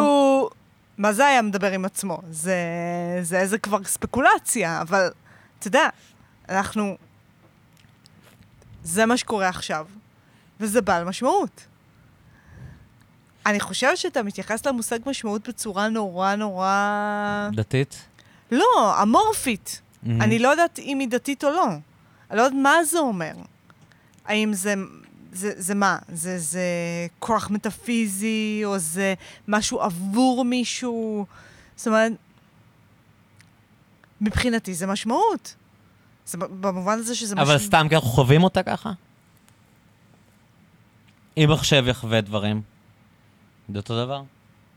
נגיד, אה, אה, זה ימשיך, נגיע לסינגולריטי הזאת, כן. והוא יחווה דברים כמונו, זה אותו דבר? אין הבדל? אבל גם אנחנו נהיה שם? לא, נגיד שלא נהיה. מי צריך אותנו? זה לא אותו מה דבר. צריך אותנו שם? לא, זה לא אותו דבר. מה מה יש לנו לתרום? לא, זה, זה לא אותו דבר, זה שונה. אבל זה... אבל זה לא יותר חשוב. שאנחנו שם. כן. זה לא יותר חשוב שאנחנו כן, שם. עזבי אם- זה, כאילו, זה- יש לזה משמעות. לא, זה לא יותר חשוב. זה לא יותר חשוב. לא. אה, זה חשוב לנו. זה חשוב לנו. אבל אנחנו בפני עצמנו לא חשובים. לא. אני מרגיש שזאת השאלה היחידה. באמת, כאילו, אני איפשהו חושב... ואני חושבת שאני אומרת את זה, אני חושב ככל ושאני עדיין הומניסטית. ואני, ואני מדבר עם יותר אנשים, כן, אני מרגיש שזאת השאלה היחידה, כאילו. באמת. מעניין. אבל אני אומרת, אני חושבת שאני יכולה להגיד את זה ולהיות הומניסטית על מלא. נכון, ברור. על מלא. אבל כאילו, שאלה מה זה הומניזם. נכון. וגם אני לא... אגב, הרבה יותר מעניין לי לדבר איתך מ... את יודעת, איזה דוס דביל, כאילו. את מתכוונת? למרות שאני, יש לי הרבה אהבה לדת, ואני מארח כאן הרבה אנשים דתיים. כן. אבל, אבל איפשהו, כאילו, זה לא פחות מעניין אותי לדבר עם אנשים שרואים את הדברים ככה. והזכרתי את מיכאל גלעד, שהוא באמת אחד האנשים החכמים שאני חושב, והתפיסה שלו היא, היא, היא מה שאת מתארת בעוד יותר, כאילו, מגניטיוד יותר גבוהה, כאילו. אבל אמ, סתם, אני פשוט לא רואה את- אגיד לך, אני פשוט לא רואה את הדברים ככה. זה, זה ש- זה, זה בלתי נתפס בעיניי. כאילו, מבחינתי, זה ש... ראיתי שיחה פעם, את יודעת, היה, סליחה, כן. כן. היה... בני בשן, את יודעת מי זה? כן, אז- ברור. אז, אה, אז הוא עשה מין איזו שיחה שדיבר עם מלא אנשים ושאל אותם על אלוהים. אוקיי. ונראה לי הוא בחר מאוד סלקטיבית מה שהיה נוח לו אנשים, ואז כאילו הוא דיבר, אז כאילו הוא פשוט שאל אנשים על האמונות שלהם, והם חושבים שיש אלוהים או אין אלוהים וזה. ואז הוא דיבר עם אה, ברי, כן. סחרוף. כן. ש- אה, אדיר. שהיה לי מפגש אחד איתו, כן. אה, היה לי את הפריבילגיה להקליט אותו לפרויקט מוזיקלי שעשיתי. אה, ואז הוא מדבר עם ברי שם. ואז הוא אמר לו, כאילו, מה זאת אומרת, זה ככה. אתה יודע, מה אתה מתכוון? כאילו, ברור שזה ככה. ברור שזה, כאילו, אני מאז שהייתי ילד, ידעתי שזה ככה. ושיש משמעות ויש אלוהים, ו... וזהו, כאילו. כן. ו- וכאילו, סתם, אני קצת, קצת כאילו, כשאני מנסה לנ- לנהל שיחות ברמה האינטלקטואלית עם אנשים חכמים כמוך, אז אני לא יכול להגיד את זה ככה, כמו שברי אמר את זה באותה שיחה. אבל איפשהו ה- הקור שלי הוא קצת כמו שברי אמר את זה. אוקיי. אוקיי, אוקיי, אני מבינה, כן, כן. אבל מה שרציתי להגיד קודם זה שבעיניי, דווקא ידיעה שזה לא ככה, אבל... הידיעה? לא הידיעה, המחשבה, ההנחה. או ההנחה או התפיסה שלי שזה לא ככה, והתפיסה שלמרות זאת, המשמעות היא לא פחות עוצמתית. נכון. כן, זה היא אפילו. הופכת להיות עוד יותר חשוב, כן, בדיוק. כן, אני מכיר את הגישה. כאילו. מבחינתי זה מקור לפליאה אינסופית, כן. לאושר, מהמם. לתחושת משמעות נגיד, כן. או משהו כזה, בטח. שכאילו, שהיא ברמה היומיומית, והיא טוענת דברים במשמעות. בטח. היא טוענת. וזה מדהים. כן. זאת אומרת, אה, זה בעצם, אפשר להגיד שזה אומר שה, שהמשמעות היא סוג של בחירה יומיומית. ו, וזה... אני, אני לא יודעת, זה, כן, זה כן, כאילו כן, בשבילי זה זה, המקור לאושר קצת, אפשר אה, להגיד. זה האתאיזם האתי. כאילו... אה, אפשר להגיד, כן. אני לא יודעת אם אתאיזם, אגנוסטיקה זה good enough בשבילי. כן. אה, אין לי שום בעיה עם מחשבה על כוחות כאלה ואחרים, אבל... אה, כאילו, את לא מוצאת צורך להפריך. לא, להפריך ממש לא. להפריך? ממש לא, ממש לא. אני גם לא מגיעה מאיזה מקום מדעי אבסולוטי כזה של, אתה יודע, של אה, הכל, הכל חומר ברמה ה... זאת אומרת, אה, מוח בצנצנת או משהו כזה, או... לא, ממש לא, אבל... אני חושבת ש... סתם, זה, זה גולש למחוזות הניו אייג' ה... זה, אבל מת עליהם. לא, אתה בורא, אתה בורא את ה... אתה בורא את הדבר. והוא קשור לאנשים אחרים שאתה פוגש. זה מגניב לגמרי. הופה. Good enough. כן, good enough. טוב. אה, אני צריך למצוא את המצית שלי. בואו נגיד תודה למור שהקליטה אותנו. תודה, מור. יאה. ונגיד תודה לננה החכמה והמקסימה. תודה רבה. אה, שלחה אותי לחשוב על מלא דברים. אה, היה לי ממש ממש ממש כיף ומעניין לדבר איתך. גם לי ממש. ואולי את רוצה להגיד משהו לפני שמסיימים? וואו. איזה- איזה התכוננתי. איזה לא. משקל זה לזרוק על מישהו. אה, famous last words. וואי, מור, תגידי את. תקשיבי, את אמרת לי לפני שהתחלנו להקליט שהיית בשמונה פודקאסטים החודש. כן, משהו אז כזה. תחשבי על זה כעוד אחד מהפודקאסטים האלה, וסתם תגידי משהו. כן. אז אני עכשיו רגוע ואת יכולה לקחת את הזמן. וואי, וואי, וואי. התקלת אותי. מישהו שאל אותי באחד הפודקאסטים, איזה חיות, בעלי חיים, לדעתי, הם הבעלי חיים שמייצגים את העתיד. דולפינים! דולפינים? זהו? כל שאלה על בעלי חיים, התשובה היא דולפינים. למה? למה דולפינים? את יודעת שהם... אני אדבר למור. סתם כי היא מקשיבה לנו וזה. דולפינים זה דבר כאילו באמת בלתי נתפס. כאילו גם מדעני מוח כזה, למרות שזה הכי כאילו, את יודעת, pop culture של מיסטיקנים וזה, אבל, כן. אבל כאילו יש להם את ה... איך קוראים לחלק הזה? אה, אה, נו, החלק שתמיד מדברים עליו במדעי המוח. איזה? ה front... אה, לא משנה, החלק של התודעה. אוקיי. שכאילו אה, מבדיל אותנו מה...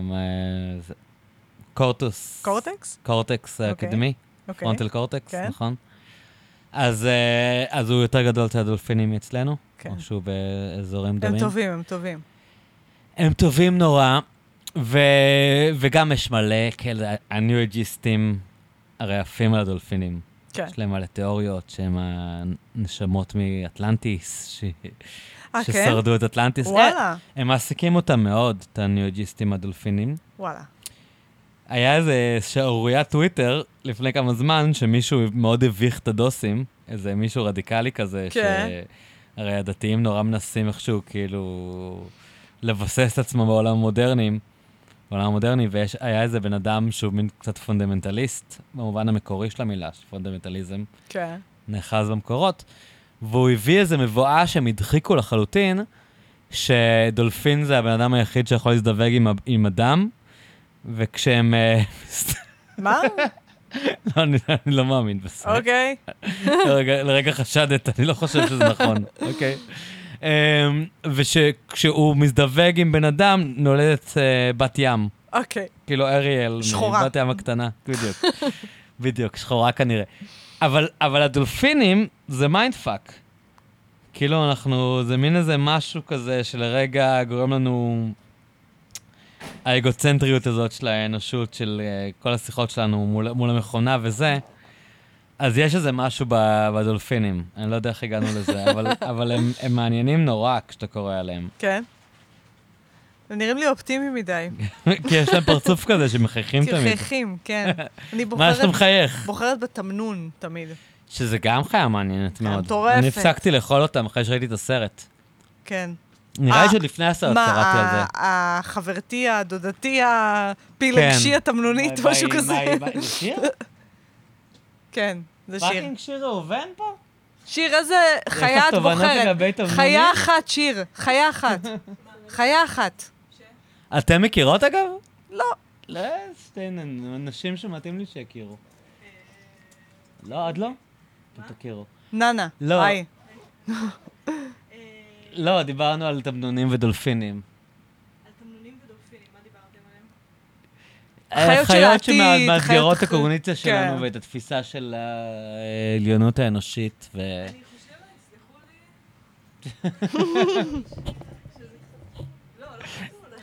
רק לוחשת. הם בתוך מים. כן, לא חוכמה. שיר אמרה שזה לא, אז מה את להשוות אומרת? יצורים מימיים ליצורים יבשתיים. איזה כן חיה. היא אוהבת עורב. אני גם אוקיי. בזמן האחרון מתרשם מעורבים מאוד. מאוד. אני גם מתרשם מעורבים מאוד בזמן אתם האחרון. יודעים שיש לי חברה שהעורב, יש לה עורב, חבר, מה זאת אומרת, יש לה עורב? הוא בא באופן קבוע למרפסת שלה, והוא משלם לה. הוא, היא נותנת לו אוכל, וכל פעם הוא מביא לה תשלום. היי, מעניינים. אגב, עוד בן אדם שבעניינים האלה. הוא כל פעם. מביא לה, נגיד, תשלום, הוא מביא לה, הוא נותנת לו איזה אוכל, וכל פעם הוא מביא לה, נגיד, מצית, או משהו שהוא מצא, והוא מביא לה באופן קבוע תשלום. זה מטורף. זו חיה משוגעת, כי היא גם מאתגרת את המחשבה שלנו שזה קשור לגודל המוח, נכון. ופתאום יש ציפור עם מוח ממש קטן, כן, והן הן גם יודעות ללמוד אה, רמת אה, מילים שכאילו מלא יונקים לא מסוגלים, יותר מכלב כזה. כן, כן. זו חיה נורא מוזרה, אני שנאתי אותן פעם, חשבתי שהן רעות, ומאז שאני גר על הר בחיפה, אז הציפורים נהיו חברות שלי, כי כן. יש ואדי מתחת, וכל יום אני רואה ציפורים מול הפנים שלי, ולמדתי לאהוב את העורבים. עכשיו, אתה קטע. מכיר אה, חוק גודווין? כמו שיר, כן. מכיר חוק... לדעתי, החוק גודווין של המסטולים, זה להגיד כמה עורבים חכמים. ברגע שהמסטולים מדברים על כמה עורבים חכמים, הדיון קרב לסיומו. זה מדהים ששיר התחילה את הערב, היא נכון. התחילה משם. אוקיי, אבל לא שומעים אותך, זה אבדה. נכון. טוב, כן, בואי תבואי, וגם אני אגיד שאני מקליט את שיר מחר, אה, אבל ניתן, ניתן כאן קצת, זה, אני, אני מקליט את שיר מחר בשיחה עם אלעד. הייתי. בטוחה שאני מאחרת לערב, לסטנדאפ, ואני מבינה שזה עוד. חצי שעה או משהו, לא? כן, הקדמת. בסדר. קובי בלול, הוא אמר לי בואי בתשע. חשבתי... הוא אגב בסיני. כן, אני יודעת, הוא בזמן סיני. מה אמרתי? שעורבי... אני... אה, יש לי הרבה שיחות על עורבים עם בת זוגי שלא... אני רואה לפעמים, עכשיו אנחנו... אני גרה בכרם, ואני רואה לפעמים... כאילו אנשים שמאכילים עורבים, יש בכרם. כמו אנשים שמאכילים, פשוט יוצאים עם כזה קופסת פלסטיק כזאת, כן. של גלידה, ומאכילים עורבים, והעורבים באים אליהם, ואני כל כך מקנאה. אני רק אומרת לאנשים אדם? האלה, בבן אדם כמובן, לי זה מזכיר ב Walking Dead את האנשים שמאכילים את הזומבים, כאילו. לא... סתם, לא, אני אבל לא בן. אמר- אמרתי לננה שאני דווקא פיתחתי סימפתיה לעורבים. ברור, כשאני רואה בן אדם שהתארגן על האכלת עורבים, אני חושבת, איך, איך עשית את זה? כן. לא, אבל בדיוק סיפרתי שחברה שלי, הוא מביא לה תשלום בשביל האוכל. כל פעם הוא בא, אה, הוא מביא לה משהו. מביא לה מצית, מביא לה איזה מחווה. כי אני פעם. חושבת שהחיות הטובות, בגלל זה אני גם אוהבת חתולים, זה חיות שיש איתם קשר. וכאילו כלב, אני אוהבת כלבים, אבל כזה, הוא אוהב את כולם. כן. כזה, אין באמת קשר. חתול, כשהוא אוהב אותך, את כזה, כן, כי הוא מכיר אותי, כי הוא סומך עליי. כן. וגם עורב. זאת חיה שאם הצלחת ליצור קשר עם חיה שהיא לא יונק אפילו, כן, היא מממלכת העופות, כן, מאוד מרשים אותי. מאוד. זהו, זה היה האירוח שלי. אותי זה דפק שהעורבים איתנו מאז תקופת הדינוזאורים. אה, באמת? שכן, כאילו הציפורים לא נכחדו. כאילו כשהיה את האירוע הקטליזמטי, כאילו הם, הם בעצם דינוזאורים. כל הציפורים, הם, הם היו שם, לא, לא יודע בכולם. כן. סתם, זה היה קצת, אה, קצת הגזמתי כדרכי. אה, אבל הציפורים, הציפור... ממש שיכורים. כן. לא, אני כזה, הציפורים, אני שומעת את קלצ'קין אומר, הציפורים הם דינוזאורים, כל הציפורים הם דינוזאורים. לא, לא, אני לא- אני לא בטוח שכולם, אבל חלק מהן בטוח. מחר אני אהיה איתך באותו עמוד, מחר אני אהיה בשעה הזאת. יש לנו גם אורח מדהים. אגב, הפרק איתנו יעלה לפני, אבל בסדר, אוקיי. אה, זה אה, גם גורם לך לחשוב על זמן, מה קודם, מה אחרי. אבל נא, אנחנו, אנחנו נאפשר לקומיקאים את הערב שלהם ונשחרר להם את הערב. יאללה, אה, וואו, הייתה לי שיחה ממש מעולה, גם לי. ואני ממש תודה. שמח שהכרנו, חיים. ותודה רבה. צ'ירס. ביי. ביי.